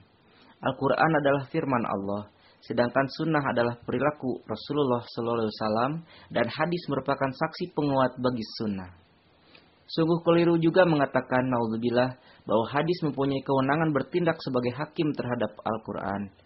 Apabila di atas apabila di atas Al-Quran harus ada hakim, maka yang menjadi hakim adalah Al-Quran itu sendiri. Hadis yang mengandung unsur keraguan atau zan sekali-kali tidak dapat menduduki tempat sebagai hakim terhadap Al-Quran. Kedudukannya hanyalah selaku saksi penguat. Al-Quran dan Sunnah telah melaksanakan semua tugas yang hakiki, sedang hadis hanyalah merupakan saksi penguat. Betapakah hadis dapat menduduki tempat sebagai hakim terhadap Al-Quran? Al-Quran dan Sunnah memberi bimbingan pada zaman ketika hakim imitasi semacam itu sama sekali belum berwujud hendaknya jangan mengatakan bahwa hadis menghakimi Al-Quran. Bahkan hendaklah mengatakan bahwa hadis merupakan saksi penguat bagi Al-Quran dan Sunnah. Memang Sunnah adalah sesuatu yang mewujudkan kehendak-kehendak Al-Quran jadi kenyataan. Sedangkan yang dimaksudkan oleh Sunnah ialah jalan yang di atasnya Rasulullah Shallallahu Alaihi Wasallam tempuh dalam membimbing para sahabat dengan memperlihatkan perilaku beliau sebagai suri tauladan. Sunnah bukanlah sesuatu yang ditulis di dalam kitab-kitab 150 tahun kemudian. Sebab yang demikian itu hadis namanya. Sunnah adalah contoh perilaku yang sejak awal mula berjalan dan diamalkan oleh orang-orang muslim yang saleh secara terus-menerus serta dihayati oleh ribuan orang Islam. Ya, hadis pun kendati sebagian besarnya mengandung unsur keraguan-raguan atau zan, akan tetapi jika itu tidak bertentangan dengan Al-Quran dan Sunnah, serta menunjang Al-Quran dan Sunnah, lagi terdapat di dalamnya perbendaharaan masalah-masalah keislaman, maka patutlah hadis itu dihargai. Pendek kata, tidak menghargai hadis adalah seakan-akan memenggal sebagian anggota tubuh Islam. Ya, andaikan terdapat sebuah hadis yang bertentangan dengan Al-Quran dan Sunnah, dan selain itu bertentangan dengan sebuah hadis lainnya yang bersesuaian dengan Al-Quran, atau umpamanya terdapat sebuah hadis yang berlawanan dengan Sahih Bukhari, maka hadis semacam itu tidaklah layak diterima. Sebab dengan menerimanya kita terpaksa harus menolak Al-Quran dan semua hadis yang bersesuaian dengan Al-Quran. Aku tahu bahwa tidak ada seorang pun di antara orang-orang saleh yang akan berani berbuat serupa itu, yakni mempercayai, mempercayai suatu hadis yang berlawanan dengan Al-Quran dan Sunnah, serta bertentangan dengan hadis-hadis yang bersesuaian dengan Al-Quran. Walhasil, hormatilah hadis-hadis dan ambillah faedah daripadanya sebab sumbernya adalah Rasulullah Shallallahu Alaihi Wasallam dan selama Al-Quran dan Sunnah tidak mendustakannya kamu pun jangan mendustakannya bahkan hendaklah kamu sekalian menaati hadis-hadis Nabi Shallallahu Alaihi Wasallam sedemikian rupa sehingga janganlah hendaknya melakukan gerak-gerik atau diam dan janganlah berbuat sesuatu serta berhenti dari suatu perbuatan tetapi untuk berbuat demikian itu kamu memiliki sebuah hadis yang membenarkannya. Namun seandainya ada sebuah hadis yang jelas berlawanan dengan keterangan yang dinyatakan oleh Al-Quran suci, maka kamu sekalian hendaknya berikhtiar untuk memperbandingkannya. Sebab jangan-jangan pertentangan tadi hanyalah kekeliruanmu. Dan andai kata pertentangan itu tidak juga dapat dipecahkan, maka hadis semacam itu buanglah. Karena hadis itu bukan dari Rasulullah Sallallahu Alaihi Wasallam. Dan apabila ada sebuah hadis yang doif atau lemah, padahal ia mempunyai persesuaian dengan Al-Quran, maka terimalah hadis itu karena Al-Quran membenarkannya. Subjudul batu ujian untuk sahih tidaknya hadis yang mengandung nubuatan. Sedangkan apabila ada sebuah hadis yang mengandung suatu nubuatan dan menurut para, para ahli hadis itu lemah, dan di zamanmu atau di zaman sebelummu nubuatan yang terkandung dalam hadis itu sudah menjadi kenyataan, maka anggaplah hadis itu benar. Lalu anggaplah ahli hadis dan perawi yang telah menetapkan hadis itu sebagai doib atau lemah dan maudu atau dibuat-buat, mereka itu keliru atau bahkan dusta. Bahkan ratusan banyaknya hadis yang di dalamnya mengandung nubuatan-nubuatan dan banyak pula di antara hadis-hadis itu oleh sementara para muhadis dianggap majruh atau kurang sempurna atau maudu atau dibuat-buat atau doib atau lemah. Jadi, apabila salah satu dari hadis-hadis itu menjadi kenyataan dan kamu sekalian mencoba mengelakkan dengan mengatakan bahwa hadis itu doib atau salah satu dari perawinya tidak mutadayin atau tidak menepati aturan agama, maka dalam keadaan demikian, yakni dengan menolak hadis serupa itu yang kebenarannya telah ditampakkan Tuhan, kamu sendiri menunjukkan kehampaan dalam iman. Bayangkanlah, jika hadis semacam itu berjumlah seribu buah, dan menurut sementara pendapat para muhadisin, hadis-hadis itu doib, tetapi seribu nubuatan yang terkandung di dalam hadis itu terbukti kebenarannya, apakah kamu sekalian akan menetapkan semua hadis itu sebagai doib? Dan akan menyia-nyiakan seribu bukti mengenai kebenaran Islam? Maka dalam keadaan demikian kamu akan menjadi musuh Islam. Dan Allah Ta'ala pun berfirman, Fala yudhiru ala ghaibihi ahada illa man mir rasul. Maka dia Allah tidak menerangkan rahasia gaibnya kepada seorang pun kecuali kepada rasulnya yang dia ridhoi. Quran Surat Al-Jin ayat 27 dan 28. Yakni maka dia dia Allah tidak menerangkan gaib kepada seseorang kecuali Rasul yang diridhoinya. Pendeknya, terhadap siapakah kabar gaib atau nubuatan yang benar itu dialamatkan selain kepada seorang yang benar? Bukankah ini tak pantas ditilik dari segi keimanan untuk mengatakan pada keadaan serupa itu, bahwa seorang muhadis telah berbuat keliru dengan menetapkan sebuah hadis sahih sebagai daif? Atau layakkah untuk mengatakan bahwa dalam sebuah hadis palsu jadi kenyataan, Tuhan sudah melakukan suatu kekeliruan? Dan seandainya pun ada sebuah hadis yang termasuk golongan daif, tetapi dengan ketentuan bahwa hadis itu tidak bertentangan dengan Al-Quran dan Sunnah, serta tidak bertentangan pula dengan hadis-hadis yang bersesuaian dengan Al-Quran, maka amalkanlah hadis itu. Akan tetapi, hendaklah mengamalkan hadis-hadis itu dengan sangat berhati-hati sekali, karena banyaknya hadis-hadis yang di antaranya juga termasuk maudu'ah yang menimbulkan kerancuan di dalam tubuh Islam. Setiap firqah atau aliran berpegang pada hadis sesuai dengan akidahnya. Sehingga dalam soal sholat pun yang merupakan kewajiban yang pasti lagi tetap, disebabkan oleh perselisihan antar hadis, sholat dilakukan umum dengan cara yang berlain-lainan. Sebagian mengucapkan kata amin dengan suara nyaring, dan juga ada yang mengucapkannya dalam di dalam hati saja. Sebagian pula ada yang membaca Al-Fatihah sesudah imam dan sebagian lagi ada yang menganggap pembacaannya merusak salat. Sebagian pula ada yang meletakkan kedua belah tangan pada dada dan sebagian lagi di atas pusar. Asal perselisihan itu pada pokoknya terletak, terletak pada hadis-hadis juga. Kullu khizbim bima ladaihim parihun. Tiap-tiap golongan merasa senang dengan apa yang ada pada kedua tangan mereka. Quran Surat Al-Mu'minun ayat 54. Padahal sunnah menunjukkan hanya satu cara saja. Kemudian campur tangan riwayat-riwayat telah menggoncangkannya. Demikianlah kesalahpahaman hadis-hadis telah membinasakan banyak orang. Golongan Syiah pun binasa karena itu juga. Seandainya mereka memandang Al-Quran sebagai unsur yang berwenang memutuskan, maka dengan sebuah surah yakni surah An-Nur saja dapat memberi penerangan kepada mereka. Namun hadis-hadis telah membinasakan mereka. Demikian halnya di antara kaum Yahudi yang disebut ahli hadis binasa pada zaman Hadrat Isa al-Masih. Semenjak lama orang-orang itu telah meninggalkan Taurat. Dan seperti halnya mereka sampai sekarang berakidah, dahulu pun mereka percaya bahwa hadis berwenang menghakimi Taurat. Catatan. Injil sangat keras menentang alam pikiran mereka yang diutarakan dalam hadis-hadis dan riwayat-riwayat Talmud. Yang, yang disampaikan secara turun-temurun hingga Hadrat Musa alaihissalam. Lalu dikatakan bahwa hadis-hadis itu adalah ilham-ilham Hadrat Musa alaihissalam. Pada akhirnya terjadilah hal demikian, yaitu mereka meninggalkan Taurat dan menghabiskan seluruh waktunya membaca hadis-hadis. Di dalam beberapa hal, Talmud bertentangan dengan Taurat. Kendati demikian, kaum Yahudi beramal sesuai dengan apa yang dikatakan Talmud. Talmud yang disusun oleh Joseph Berkeley, cetakan London. 1888. Jadi banyak sekali hadis serupa itu terdapat di kalangan mereka yang mengatakan bahwa selama Nabi Ilyas belum turun kedua kalinya dari langit dengan tubuh kasarnya, Al-Masih maud mereka tidak akan datang. Hadis-hadis itu telah menggelincirkan mereka. Mereka itu menyandarkan diri pada hadis-hadis itu karena mereka tidak menerima takwil atau penjelasan yang diberikan hadat Isa al-Masih bahwa yang dimaksudkan dengan Nabi Ilyas adalah Yohana, yakni Nabi Yahya alaihissalam, yang mengambil perangai dan sifat seperti Nabi Ilyas dan pula menjelmakan diri secara bayangan.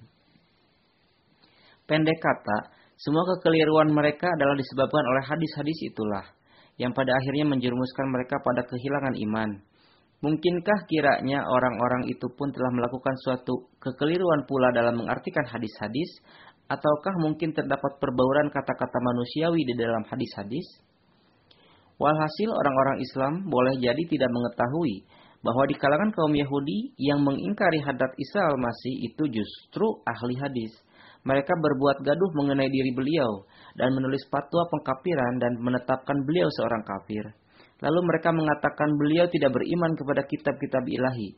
Allah Ta'ala telah memberi kabar tentang kedatangan Nabi Ilyas kedua kalinya dan beliau memberi takwilan-takwilan mengenai nubuatan itu tanpa memperhatikan kaitannya yang khas lantas menarik-narik arti kabar-kabar itu ke jurusan lain. Mereka tidak hanya membuat tidak hanya menyebut hadat Isa al-Masih kafir saja, malahan mulhid atau tidak bertuhan juga.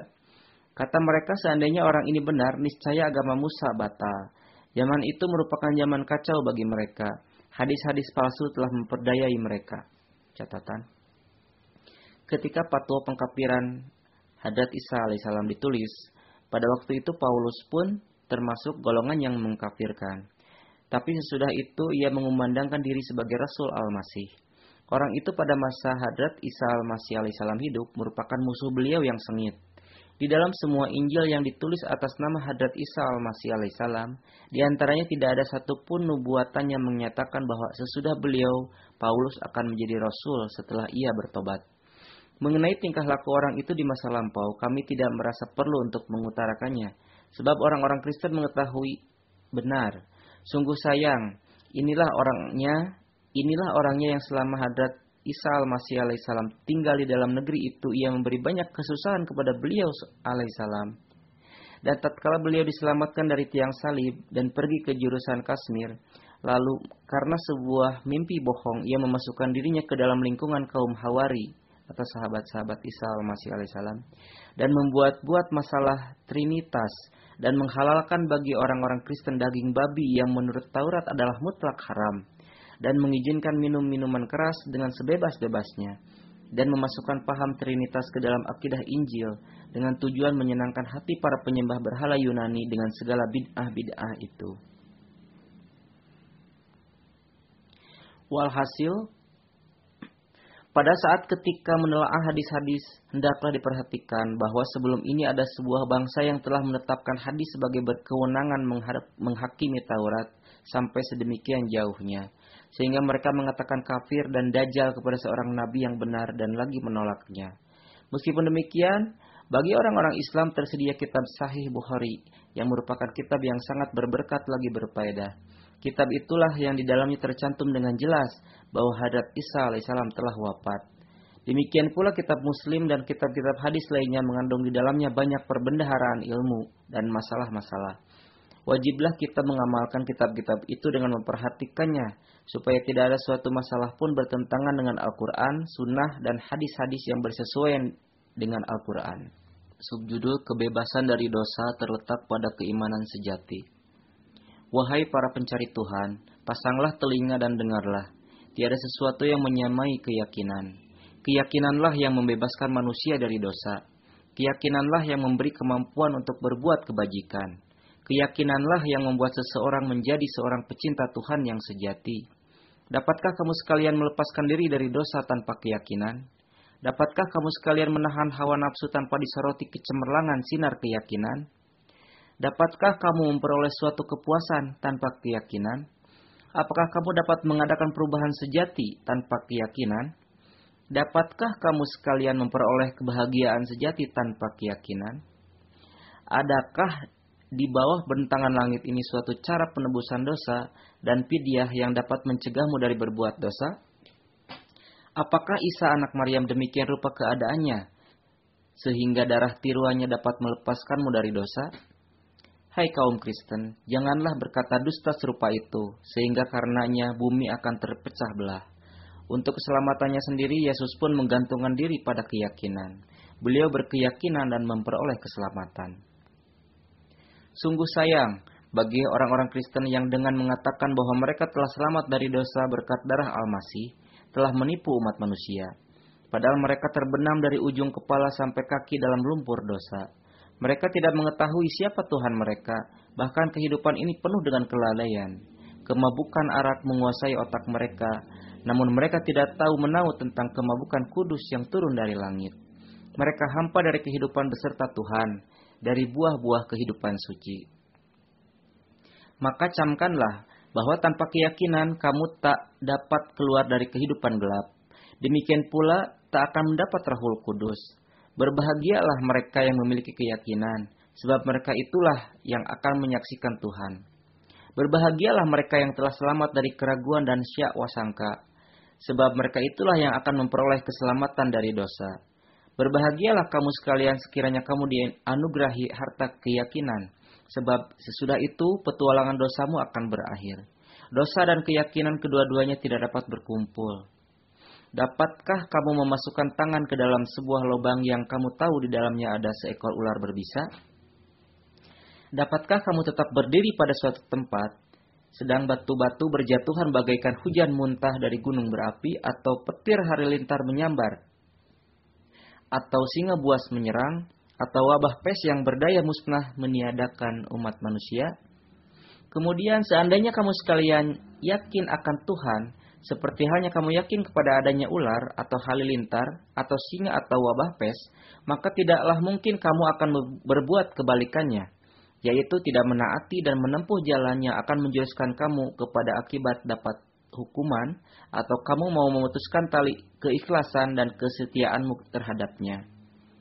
Wahai sekalian orang-orang yang diseru kepada kebajikan dan kebenaran, hendaklah Anda sekalian yakin bahwa daya pesona Tuhan baru akan terjelma bahwa daya pesona Tuhan baru akan terjelma di dalam diri Anda dan barulah Anda akan dibersihkan dari noda kekotoran dosa apabila hati Anda telah bersimbah penuh dengan keyakinan. Mungkin kamu akan berkata bahwa kamu sudah memiliki keyakinan. Namun ingatlah bahwa perasaan itu hanyalah suatu tipuan terhadap dirimu sendiri belaka. Keyakinan itu sekali-kali belumlah kamu memiliki belumlah kamu miliki karena kamu belum menggenapi syarat-syarat yang dikehendaki. Sebabnya ialah kamu belum jerah dari berbuat dosa. Kalian belum melangkahkan kaki ke muka sebagaimana seharusnya melangkah. Kalian belum takut sebagaimana seyogianya harus merasa takut.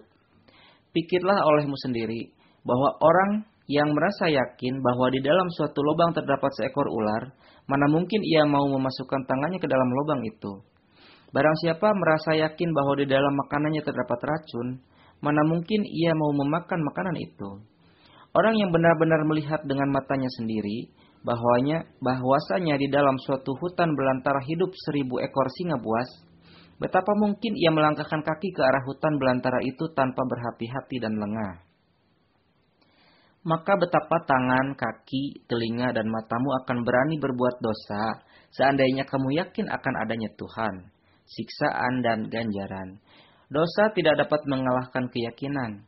Manakala kalian melihat nyala api yang menghanguskan dan membakar, betapa kalian dapat menjerumuskan diri ke dalam api itu. Dinding-dinding keyakinan menjulang tinggi sampai langit. Saitan tidak dapat memanjat dinding-dinding itu.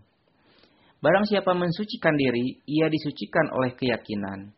Keyakinan memberikan daya kekuatan untuk menanggung derita, sehingga memungkinkan bagi seorang raja melepaskan tahta kerajaannya dan menyandangkan pakaian kefakiran. Keyakinan mempermudah segala kesukaran. Keyakinan memungkinkan manusia melihat Tuhan. Segala penebusan dosa adalah dusta belaka. Segala fidyah adalah batil. Segala kesucian datang melalui keyakinan.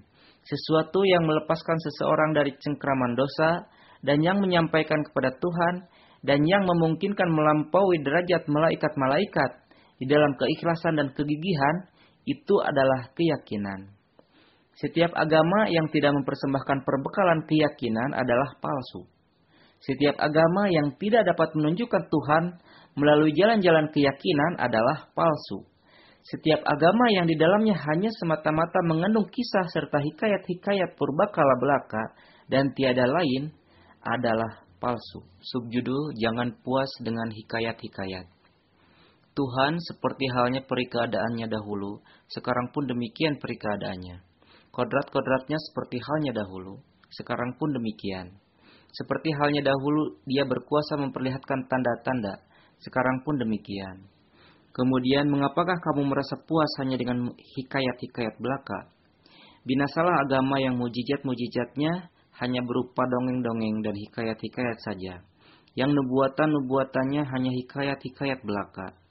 Binasalah umat yang kepadanya Tuhan tidak turun dan tidak disucikan oleh tangan Tuhan dengan perantaraan keyakinan. Seperti halnya ketika manusia melihat benda-benda jasmani yang lezat rasanya, ia tertarik kepadanya. Demikian pula manusia ketika mendapat kelejatan-kelejatan rohani dengan perantaraan keyakinan, ia pun tertarik kepada Tuhan. Keindahan Tuhan menjadikannya demikian rupa terpesonanya, hingga segala benda lain dipandangnya tidak berharga sama sekali.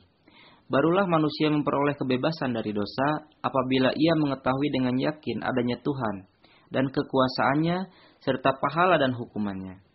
Segala akar kelancangan untuk berbuat dosa adalah ketunaan pengetahuan. Barang siapa memperoleh sebagian ilmu yang berdasar keyakinan, ia sekali-kali tidak akan lancang berbuat dosa. Andai kata seorang pemilik rumah mengetahui bahwa banjir besar sedang menuju ke rumahnya, atau di sekeliling rumahnya berkobar nyala api, dan hanya sedikit saja tempat yang tersisa, maka ia tidak akan diam lagi di rumah itu. Kemudian betapa keadaan kalian, sementara meyakini tentang paham dan hukuman Tuhan, akan tetap tinggal dalam keadaan-keadaan yang berbahaya, maka bukan bukalah matamu dan perhatikanlah hukum Tuhan yang terdapat di seluruh permukaan bumi Janganlah berbuat seperti tikus yang inginnya menyurup-nyurup ke tempat-tempat kerendahan. Melainkan jadilah seperti seekor burung merpati yang terbang tinggi, menggemari suasana angkasa raya. Sesudah kamu bayat dengan niatan hendak bertobat, kemudian janganlah melanjutkan petualangan dosa. Janganlah seperti seekor ular yang meskipun telah berganti kulit namun ia tetap ular jua. Ingatlah selalu akan maut yang terus-menerus menghampirimu, sedangkan kamu belumlah menyadari. Berusahalah kamu hendaknya menjadi suci, karena manusia baru akan berjumpa dengan zat yang suci itu bila ia sendiri telah menjadi suci. Mohon maaf karena terlewat oleh Kang Maesa Mahdi. Untuk itu izinkan saya Irfan melanjutkan Subjudul sarana untuk memperoleh kesucian ialah solat. Akan tetapi, bagaimanakah kamu sekalian akan dapat memperoleh nikmat itu?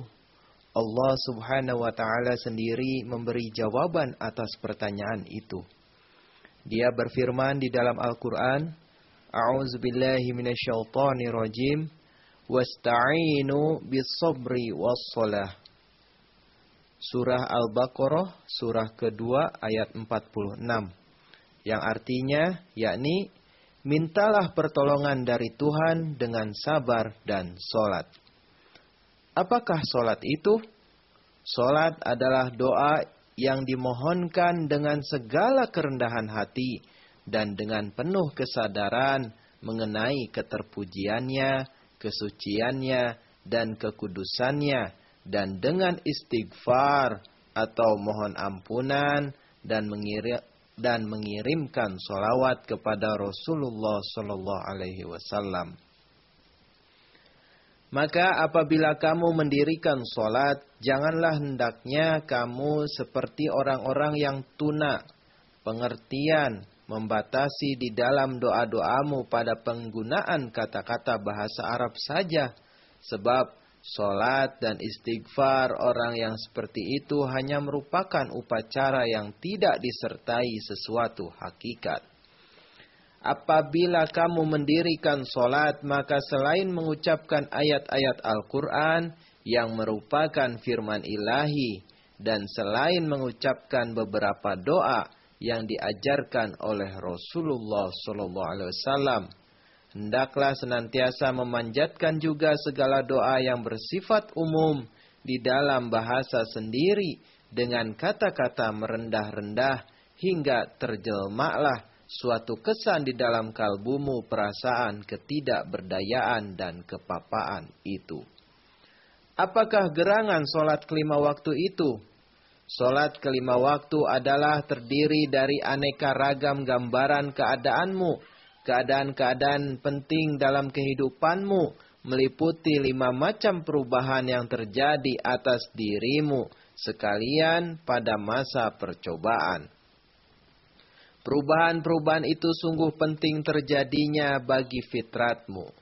Pertama, apabila kamu sekalian diberitahu bahwa suatu percobaan akan menimpa dirimu, umpamanya dari pengadilan datang suatu perintah penahanan atas dirimu, inilah keadaan pertama yang merusak ketentraman hati dan kebahagiaan kalian.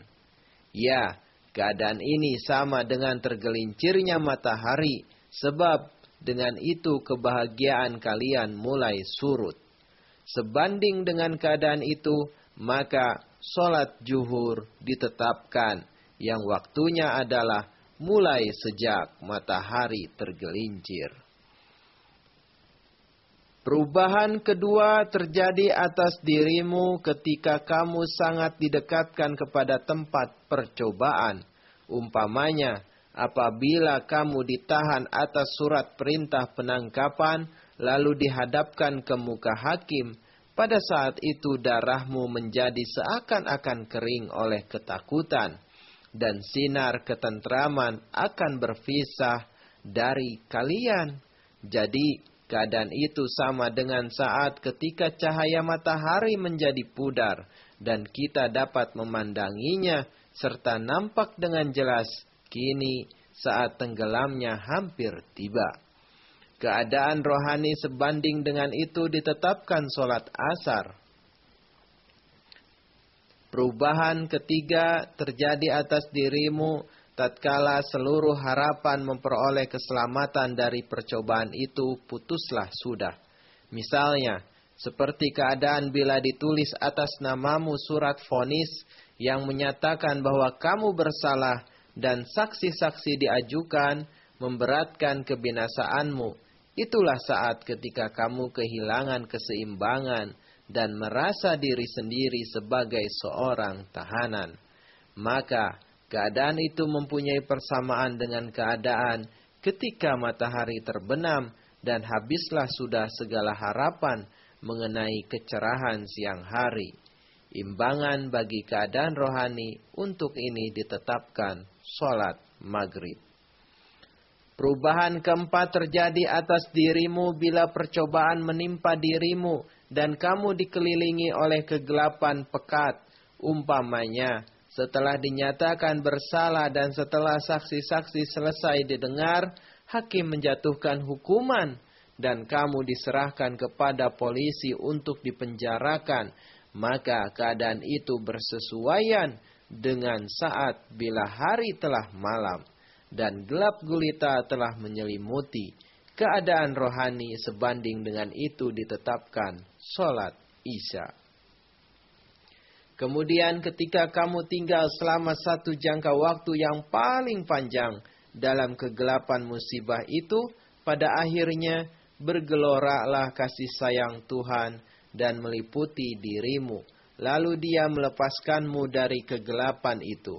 Misalnya, seperti sesudah gelap pada akhirnya fajar menyingsing dan cahaya hari pun dengan terang benderangnya memperlihatkan diri, maka imbangan untuk keadaan rohaninya ditetapkan sholat subuh.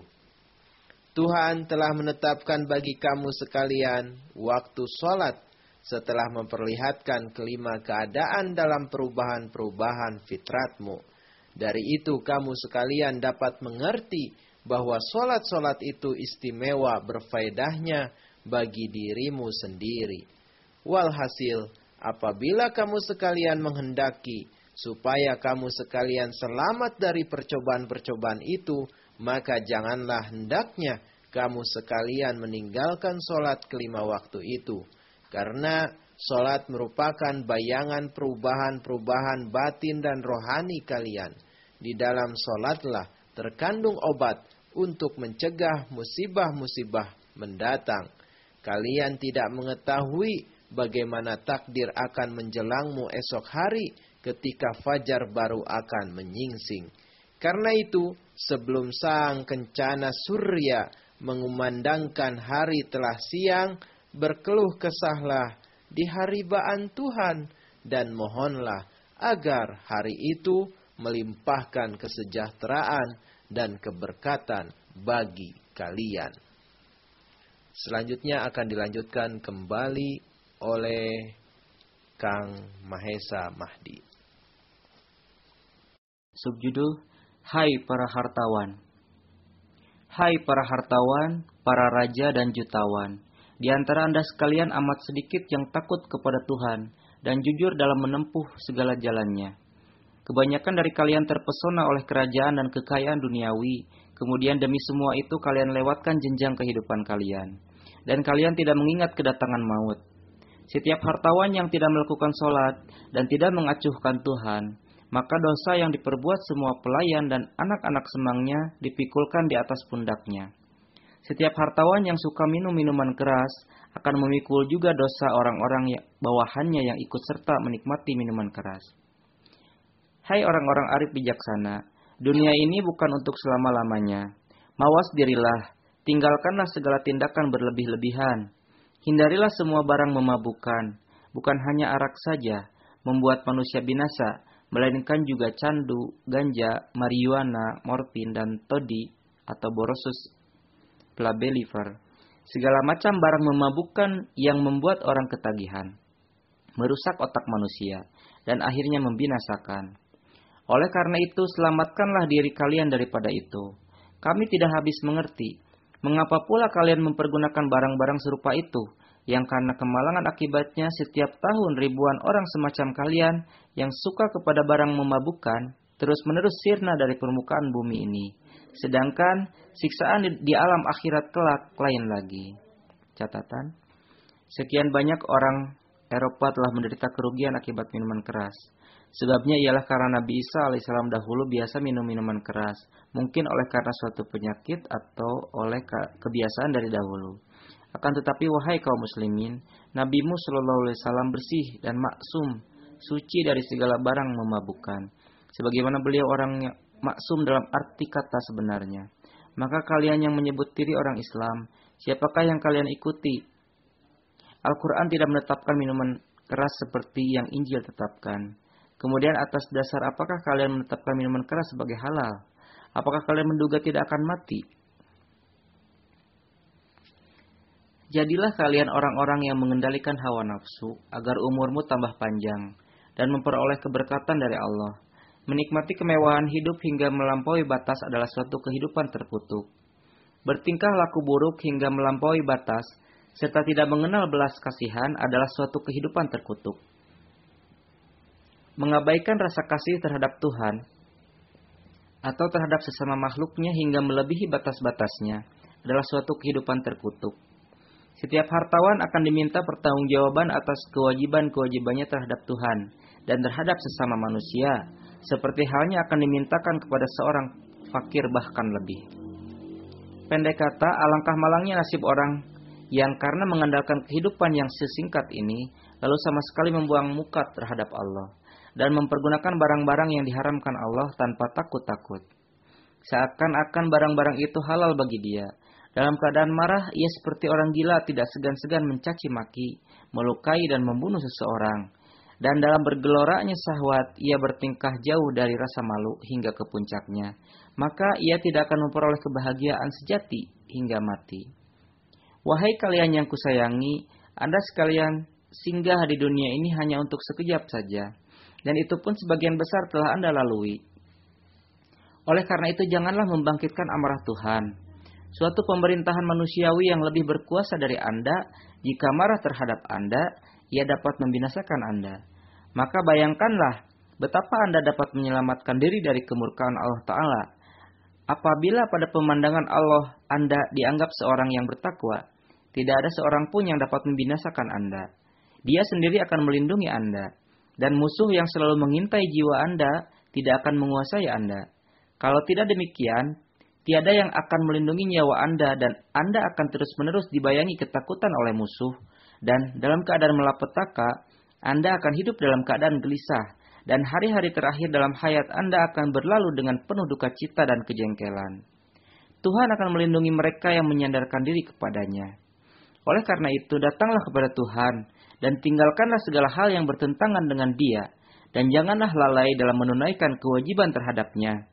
Dan janganlah menganiaya hamba-hambanya, baik dengan lidah maupun dengan tangan dan senantiasa takut akan kemurkaan dari langit, sebab inilah satu-satunya jalan untuk memperoleh keselamatan. Catatan Barang siapa menunjukkan kemurkaan secara berlebih-lebihan akan dibinasakan dengan kemurkaan itu juga. Oleh sebab itulah Tuhan dalam surah Al-Fatihah menyebut orang-orang Yahudi dengan sebutan Al-Maghdubi alaihim. Hal itu mengisyaratkan kepada kenyataan bahwa tiap-tiap orang yang berdosa akan mencicipi kemurkaan Tuhan pada hari kiamat. Akan tetapi orang yang tanpa alasan murka di dunia ini, di dunia ini pula ia mencicipi murka ilahi. Kemurkaan dari pihak orang-orang Kristen dibandingkan dengan kemurkaan dari pihak Yahudi di dunia ini tidak nampak. Oleh karena itu, di dalam surah Al-Fatihah mereka disebut Adolin. Adapun kata Adolin itu mengandung dua makna. Pertama berarti mereka itu sesat. Dan arti kedua ialah mereka akan hilang. Hal itu pada hematku merupakan suatu kabar suka bahwa pada suatu waktu mereka akan diselamatkan dari agama palsu, lalu akan masuk ke dalam pangkuan Islam dan setahap demi setahap melepaskan kepercayaan-kepercayaan musyrik dan kebiasaan yang tercela atau memalukan, lalu akan menjadi orang-orang bertauhid seperti orang-orang Islam. Pendek kata, dalam kata adolin pada akhir surah Al-Fatihah menurut arti kedua yakni terpadunya dan berasimilasinya atau hilangnya suatu benda ke dalam wujud benda lain mengandung nubuatan mengenai masa depan orang-orang Kristen. Subjudul Wahai para ulama Wahai para ulama Islam, janganlah Anda sekalian tergesa-gesa mendustakanku. Sebab banyak sekali rahasia yang orang-orang tidak dapat memahaminya dengan segera. Janganlah serta-merta menolak sesuatu begitu Anda mendengar sesuatu, sebab sikap semacam itu tidaklah sesuai dengan ketakwaan. Sekiranya tidak terdapat kesalahan-kesalahan di antara Anda sekalian, dan sekiranya Anda sekalian tidak mengartikan hadis-hadis secara terbalik, maka kedatangan Al-Masih yang dijanjikan sebagai hakam itu akan sia-sia saja. Sebelum Anda pun terdapat contoh yang dapat diambil pelajaran, di mana Anda menekankan pada suatu hal, dan ke mana pun Anda melangkahkan kaki, ke tempat itu pula orang-orang Yahudi melangkahkan kaki yakni seperti halnya Anda sekalian menanti-nantikan kedatangan Hadrat Isa untuk kedua kalinya. Mereka pun menunggu-nunggu kedatangan Nabi Ilyas untuk kedua kalinya. Mereka mengatakan Al-Masih baru akan datang apabila Nabi Ilyas yang telah dinaikkan ke langit turun ke dunia untuk kedua kalinya. Siapa-siapa yang mengaku dirinya Al-Masih sebelum turun Nabi Ilyas untuk kedua kalinya, orang itu pendusta. Mereka mempunyai anggapan serupa itu bukan hanya berdasar pada hadis-hadis, Bahkan kitab ilahi, yakni kitab malaki, mengemukakan kesaksian mengenai itu. Akan tetapi, ketika Hadrat Isa alaihissalam mengaku dirinya sebagai Al-Masih yang dijanjikan untuk orang-orang Yahudi, dan Nabi Ilyas tidak juga turun dari langit, yang dianggap syarat untuk pengakuan itu, maka segala akidah orang-orang Yahudi itu terbukti jadi batil. Apa yang dahulu dikira oleh orang-orang Yahudi bahwa Nabi Ilyas dengan tubuh kasarnya ini akan turun dari langit, pada akhirnya terbuka arti demikian, bahwa ada orang lain akan menampakkan diri, sedang ia memiliki watak dan sifat seperti Nabi Ilyas. Makna itu dijelaskan oleh Hadrat Isa alaihissalam sendiri yang Anda sekalian hendak turunkan dari langit untuk kedua kalinya. Walhasil, mengapakah Anda sekalian tergelincir di tempat orang-orang Yahudi dulu dahulu tergelincir? Di negeri Anda terdapat ribuan orang Yahudi, maka cobalah Anda menanyakan kepada mereka, apakah mereka tidak mempunyai tidak mempercayai hal seperti yang Anda sekalian percayai? Oleh karena itu, kalau demi kepentingan Isa, Tuhan tidak menurunkan Nabi Ilyas dari langit dan terpaksa mengemukakan tamsilan-tamsilan mengenainya di hadapan orang-orang Yahudi, mengapakah dia akan menurunkan Isa untuk Anda sekalian, yang Anda sekalian ingin turunkan untuk kedua kali? Anda sekalian mengingkari keputusannya juga. Seandainya ragu-ragu, di negeri ini terdapat ratusan ribu orang Kristen, dan Injil mereka pun masih ada. Maka tanyakanlah kepada mereka, Tidakkah benar Nabi Isa berkata bahwa Nabi Ilyas yang akan datang untuk kedua kali itu Yohana, yakni Yahya jugalah. Dengan pernyataan demikian, beliau sama sekali telah memusnahkan harapan orang-orang Yahudi semenjak dahulu. Jika sekarang perlu Nabi Isa itu juga yang harus turun dari langit, maka dalam keadaan demikian Hadrat Isa alaihissalam tidak dapat dianggap Nabi yang benar. Sebab apabila kembali dari langit termasuk sunnah ilahi, maka mengapakah Nabi Ilyas tidak kembali lagi? Dan mengapakah pada tempat ini Nabi Yahya ditetapkan sebagai Nabi Ilyas dalam tamsilan? Hal itu merupakan bahan renungan bagi orang-orang berakal. Selain itu, menurut kepercayaan Anda sekalian, Al-Masih Ibnu Maryam akan turun dari langit untuk mengemban suatu tugas, yaitu bersama-sama Imam Mahdi melancarkan perang untuk mengislamkan orang-orang dengan jalan kekerasan. Kepercayaan semacam itu sungguh mencemarkan nama baik Islam. Di manakah tertulis dalam Al-Quran bahwa untuk kepentingan agama tindakan kekerasan dibenarkan? Bahkan Allah Ta'ala berfirman dalam Al-Quran, La ikroha fiddin. Tidak ada paksaan di dalam urusan agama. Quran Surat Al-Baqarah ayat 257. Lalu bagaimana mungkin Al-Masih Ibnu Maryam akan diberi kebebasan untuk menggunakan kekerasan sedemikian rupa hingga beliau akan memaksa orang memeluk agama Islam atau kalau tidak ia akan dibunuh. Jizyah atau upeti pun tidak akan diterima. Di manakah dan pada Zud serta surah apa dalam Al-Quran tercantum ajaran semacam itu? Catatan, mengatakan bahwa dahulu dibolehkan mengislamkan orang-orang Arab dengan cara paksaan dan kekerasan, maka jalan pikiran semacam itu sama sekali ditentang oleh Al-Quran. Bahkan terbukti bahwa seluruh bangsa Arab telah menimpakan penderitaan yang luar biasa kepada Nabi Muhammad SAW. Banyak sahabat beliau, baik pria maupun wanita, telah mereka bunuh. Sementara yang lainnya selamat dari tebasan pedang mereka. Mereka nyahkan dari tanah tumpah darahnya. Oleh karena itu, mereka yang telah melakukan kejahatan pembunuhan itu, atau yang telah membantu melakukan tindak kejahatan itu, menurut pandangan Allah Ta'ala mereka itu patut dihukum mati setimpal dengan penumpahan darah yang telah mereka perbuat. Sekalipun terhadap mereka itu hukuman yang patas diberlakukan adalah hukuman mati, akan tetapi Tuhan yang Maha Pengasih di atas segala pengasih memberikan grasi pengampunan, yakni bagi mereka yang masuk Islam. Kesalahan-kesalahan mereka yang dahulu pernah mereka buat berbuat dan yang karena perbuatannya itu mereka patut diganjar dengan hukuman mati, mereka akan diampuni. Lalu dengan adanya contoh kasih sayang seperti ini, di manakah terletak adanya paksaan dalam agama Islam? Seluruh isi Al-Quran berulang kali mengatakan bahwa dalam urusan agama tidak ada paksaan. Dan dinyatakan dengan sejelas-jelasnya bahwa peperangan-peperangan yang dilancarkan di masa Rasulullah SAW bukanlah dalam rangka penyiaran agama dengan jalan paksaan, melainkan sebagai hukuman yakni bertujuan menghukum orang-orang yang telah mengusir sebagian mereka dari tanah air mereka dan yang telah berbuat sangat aniaya. Sebagaimana Allah Ta'ala berfirman, Udina lilladzina yuqataluna bi annahum dulimu wa inna Allah ala nasrihim laqadir. Quran Surat Al-Hajj ayat 40 yakni diizinkan bagi orang-orang Islam yang sedang diperangi oleh orang-orang kafir untuk melawan disebabkan mereka telah dianiaya dan Allah berkuasa untuk menolong mereka. Atau peperangan itu sifatnya mempertahankan diri terhadap mereka yang mendahului serangan untuk menghancurkan Islam atau melarang dengan kekerasan usaha penyebaran Islam di negeri mereka sebagai pembelaan hak-hak pribadi atau peperangan semacam itu ialah untuk menciptakan kemerdekaan dalam negeri. Selain ketiga macam peperangan itu, Rasulullah Shallallahu Alaihi Wasallam dan para khalifah beliau yang suci tidak pernah melancarkan suatu peperangan. Bahkan Islam menahan diri, mentoleransi terhadap derita penganiayaan yang terus menimpa dari bangsa-bangsa lain yang bukan Islam. Sedemikian rupa hingga hingga toleransi semacam itu tidak akan bisa dijumpai pada bangsa lain mana pun. Maka hak seperti apa yang akan diperoleh oleh Isa al-Masih dan Imam Mahdi yang akan datang bahwa beliau mulai membunuh orang-orang sehingga beliau pun tidak menerima upeti dari seorang ahli kitab sekalipun.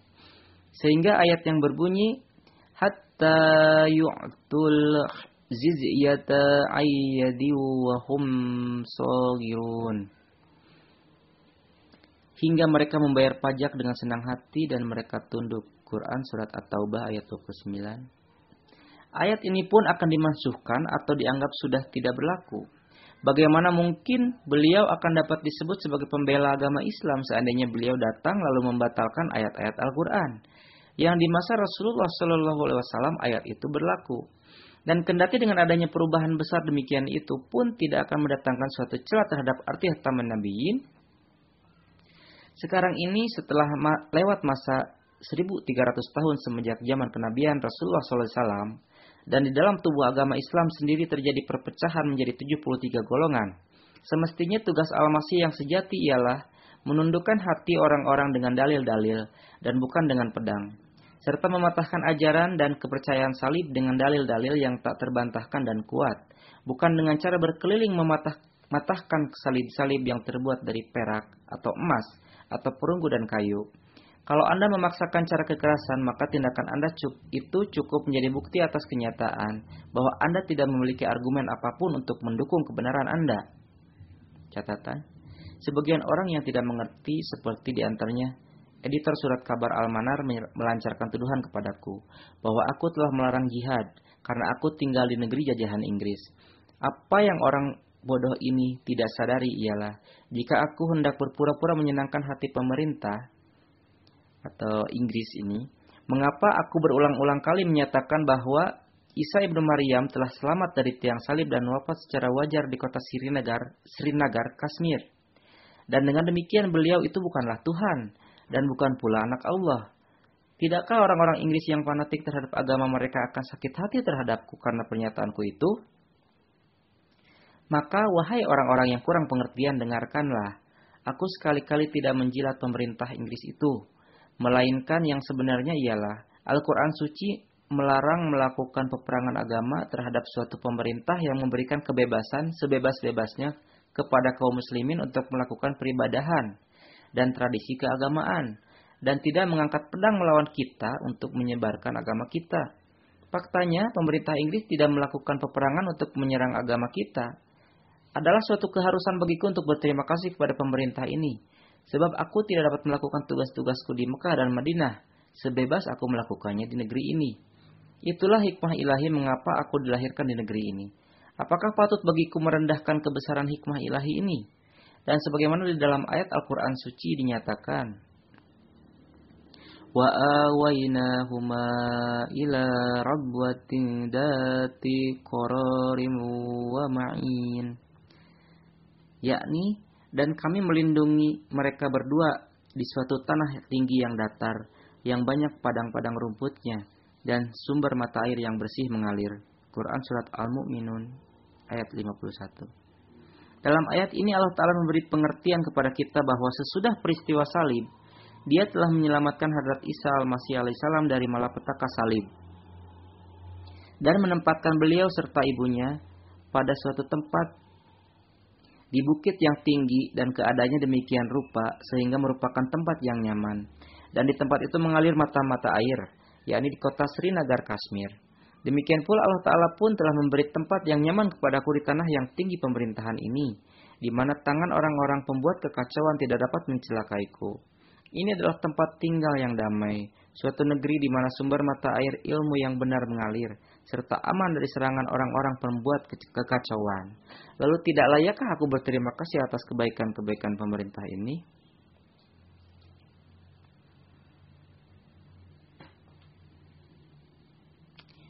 Setiap orang yang kurang pengertian Dan yang berwatak kejam, apabila dibuat tidak berdaya oleh dalil, maka ia segera meraih pedang atau senjata. Akan tetapi agama yang penyebaran agama ajarannya hanya mengandalkan pedang semata dan tidak memiliki suatu cara lain, sama sekali bukanlah agama dari Allah Ta'ala. Jika Anda sekalian belum dapat meninggalkan jihad serupa itu, dan bahkan dengan angkara murka menamakan orang-orang suci sebagai dajjal, dan mulhid atau tidak bertuhan, maka kami akan mengakhiri uraian ini dengan dua kalimat sebagai berikut.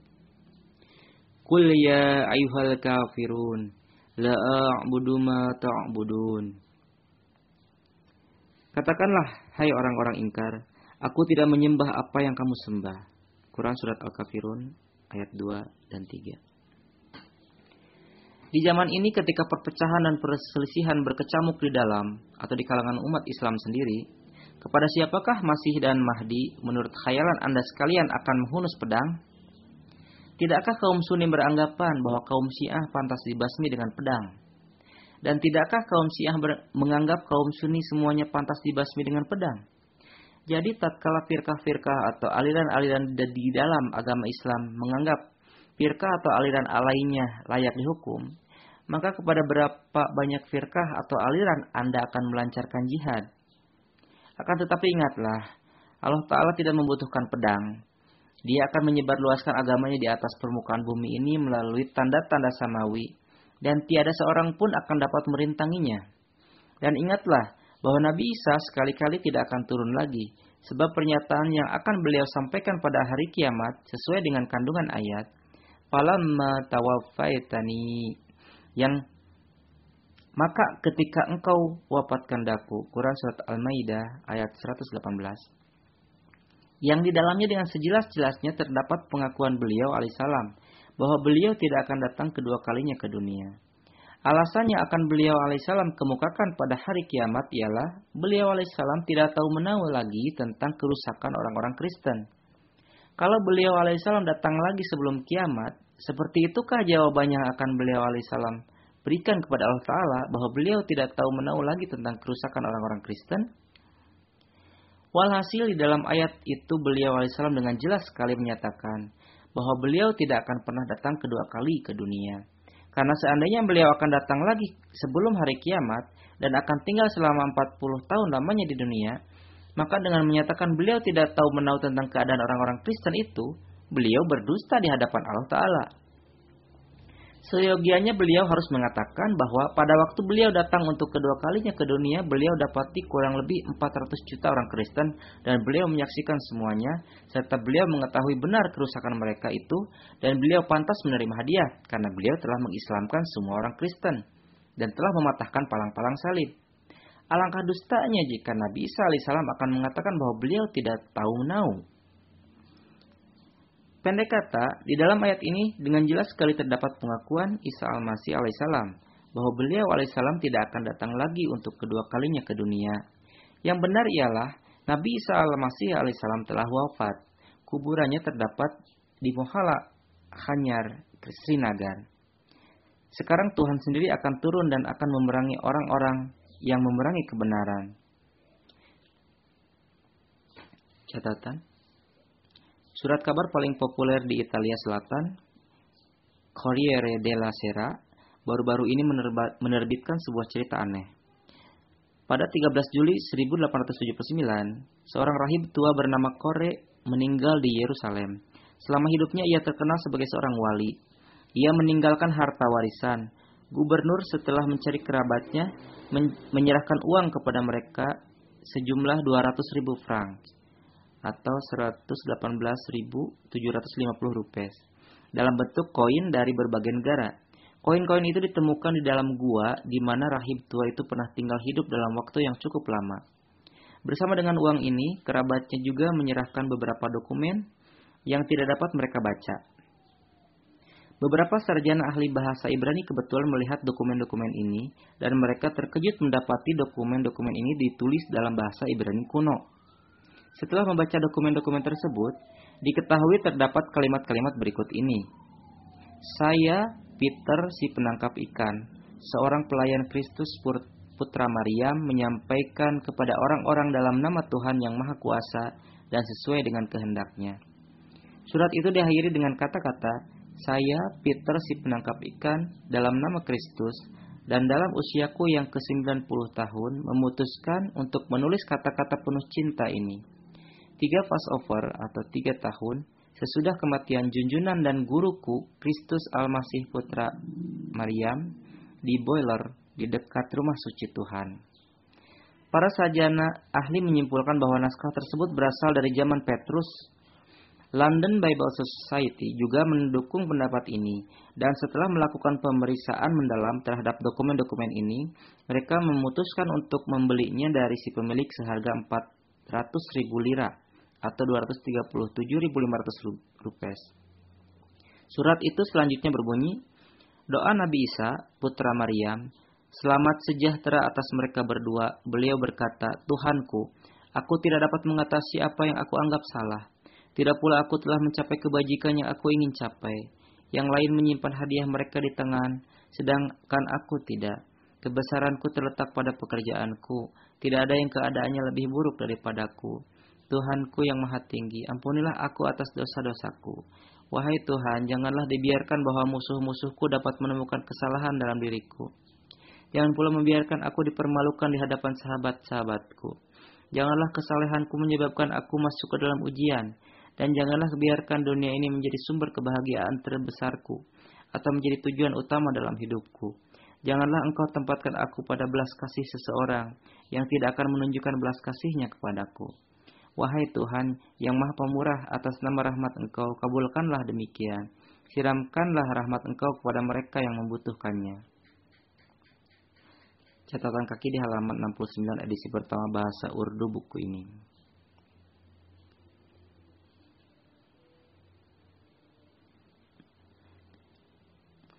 Catatan kedua. Seorang Yahudi pun membenarkan kenyataan bahwa kuburan yang terletak di Srinagar, Kashmir dibangun seperti kuburan para nabi orang-orang Yahudi. Sekarang Tuhan sendiri akan turun dan akan memerangi orang-orang yang memerangi kebenaran. Berperangnya Tuhan tidaklah pada tempatnya untuk dicela. Sebab peperangan itu berlaku sebagai tanda-tanda Sedangkan peperangan manusia patut dicela karena mengambil bentuk tindak kekerasan. Sungguh sayang bagi para ulama itu. Sebab seandainya mereka jujur, maka mereka dengan menempuh jalan ketakwaan dapat mengambil segala macam supaya mereka puas. Memang Tuhan telah memberi kepuasan kepada pribadi-pribadi suci. Akan tetapi orang-orang yang diciptakan dari adonan yang sama dengan adonan Abu Jahal mereka menempuh cara-cara yang ditempuh Abu Jahal. Seorang ulama dari kota Mirut, India, memberitahukan dengan perantaran surat tercatat bahwa di kota Amritsar ada sebuah pertemuan yang diselenggarakan oleh Perhimpunan Nadwatul Ulama dan kami diminta supaya datang ke tempat itu untuk mengadakan diskusi. Akan tetapi hendaklah diketahui bahwa seandainya niat lawan-lawan kami itu baik dan tidak mempunyai pikiran kalah menang, maka untuk kepuasan hati mereka apa perlunya menekankan harus diadakan di Naduah dan sebagainya. Kami memandang alim ulama dari kota Naduah tidak berbeda dengan yang dari kota Amritsar. Mereka mempunyai akidah serupa, sejenis dan sebahan juga. Pintu terbuka bagi orang, bagi setiap orang untuk datang ke kota Kadian.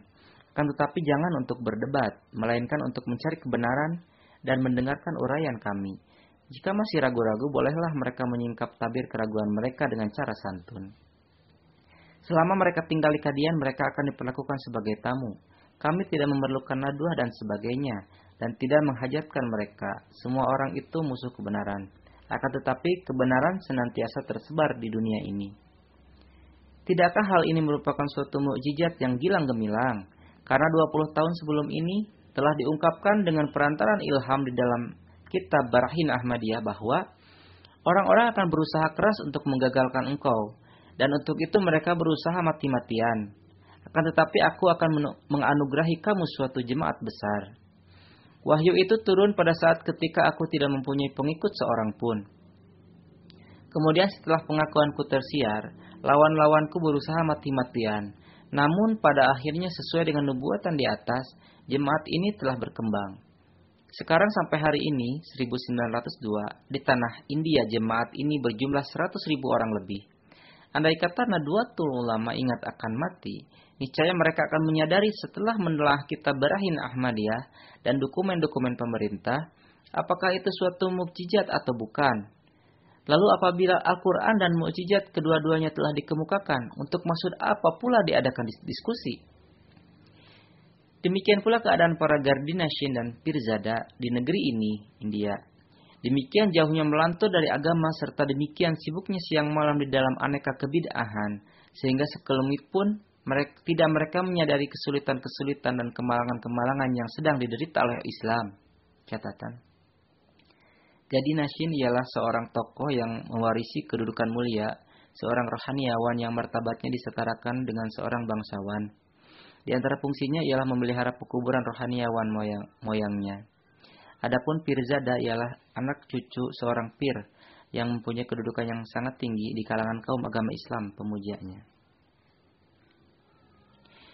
Jika per, berkunjung ke pertemuan-pertemuan mereka, akan nampaklah kepada kita bukanlah kesahduan pengajian Al-Quran dan kitab-kitab hadis yang terdengar, melainkan kita mendengar bermacam ragam alat bunyi-bunyian, tambur, gitar, rebana, dan juru-juru tembang atau kawali urdu, dan sarana-sarana bid'ah lainnya. Namun demikian mereka mengaku diri mereka sebagai pemuka-pemuka Islam dan membanggakan diri sebagai pengikut Nabi Muhammad SAW. Sebagian mereka mengenakan pakaian wanita, tangan mereka diurapi warna daun pacar, mengenakan gelang-gelang, dan mereka lebih menyukai dan dendangan syair-syair daripada pengajian Al-Quran suci di dalam pertemuan-pertemuan mereka. Semua ulah itu merupakan karat-karat yang demikian menahunnya, sehingga sukar dibayangkan bagaimana cara menghilangkannya.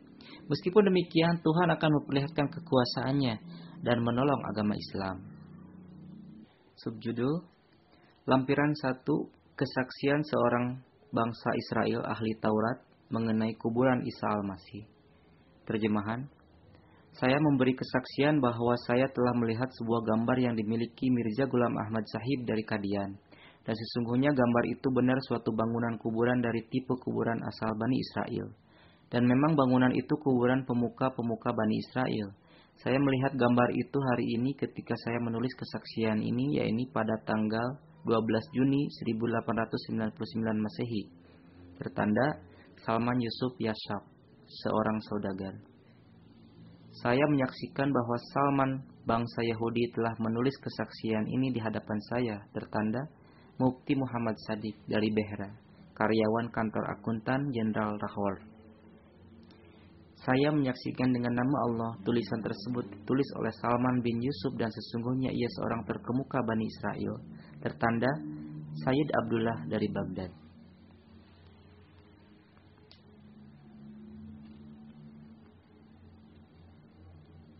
Subjudul Sejumput Nasihat bagi Kaum Wanita Pada zaman kita ini, beberapa bid'ah tertentu telah menjalar mempengaruhi kaum wanita juga. Mereka memandang dengan pandangan amat buruk terhadap masalah poligami. Mereka seakan-akan tidak percaya terhadap masalah itu. Mereka tidak mengetahui bahwa di dalam syariat Tuhan terkandung segala macam obat. Maka seandainya di dalam agama Islam tidak ada peraturan poligami atau beristri lebih dari seorang, maka apabila kaum pria dihadapkan kepada keadaan-keadaan yang memaksa mereka menikahi istri kedua, maka di dalam syariat ini tidak akan terdapat obatnya untuk itu. Umpama, umpamanya, jika sang istri terganggu pikirannya atau kena penyakit lepra atau selamanya mengidap suatu penyakit serupa itu, sehingga menjadikannya tidak berfungsi ataupun karena timbul suatu keadaan di mana sang istri patut dikasihani, tetapi tidak berfungsi, dan sang suami pun patut dikasihani karena tidak dapat bersabar hidup seorang diri, maka keadaan serupa itu merupakan suatu keaniayaan terhadap kekuatan kelaki-lakiannya. Jika ia tidak diperkenankan menikahi istri kedua, sebenarnya syariat Tuhan telah memperhatikan kasus-kasus serupa itu dan telah membuka jalan bagi kaum pria. Pada keadaan-keadaan memaksa, bagi kaum wanita pun ada jalan terbuka, yaitu Bila sang suami tidak berfungsi, mereka dapat menuntut khula dengan perantaran hakim sebagai pengganti talak. Syariat Tuhan dapat diibaratkan sebagai sebuah toko obat. Seandainya toko itu tidak menyediakan obat bagi segala macam penyakit, maka toko itu tidak dapat berjalan lagi. Maka renungkanlah, apakah tidak benar kaum pria kadangkala dihadapkan kepada beberapa kesulitan demikian rupa, sehingga mereka dalam keadaan terpaksa harus menikah lagi? Dan apakah gunanya syariat yang di dalamnya tidak memungkinkan untuk mengobati segala macam kesulitan? Perhatikanlah, berkenaan dengan masalah talak di, di dalam Injil, hanyalah zina yang menjadi syarat. Sedangkan ratusan macam sebab lainnya yang dapat menimbulkan permusuhan mendalam antara kaum pria dan wanita sedikit pun tidak disebut-sebut mengenai itu. Oleh karena itu, umat Kristen tidak dapat menahan diri atau mentolerir terhadap kekurangan itu. Dan pada akhirnya, di Amerika ter terpaksa dibuat suatu undang-undang perceraian. Maka pikirlah sekarang, dengan adanya undang-undang ini, ke manakah Injil pergi? Wahai kaum wanita, janganlah berkecil hati. Kitab yang Anda miliki tidak menggantungkan diri pada perubahan yang dilakukan tangan manusia, seperti halnya Injil.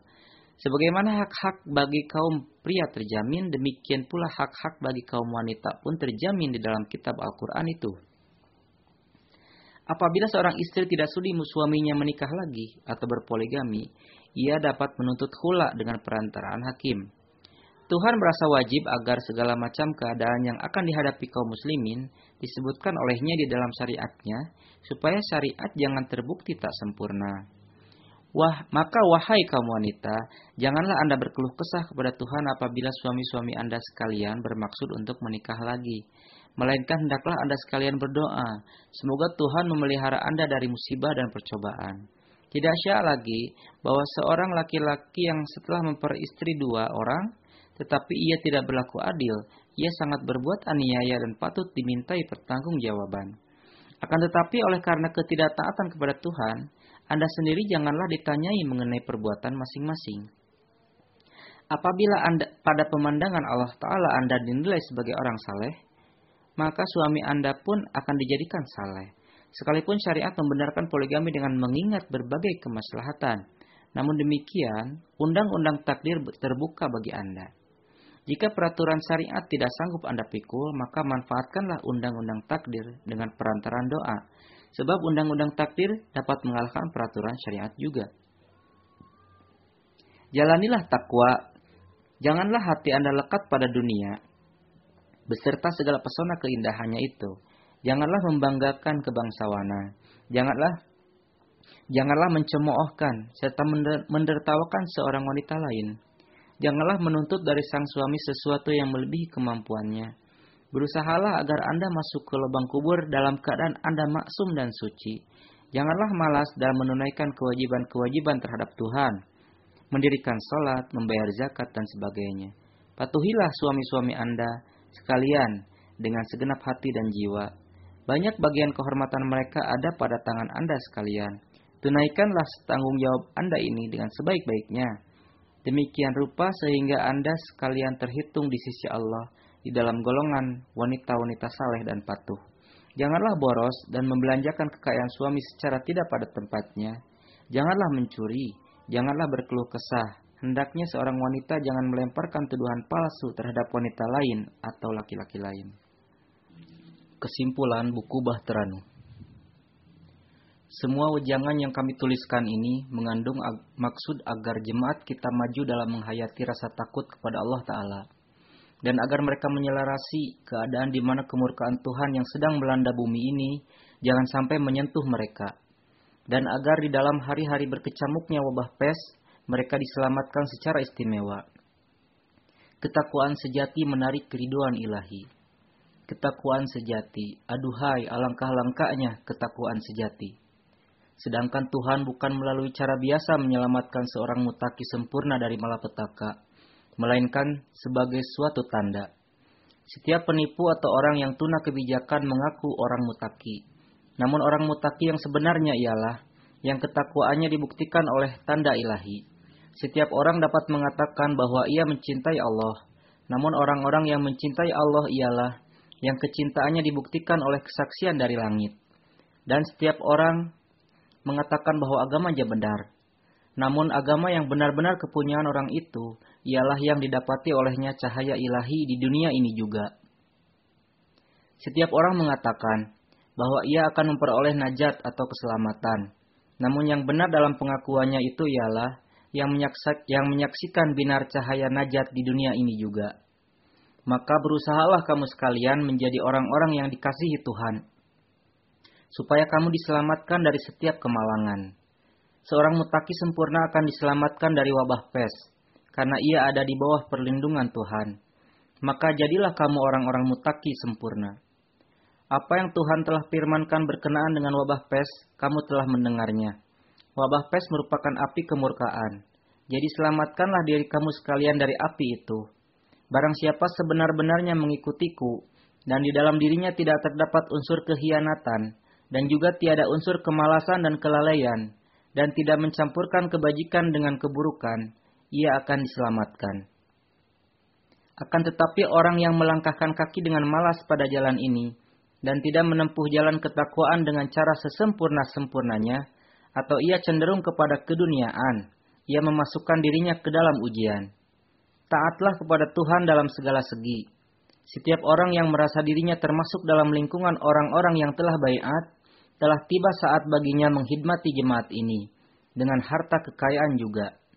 Barang siapa mempunyai kemampuan satu sen, hendaknya ia memberikan satu sen setiap bulan guna keperluan jemaat. Barang siapa dapat memberikan satu rupiah tiap bulan, hendaknya ia menyerahkan tiap bulan satu rupiah. Karena di samping pengeluaran untuk pengelolaan langgar khana atau dapur umum, kegiatan urusan agama pun menghendaki banyak sekali pengeluaran beratus-ratus tamu berkunjung. Namun sekarang karena kekurangan fasilitas, bagi para tetamu belum dapat disediakan rumah yang memadai.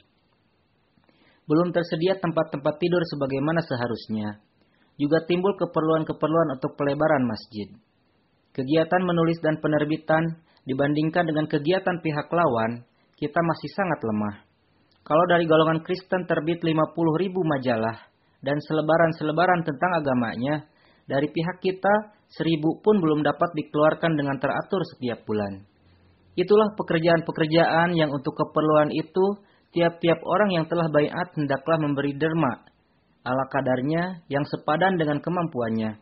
Supaya Allah Ta'ala pun membantu mereka.